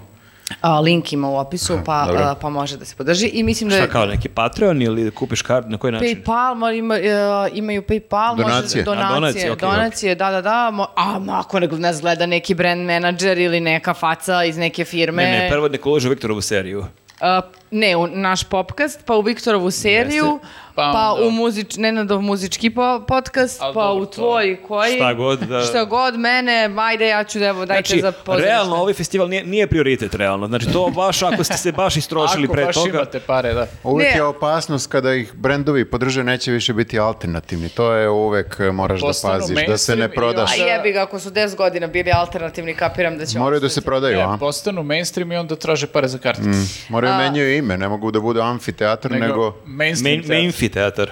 Uh, mislim da su stvarno za ovih 10 godina napravili neke sjajne stvari, koliko su samo, možete da se informišete, koliko samo predstava producirali, izveli, koliko su uh, izložbi napravili, ostvarili koprodukcije sa nekim beogradskim centrima, tako da uh, mislim da je važno podržati. Pa ovo je Posebno baš zato što lepo, je lepo jedini, od tebe što jedini u podržavaš. Kraljevu takav uh, pozorišni festival i mislim da je zbog toga vredan, posebno za Kraljevo, a onda i za, uh, za Srbiju. Pa ajde da vidimo kolika je snaga ovog podcasta. E. Ajde. Eto i hvala im, na, Podržimo hvala im na majici. meni baš- Amfiteatar. Ajde, smo dobiti i mi majice, meni je baš lepa ta majica. Podsjeća me na onaj e, album Guns N' Roses, Lies. Mislim da mogu da ti sredim. E, super, ako Ajde, nije sredi problem. Eto. Evo, onda ih, onda ih ja podržavam. Sjajan, sjajan festival. Znači, jedva Mora nešto čekam. dobije za uzor. Jedva Dobro. čekam da od prvog do Jedan sedmog od budem... najboljih u Kraljevu. Ja, ono, u Kraljevu zaista jedan od top tri festivala. E, Maki, šta si E, sad ti Simo, ti spremio? Slušao sam jedan jako zanimljiv podcast, zove se The Last Soviet. Sovjet. Jo, Sovjet. Samo istorija. E, n- E, e, ali znaš šta, istorija, ali zapravo istorija što mene u, u startu ne bi baš trebalo mnogo da zanima, ali sam baš uživao. Uh, priča, osam epizode je po recimo pola sata i e, priča o e, Sergiju K- Krikalevu koji je bio e, kosmonaut i e, o, jako je zanimljiva njegova priča. On je bio na onoj stanici Mir i on je otišao na stanicu Mir, trebalo da ide na misiju koja je treb- trebalo da traje tri meseca ili četiri i onda je trebalo da se vrati kući jer prosto nije, opasno je biti u svemiru više od tog perioda, niko nije ni bio u tom momentu duže od toga. Ali dok je on u svemiru kreće raspad Sovjetskog saveza i kreće potpuni kolaps i nestašice i redovi, ono kao kod nas 93. Njega čak- I ono zaboravili. u ono fazonu, brate, meni je možda bolje ovdje. ne, ne, ne, zap- nisu ga zaboravili. On, što je najluđe, on pre- e, je u svakodnevnoj komunikaciji kako on ide oko planete, on dnevno može 10 minuta da komunicira s nekom radioamaterkom iz Mhm. Australije, koja je ono od malena volela Sovjetski savez i ložila se na neke te ono radioamateri i slično. I ona je uspela s njim da uhvati neku frekvenciju i on svaki dan ima sa svojim ono headquarter, ono ima s njima neki klasičan ono izveštaj kako si spavao, pritisak, levo, Šta se desno dešava, da. a s njom ćaska ovako malo ono, Mhm. u životu, jer je jako usamljen sam, je ono mesecima u svemiru. I ona njemu u jednom momentu kaže, "Ej, izvini, ali u tvoj državi je neki potpuni haos, dešava se nešto, krupne stvari se Mhm. A, dešavaju. ovi ga ne obaveštavaju. On ih pita ljudi, jel se dešava? Ne, ne, sve je pod kontrolom, sve je pod kontrolom i oni ga tako leraju par dana da bi mu rekli na momentu, "E, slušaj, ne možemo više da lažemo, ovde je haos, sve se raspada u Sovjetskom savezu. Bolje On- ti je da se ne vraćaš. imaš dve opcije. Da, dakle, mi možemo ti organizamo povratak, ali ti ako dođeš kući, niko neće biti u svemirskoj stanici, mi ćemo u nekom momentu nekog poslati, jer Bog te pita kad, ili možda ostaneš još neko vreme, ali nema pojma koliko će to dugo trajati. On u tom momentu ima dete, čerkicu od 5, 6, 7 Mhm. meseci, ka- kao ti otprilike u ovom trenutku. Žena ga čeka kao dolazi to za 15, 20 dana, Ali e, sad on imaš čitavu predistoriju njegovu, koliko je on od malena se ložio na svemirski program, koliko mu Juri Gagarin Većina bio njih, idol. da, većina njih su potpuno opsednuti Ja time, nisam da. znao koliki je Juri Gagarin bio ono ultimativna zvezda. To je kao najsvetliji trenutak u istoriji Sovjetskog saveza i Rusije njegov odlazak u svemir. i Njega su milioni dočekali na ulicama i on je bio dečak t- kad se to desilo ovi, ovi Sergij.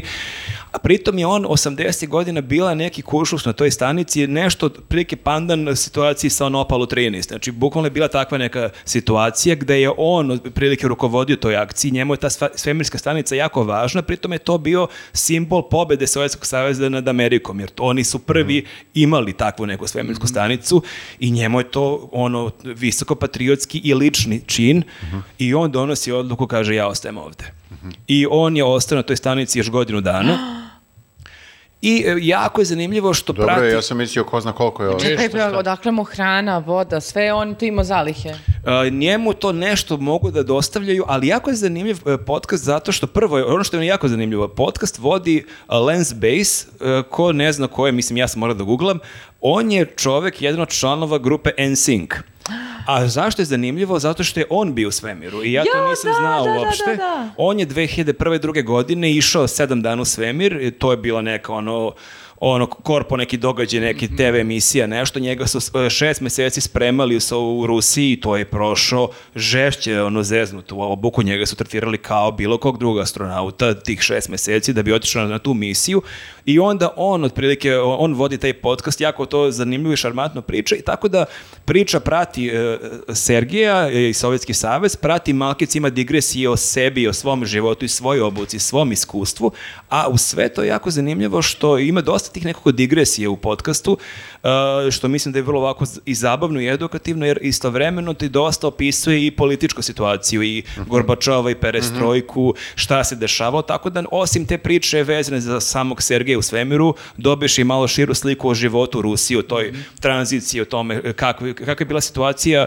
tih svih astronauta koji kad su se vratili iz svemira, njihova plata je bila manja od plata taksista i kako se oni nisu snalazili u, u tom društvu koji su kao do pre par godina bili najveći nacionalni heroji, a sad bukvalno nemaju leba da jedu, prodaju Jeste, neke da, medalje. Ostavio si nešto, zateku si nešto potpuno Jeste, drugo. Da. i jako je zanimljiva neka scena, time ću završiti, e, u nekom momentu kako se ono e, gotove hladni rat i pokušavaju sad zajedno da naprave misiju Amerikanci i Rusi, on odlazi u Ameriku tamo da e, treba da ide u neku novu misiju sa nekim Amerikancima i ima, on je imao u Americi mentora tih prvih par nedelja za život u kapitalizmu i on je njega bukvalno morao da vodi za ruku jer on Mhm. nije mogao da se snađe u tom sistemu i kaže on baš taj njegov mentor opisuje njegovu, na, njegov napad panike kada ulazi u supermarket. Mhm. A, Jer previše je izbora. Kaže, da, ja kao lupam, volim ovsene pahuljice, imao sam dve u Rusiji, ovdje imaš 60 i kao kako, kako da Mhm. da, radim? koristi kreditnu karticu, kako da odabere hranu, kako, da- znači on je bukvalno, i to je jako zanimljiva situacija, lik je bio u svemiru godinu dana,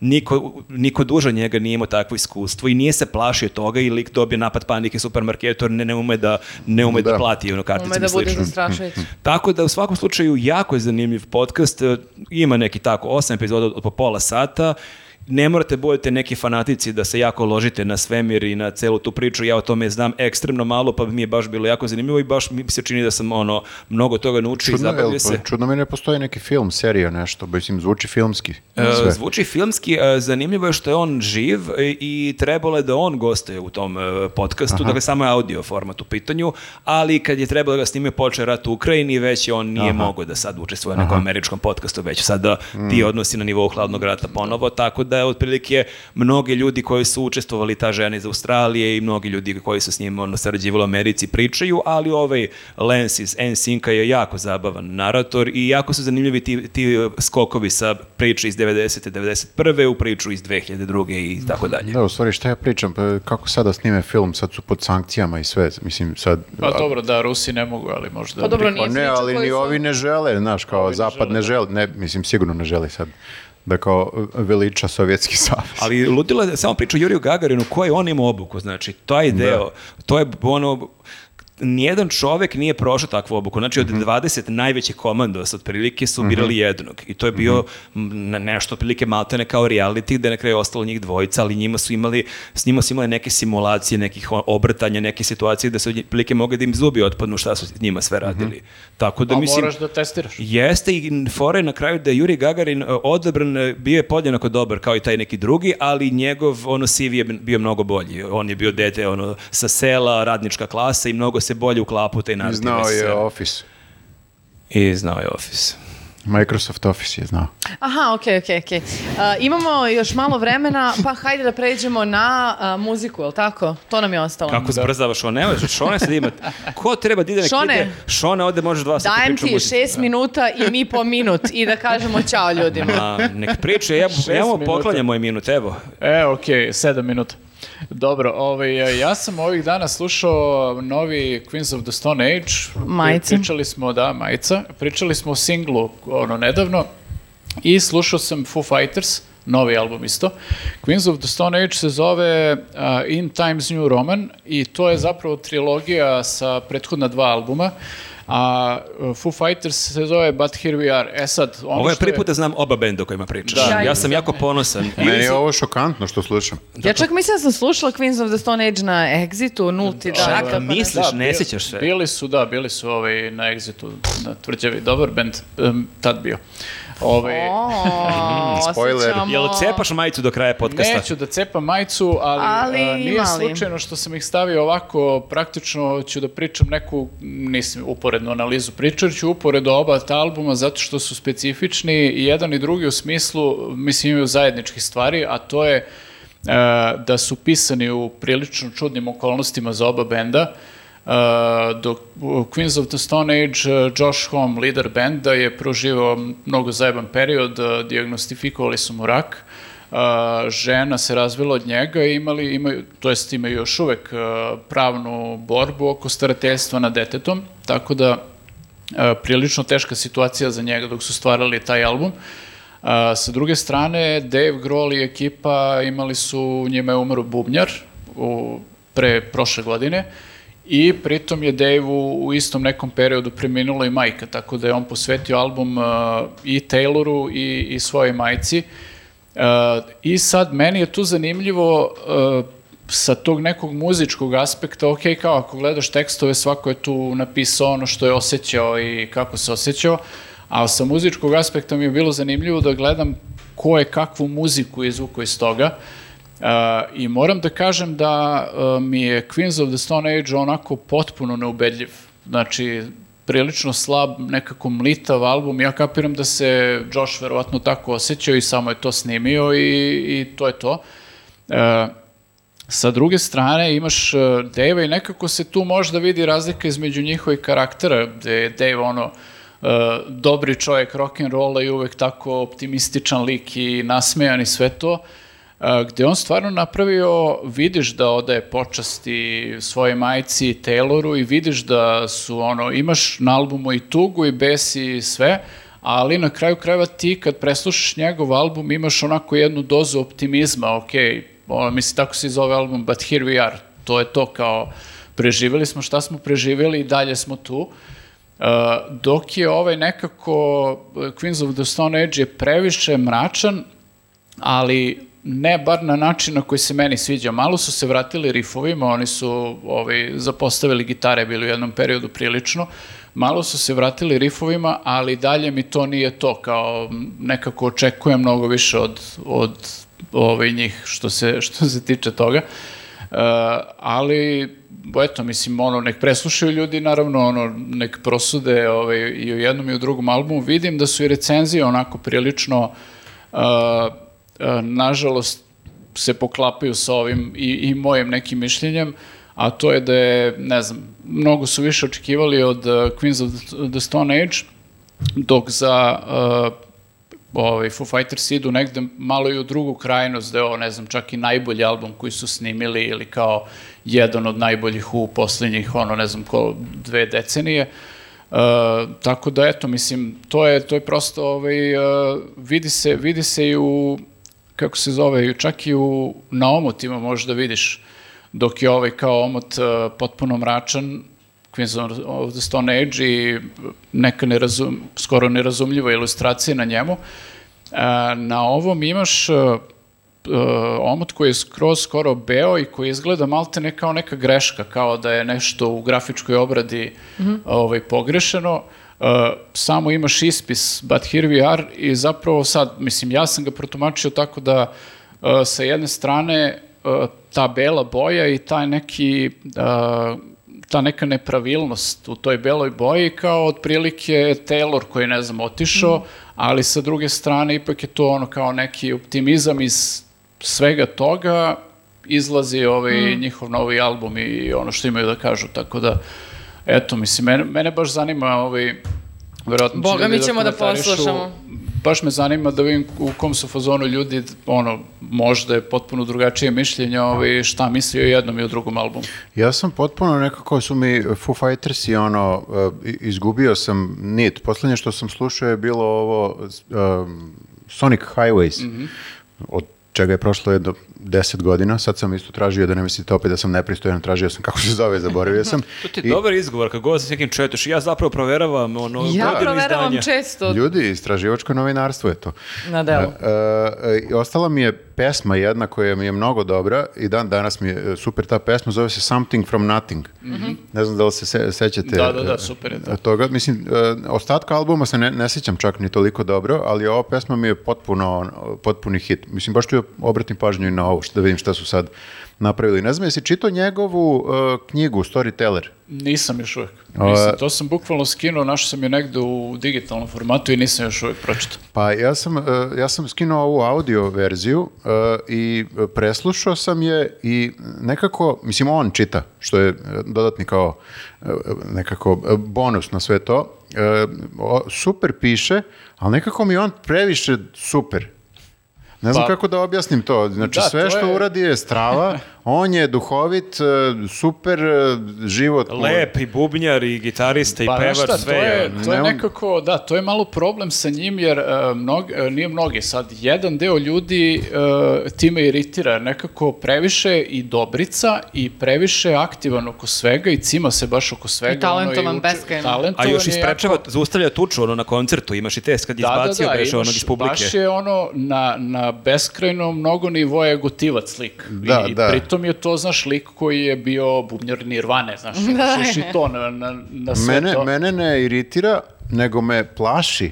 Zato što kao sam u fazonu što nije u redu sa ovim. Šta nije u redu znači, sa ovim likom? E, da ali si- ne znam sigurno sve. ima neka mračna tajna. Da. koju Slušam će ga kod iskriva. Koana kad je pričao kad je bio post, postao, počeo karantin, kako je imao paniku kao šta ću sad morati da naučim da pravim lazanju. Tako da ne zna da pravi lazanju. Dakle, to Nije je kao savršen. veliki minus. Ali žao da. mi je, žao mi je Ne, on savršeni je- čoveče. On je, ovaj, mislim, on je sad, pre nego što je umlo, umro Taylor, on je nameravao da prave neki, kako je on rekao, insane prog rock album.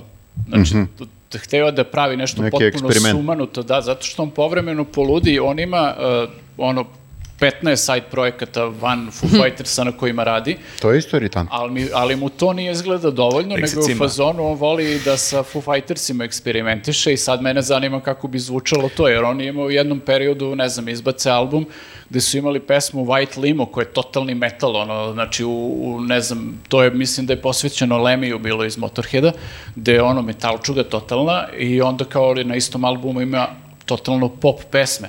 Tako da ovaj, nekako je da, p- previše ono, ovaj, meni je nevjerojatno kako, kako postiže sve, jer znaš, baš ima gomilu tih... Kada se cima, brate, nije... Mhm. N- e, mislim, ambiciozan. mislim da baš voli to što Da, radi. da. To je ono što je kod njega ono... ovaj, Iritirajuće.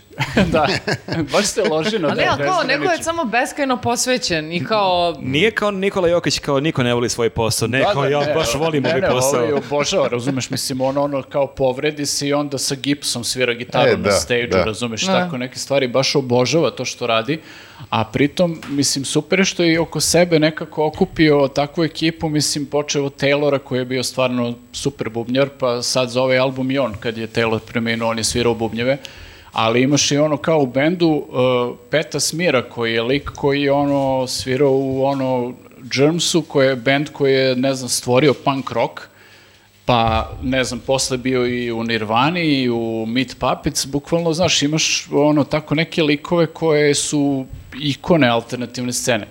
I kao ti uh, eh, si ja bih očekivao, ja sam bio u fazonu kad je Pet ušao u Foo Fighters, ja sam bio u fazonu, ok, on je verovatno kao tu privremeno, jer ne verujem da ti egoji mogu da funkcionišu zajedno, ali izgleda da ovaj nema ego lik ovi Dave Grohl, uprko svemu što radi, razumeš, što kao mogu bi da ima ego ko planina, očigledno je totalno kao lik na zemlji, ovaj, pored svega Dakle, sad i mene malo iritira. Ali kažem ti, ne, n- jedino ko je naučio da pravi lazanju tokom karantina, moguće da je taj deo Moguće promenjen. da je, da je promenio te kulinarske stvari. E, dobro, dobit ćemo, možemo da dobijemo dodatnih pet minuta ili da ovdje završavamo. Ne znam, ono, pa ajde, mislim, ti si htjela da ne, spomeneš neki album, ovi, ovi ne, koji ja se sam slušaju. htjela da kažem da mi je bilo mnogo lepo na koncertu.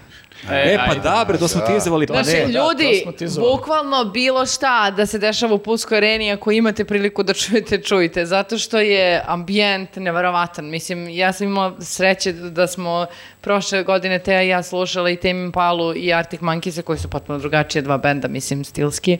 Sad sam slušala ovo i to je samo jednostavno A neverovatno. Pa Ko je, šta, reci Florence and the za, Machine. za ljudi Florence and the Machine, dakle, bila sam na koncertu Florence and the Machine, to je jedna od mojih omiljenih ono, pevačica, Uh, postoji na sceni već, ne znam, 10-15 godina, Uh, sada je na turneji koja se zove Dance Fever, Uh, I onako, zanimljivo je iskustvo, Uh, da, ja, ja sam plakala prvih 15 minuta, zato što je to jednostavno toliko nekako, n- ne znam da, da ne zvuči glupo kad kažem, a kad kažem ne- neko je, magično je nešto, jednostavno ta žena je kao neka ono vila, kao neki prorok koji tako ide i hipnotiše sve i ona je malo to, ali n- ja se ne ložim previše na to spiritualna ta, s- ta, ta s- sranja, a, a, ovo... a, Znači ona je onako ima tu nežnost ludačku i osjetljivost, a onda ima i snagu i glaščinu koja te samo ono kao i pritom zvuči kao da si sad na YouTube-u pustio njen album, ono studijski zvuči tako pa još ono bolje, e, bolje live. I tako vlada scenom, ja ne mogu da vam mislim koliko sam ja fascinirana tom njenom tim spojem snage i nežnosti u, u, u isto vreme. Zanimljiva je bila set lista koja je to kao malo krenula sa nekim hitovima i ona te tako lansira ono u t- t- nebesa a, i onda kao kreće laganije. Pa onda No, e, čekaj, Či ti kreći. si plakala tokom tih e, veselih hitova? Ne, ja sam prvo krenula plače. Čim je krenula, ja sam Ne, ja počela sam plače. plakala sve Ali vreme. samo da vam kažem moj A čekaj, odbranu. šta? Znači, javljali su mi se ljudi koji su bili na koncertu, kaže isto smo Ma ne, plakali, ali- mnogo smo Ma, plakali. hoću samo da razumijem, jel o, neka je tužna, emotivna pesma ili samo saznanje da nju Osjećaj, gledaš da. uživo pa si Sve ne ti, je, veruješ? sve ti je o- u kombinaciji, znači, zato što je cijela ta atmosfera, sunce samo što je zašlo, već onako vidiš tu boje kroz one lukove, uh, njena scenografija koja je svedena s nekom skulpturom tu, ali onako sve je nekako kao paučinasto i nekako ne znam, uh, I da ambijent isto doprinosi Da, mnogo. ne- ne može Baš da- je Pulska arena je Da. lud- ludilo. Da, tamo mi da pevamo, to bi zvučalo prihvatljivije mnogo. Bila Apsolutno, bi apsolutno. mađija. Znači, bukvalno da ne znamo na Eros Ramazzotti, ja bilo u fazonu, wow, Eros, mislim, iako Šta nisam imaš fan. protiv? Nemam, nego nisam sad neki fan, ne bi sad išla na koncert, ali bi me verovatno ganuo i tu, jer je taj ambijent, uh, ambijent Pa ludački. Eros bi se baš uklopio kao italijanski Jeste, da. uz to, on bi, to bi baš njemu super išlo. Mm. Došao na Ali svoje. ja ne bi bila na tom ko- m, svoje, mislim kao, ne bi bila prva opcija da idem na Erosov koncert, mislim, samo što se hvata što mi je bio primer glupi usput, pusti me. I pa za- zabavno je.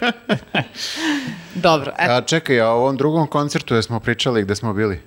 Senida i Brena. Uh, Ja, ja ne znam, znači, Bre, nisam- ja znam da nešto vam kažem. E, samo kažem, kad kažete ka- gde smo bili, bili ste vas dvoje. Nas, Ova nas dvoje, dvoje, da. ovo je Ovo, Dijagonala je bila. Znači, da, da. ja ću da vam kažem jednu stvar. Ja Nas uopšte troje i Maša je bila. Dobro, Maša, pričamo nas Viktor i četvoro. ja a, smo bili na tom koncertu i to je bilo onako jedno zanimljivo iskustvo. E, si tu A, plakala? Ne, tu ni, u stvari jesam, tu sam se rasplakala, ali samo na jednu pesmu. Ok, da preformulašem pitanje, je li postojao koncert gde nisi plakala u posljednje vreme?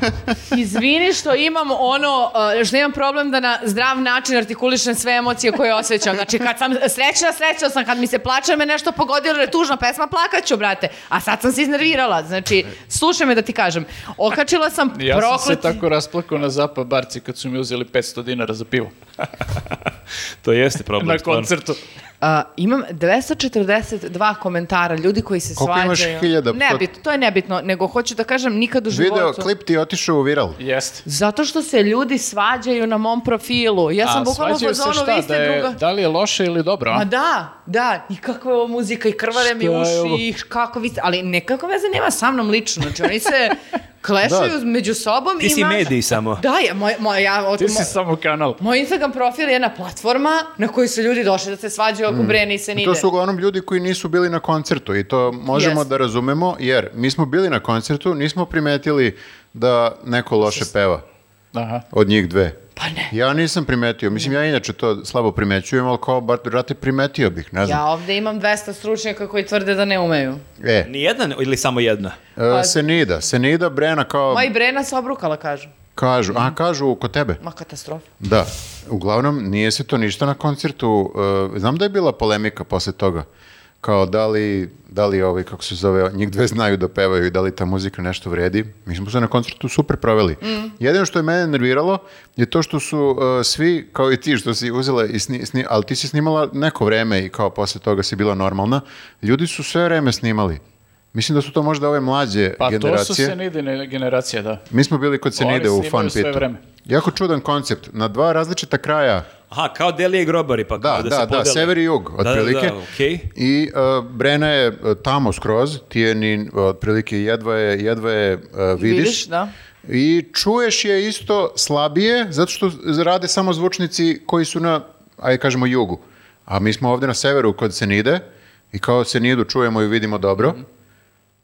Uh, čudan je koncept, to sam htio da kažem. Jeste, je- zato što, a, a, da, a najjače što onda u jednom trenutku, Kilibarda naravno vodi i, e, među, e, među Čekaj, ima i voditelj, ja sam... ima zato što, je to, clash. kao clash, kao to je borba njih dve koja će da pobedi. Oni nisu napravili dva koncerta. Zato što je to jedan. Zato što je to koncept... uh, dosadno, Mario. To je Re- Red Čekaj, je li to dobar koncept? Daj samo da vidim. Pa mislim, prvi je bio koncept takav, tako da malo tu ima ne, prostora za napredak. Ima, da, ima stvari na kojima treba da se radi, a to je da mi moramo ipak da čujemo u- podjednako glasno I i jedne i druge da. bismo se ložili. Jel? Jeste. I to kad oni izvode jednu pesmu drugog izvođača, b- izabrali su Zdravka Čolića, mislim, ono, kod bi s tom osim u teatar, ali sad je što s tome što su one na takoj nekoj maloj binici, da deluje kao da je, na primjer, neki generalni direktor na, sad Red Bulla došao veče pred koncert i bio u fazonu, treba da imamo i ovo. I onda su oni bukvalno samo to... Za tako grandiozan, kako bih rekao, koncept, eh, taj deo deluje onako sklepan. Ovako, ovo lično, kao njih dve su tu na toj kao nekim praktikablima i ovako vidiš sa strane one kanapčiće od uh, pozadine. Što da su- duže pričate, meni delo kao da me zajebavate. Jel to stvarno sve desilo kako kažete? ja Jeste, sam da, mislio da, ne. je to jedna bina peva jedna, Ne, Pa da, peva ne, druga. ja znaš. sam isto mislio, mislim, znao sam da će biti neke, neka vrsta to, kao clash. versus, jel? Clash, ali nisam znao kako će da izvedu. I jeste sada, ja pozdravljam svaku vrstu sad eksperimentisanja i ne znam ni ja šta napretka u kako se sad radi sa koncertnim prostorima i šta ti ja znam, ali nisam siguran da ovo radi do kraja onako kako bi trebalo da radi. Znači ima potencijala baš dosta. Da. Ali nisu razradili, tako zvuči. Meni bi Ma ne, bilo ja- logičnije da ko mislim- ono na slonsima izađe deo bine koji ulazi u publiku, pa, Pa, onda ide sa jedne i s druge Možda strane. je to skupo, Pa, e, možda je to skupo. Ma, ajde, ako oni nemaju... Slušajte, mi moramo da uradimo slično. Znači ovako, naši gledalci na, pred naš sledeći podcast ili popkast se opredele da li su tim Viktor Nenad ili Pa tim imali ili smo savete ja. sukob mišljenja. I onda, ne, ne, ne, onda o, k- koga odabereš, njega čuješ super, a naš, lose, naš nas loše čuješ i obrnuto. Mhm. I tek se onda u jednom momentu čuje normalno i vaša i naša strana. Mhm. Čisto da ono zaseremo i ono, zbog koncepta. Da, da, mislio sam da, da je ovo što sam tamo čuo da je, da je zanimljivo. Ne, ne, ali ovo, je- sad- ovo je gluplja ideja, ne, ne, verujem. I Ja umem da, ja baš umem, imam i jako glupu ideju. I ako neko hoće da ulaže u moje ideje, ja sam tu, imam još mnoge Javite ideje. se, da. Dobro. E, eto, e, hoću da kažem da e, ono što se čulo posle na snimcima nije isto kao ono što smo mi čuli. Nije, na nije. koncertu. Mi smo se na koncertu dobro proveli. Eto, I to je. ja vas molim samo da se svađate na nekom drugom mestu. Znači, ja ću polodim više. Izbriši, izbriši video. Majke, mi sam htjela da ga hajdujem, jer i dan danas, izvini, evo opet sam to radila, zato što posle koliko vremena od kad smo bili na koncertu i dalje vidim, samo mi stiže, ovo je odvratno, ja rekao, neko me maže govnima, nešto sam uradila, Mm. ne, razumeš, ono... ne, ovo je koncert. Ne, može samo je uglavnom. Senida. Eto, Da, da, da. A, hvala vam. A, koliko smo trajali jedno? Šest sati. E, Pa čekaj, nismo gotovi, ja imam sata. album da Ima predstavim. albume i predstave. Ja moram da krenem, majke. mi. Moje, pa, Imam, ja, evo, brzo ću. Ajde. Znači, album je danas Nego izašao. ona krene slobodno ako Aha. E, nećemo. pa da, Pa pričajte. Pa ti piči, bre. Idi, bre. Reći ću ti ja posle. Jednom i ja da odem. I čućemo se. E, uglavnom, album je e, e, Sergio Lounge. Mhm. Ćao, Elisaveta. Ćao. Arbu- album je e, od izvođača koji se zove Sergio Lounge, pravo ime Srđan Popov. Čekaj, šunja se li savjeta? Znači- A, zaboravila je nešto. Dobro, Ovo je kao komandos neki, ono. da. Stealth, ovo je bilo stealth. E, album se zove Ovako sam se probudio.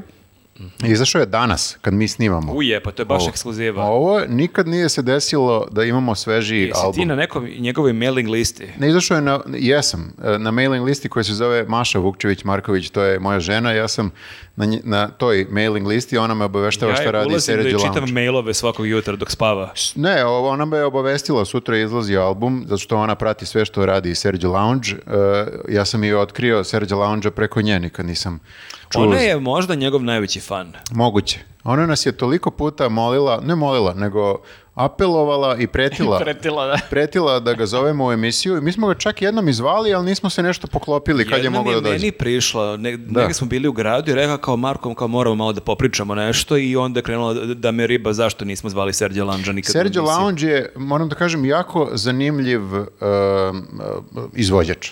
I ima jako zanimljiv nastup. Ja sam bio na nekoliko njegovih nastupa, jer me je jeli, Maša Vukčević-Marković vodila. Uh, I imao je jako zanimljiv koncept, a to je da svirao tastaturu. Znači, ne kitar, ne ono, kako se to zove na srpskom, ono što svirao Saša Popović u Slatkom grehu, nego ki, baš tastaturu, pravu tastaturu, kompjutersku, jeli? i e, e, izvodi neki pop koji je namerno sladunjav, namerno retro, namerno neke 80-te i on sam kaže da je to kao pop na ivici patetike. Mhm. Ali je jako zabavan i jako je slušljiv, jako je Da, sve pitak. to lepo zvuči, da, mislim. Ovaj novi album je totalno onako letnji, koliko sam uspio da ga preslušam jer je ju- jutros izašao. I imate na Bandcampu da ga, da ga preslušate celog ili kupite, što da ne, ja sam i kupio. Po- to je podrška izvođačima, ti znaš o band, Bandcampu Mm. Jeste, sve, jeste, znaš da. i ti u stvari. Znam, čak me bili da skinem aplikaciju. E, ovaj, super sajt, stvarno, baš ovaj, možeš mnoge stvari, Mm. već ste pričali o tome. E, uglavnom, idite tamo, podržite e, e, nove, nove izvođače i mlade izvođače i... Pritom, mis- on svira, ko ne zna, on svira, On svira i sa, u mnogim bendovima. I sa Idom Prester svira, mislim, Da. da, da li u Lolo ili samo sa, sa njen... uh, I svira nekoliko instrumenta, zaboravio sam tačno šta, mislim da svira tipa lupom sada, e, klarinet, flautu ili tako ne, i bas. I od toliko instrumenta on je Multi-instrumentalist. odlučio svira tastaturu. E, tastatura je teo da podigne na neki sada viši, viši nivo ili niži, zavisi kako tretirate tastaturu, ne, ne znam. ovaj, uglavnom, sve to jak- zajedno jako zanimljivo i jako e, dobro zvuči i nekako je onako muzika koju možeš da slušaš i u pozadini, a možeš i da je slušaš, Da se slušaš. posvetiš, Da. E, zvaćemo ga nekad u, u emisiju, ja mislim. Pa bio bi red, mislim pa da, sad ima i da bismo povod. morali, stvarno. Sad On je, on je i bio u emisiji kao tonac mnogim bendovima, to mu je između ostalog jeli, jeli, zanimanje. E, A jel, recimo, on je, koliko- ako sam dobro ispratio, on je ranije imao i neke instrumentale, jel ovde ima kao su vokalne pesme ili ima i nekih instrumentala? e, e, ovde su uglavnom e, vo- vokalne pesme. Mm. Ne znam da li sam neki instrumental e, čuo, mislim da su uglavnom vokalni. Mm. Ali da, ima, ima, voli i instrumentalnu muziku, ima ceo neki album koji je instrumentalan. Pa ima, da, ja se toga i sećam. Ovaj, Da. ali- E, uglavnom, eto, to je, to je preporuka. Potražite ga na Bam- Bandcampu, odnosno ostavit ćemo e, link da možete da odete tamo direktno. To je to od mene. Ja bih samo kratko rekao, neću previše pričati o muzici, to ću možda u sledećem, e, samo bih e, rekao da je se pre nekoliko dana pojavio novi single grupe Apex Twin e, i Mm. Ma daj. je- oh jeste yeah. posle mnogo godina, zove se Black Box Live Recorder 21F. Uglavnom oni nisu imali, kako sam dobro ispratio, 7-8 godina ništa novo. I često su nam zamerali, mislim često, više puta smo vidjeli komentare da u ovom popkastu nedovoljno pričamo o elektronskoj muzici, tako da evo da ih Mada spomenem. dobro, on nije tipična elektronska muzika. Nije tipična, On ali... je tipična ne- muzika. Nije tipična E, muzika, jeste. da. I m- ja nisam njih dovoljno slušao i morat ću malo više da obratim pažnju. Ja kad god na njih e, pomislim, sedim se, ne znam da li se sećate, e, krajem 90-ih, 97. 8. se pojavio njihov spot koji je bio jako onako uznemirujući, Come to Come Daddy. to Daddy, da, to Da. je, mislim da je to dan danas jedan od naj, e, ono, ovaj, strašnijih spotova. koje Jeste, sam ono je vidio. ja, baš sam ga danas pogledao. Osjećamo ga se i pokušavamo da ga zaboravimo. Jeste, i to ja sećam da je se skoro u isto vreme su se pojavila dva revolucionarna spota, Prodigy Smack My Bitch Mm. Up i Come to Daddy. Mislim, čak u to vreme su bile one neke liste, da li neki videodrom tipa Studio B, mislim da je čak u isto vreme, ali možda i grešim. Ali mi se To je čini da je- 96.. to je 97. recimo, ali ajde, 96. 7. Tako da se sećam te pesme i koliko je ta pesma sumanuta i koliko i danas ono zvuči moćno i uznemirujuće i taj spot sa onom sablasnom decom i koji je ono otprilike m, ne znam da li je ono bio deo nekog filma, da li je ono bio deo... Ono, Nije, nije, ono je baš full Baš spot koncept bio rađen, samo za jer taj- On je, mislim, to je, uh, to je Richard, Richard David Jones se zove lik koji stoji iz Apex Twina i to je, znači on je kasnije isto imao, ako se sećate spota ovaj, gde su, uh, kako se zove, uh, neka limuzina sa gomilom nekih devojaka u kupaćim i sve su njegove face njima stavljene i Da, sećam to je se. onako jako bizarno izgleda, tako da on voli da bude ne samo muzika neprijatna, nego često bude i vizualno Da, neprijatna. ova muzika, ova nova stvar nije nepretna muzika, jako mi prila baš onako mračna elektronika neka i skroz mi se nekako uklopilo kako sam ovih dana slušao ovaj podcast o svemiru, ja otprilike tako zamišljam neki soundtrack ono puta u svemir, neki Hm. mrak, neizvesnost, strah i neka istovremeno i lepota je ono i koja te On tu za- da, čeka možda. mislim, on već zapravo godinama izbacuje neke te mikseve. E, nisu to klasični albumi, ali ti miksevi stalno mogu da se ovi vide kod njega. Mislim da izbacio toga gomilu gde kao ti sad pustiš i on tu radi neke stvari, čisto ono improvizuje i to, tako da mislim genijalan lik, ono baš još od momenta kad se pojavio pa do danas ono stvarno je Uh, šare, šarena mu je muzika jako i kao jeste to kao ono generalno možda podvedeš pod elektroniku, ali onako marginalno ide tamo ovamo. Baš alternativna elektronika. Baš alternativno, da. Da, tako, Tako da, da eto, na to bi super, skrenuo super. pažnju i zaista evo, obratite, obratite pažnju e, na njega generalno, ja ću morati malkice, jer imam dosta tu rupa, ali ako niste gledali spot Come to Daddy, ono, gledajte na sobstvenu Da, odgovornost, da, stvarno nešto- i pesma i spot, baš, Jedno pritom je to da- staro 25 godina. Jeste i dalje neverovatno strašan spot ovaj, tako da mislim ono ne znam, ja se sećam iz tog perioda a, taj spot mi je ostao Smack My Bitch po sećanju i a, imali su u tom periodu Oasis i a, Goldie saradnju. I sećam se tog spota isto gde ovaj, je Goldie u tom spotu divlja nekom bejsbol palicom i braće Gallagher koji sviraju u tom spotu. Mislim sve, baš su bile to ono neke neobične godine za, za muziku. Da. Mislim da smo time došli do kraja ovog popkasta. Svaka nam čast. E, pokidali smo ovo, Da, stvarno. da. Ništa, nastavite da nas pratite, E, tu smo opet za dve nedelje, gledajte i naš podcast. Subscribeujte se ako već niste. Podržite nas na Patreonu i na YouTubeu, ako već niste. Jeste i bit će ono sledeće. Ja sam ovaj, sad, bukvalno nisam stigao da pričam i o stripovima i još nekim stvarima, tako da sve to ostavljam za sledeći put. I jeste, ja sam neku Nakupite muziku se, sačuvao tako za da- naredni put, da ne preterujemo sada i ništa, vidimo se. Vidimo se. Ćao.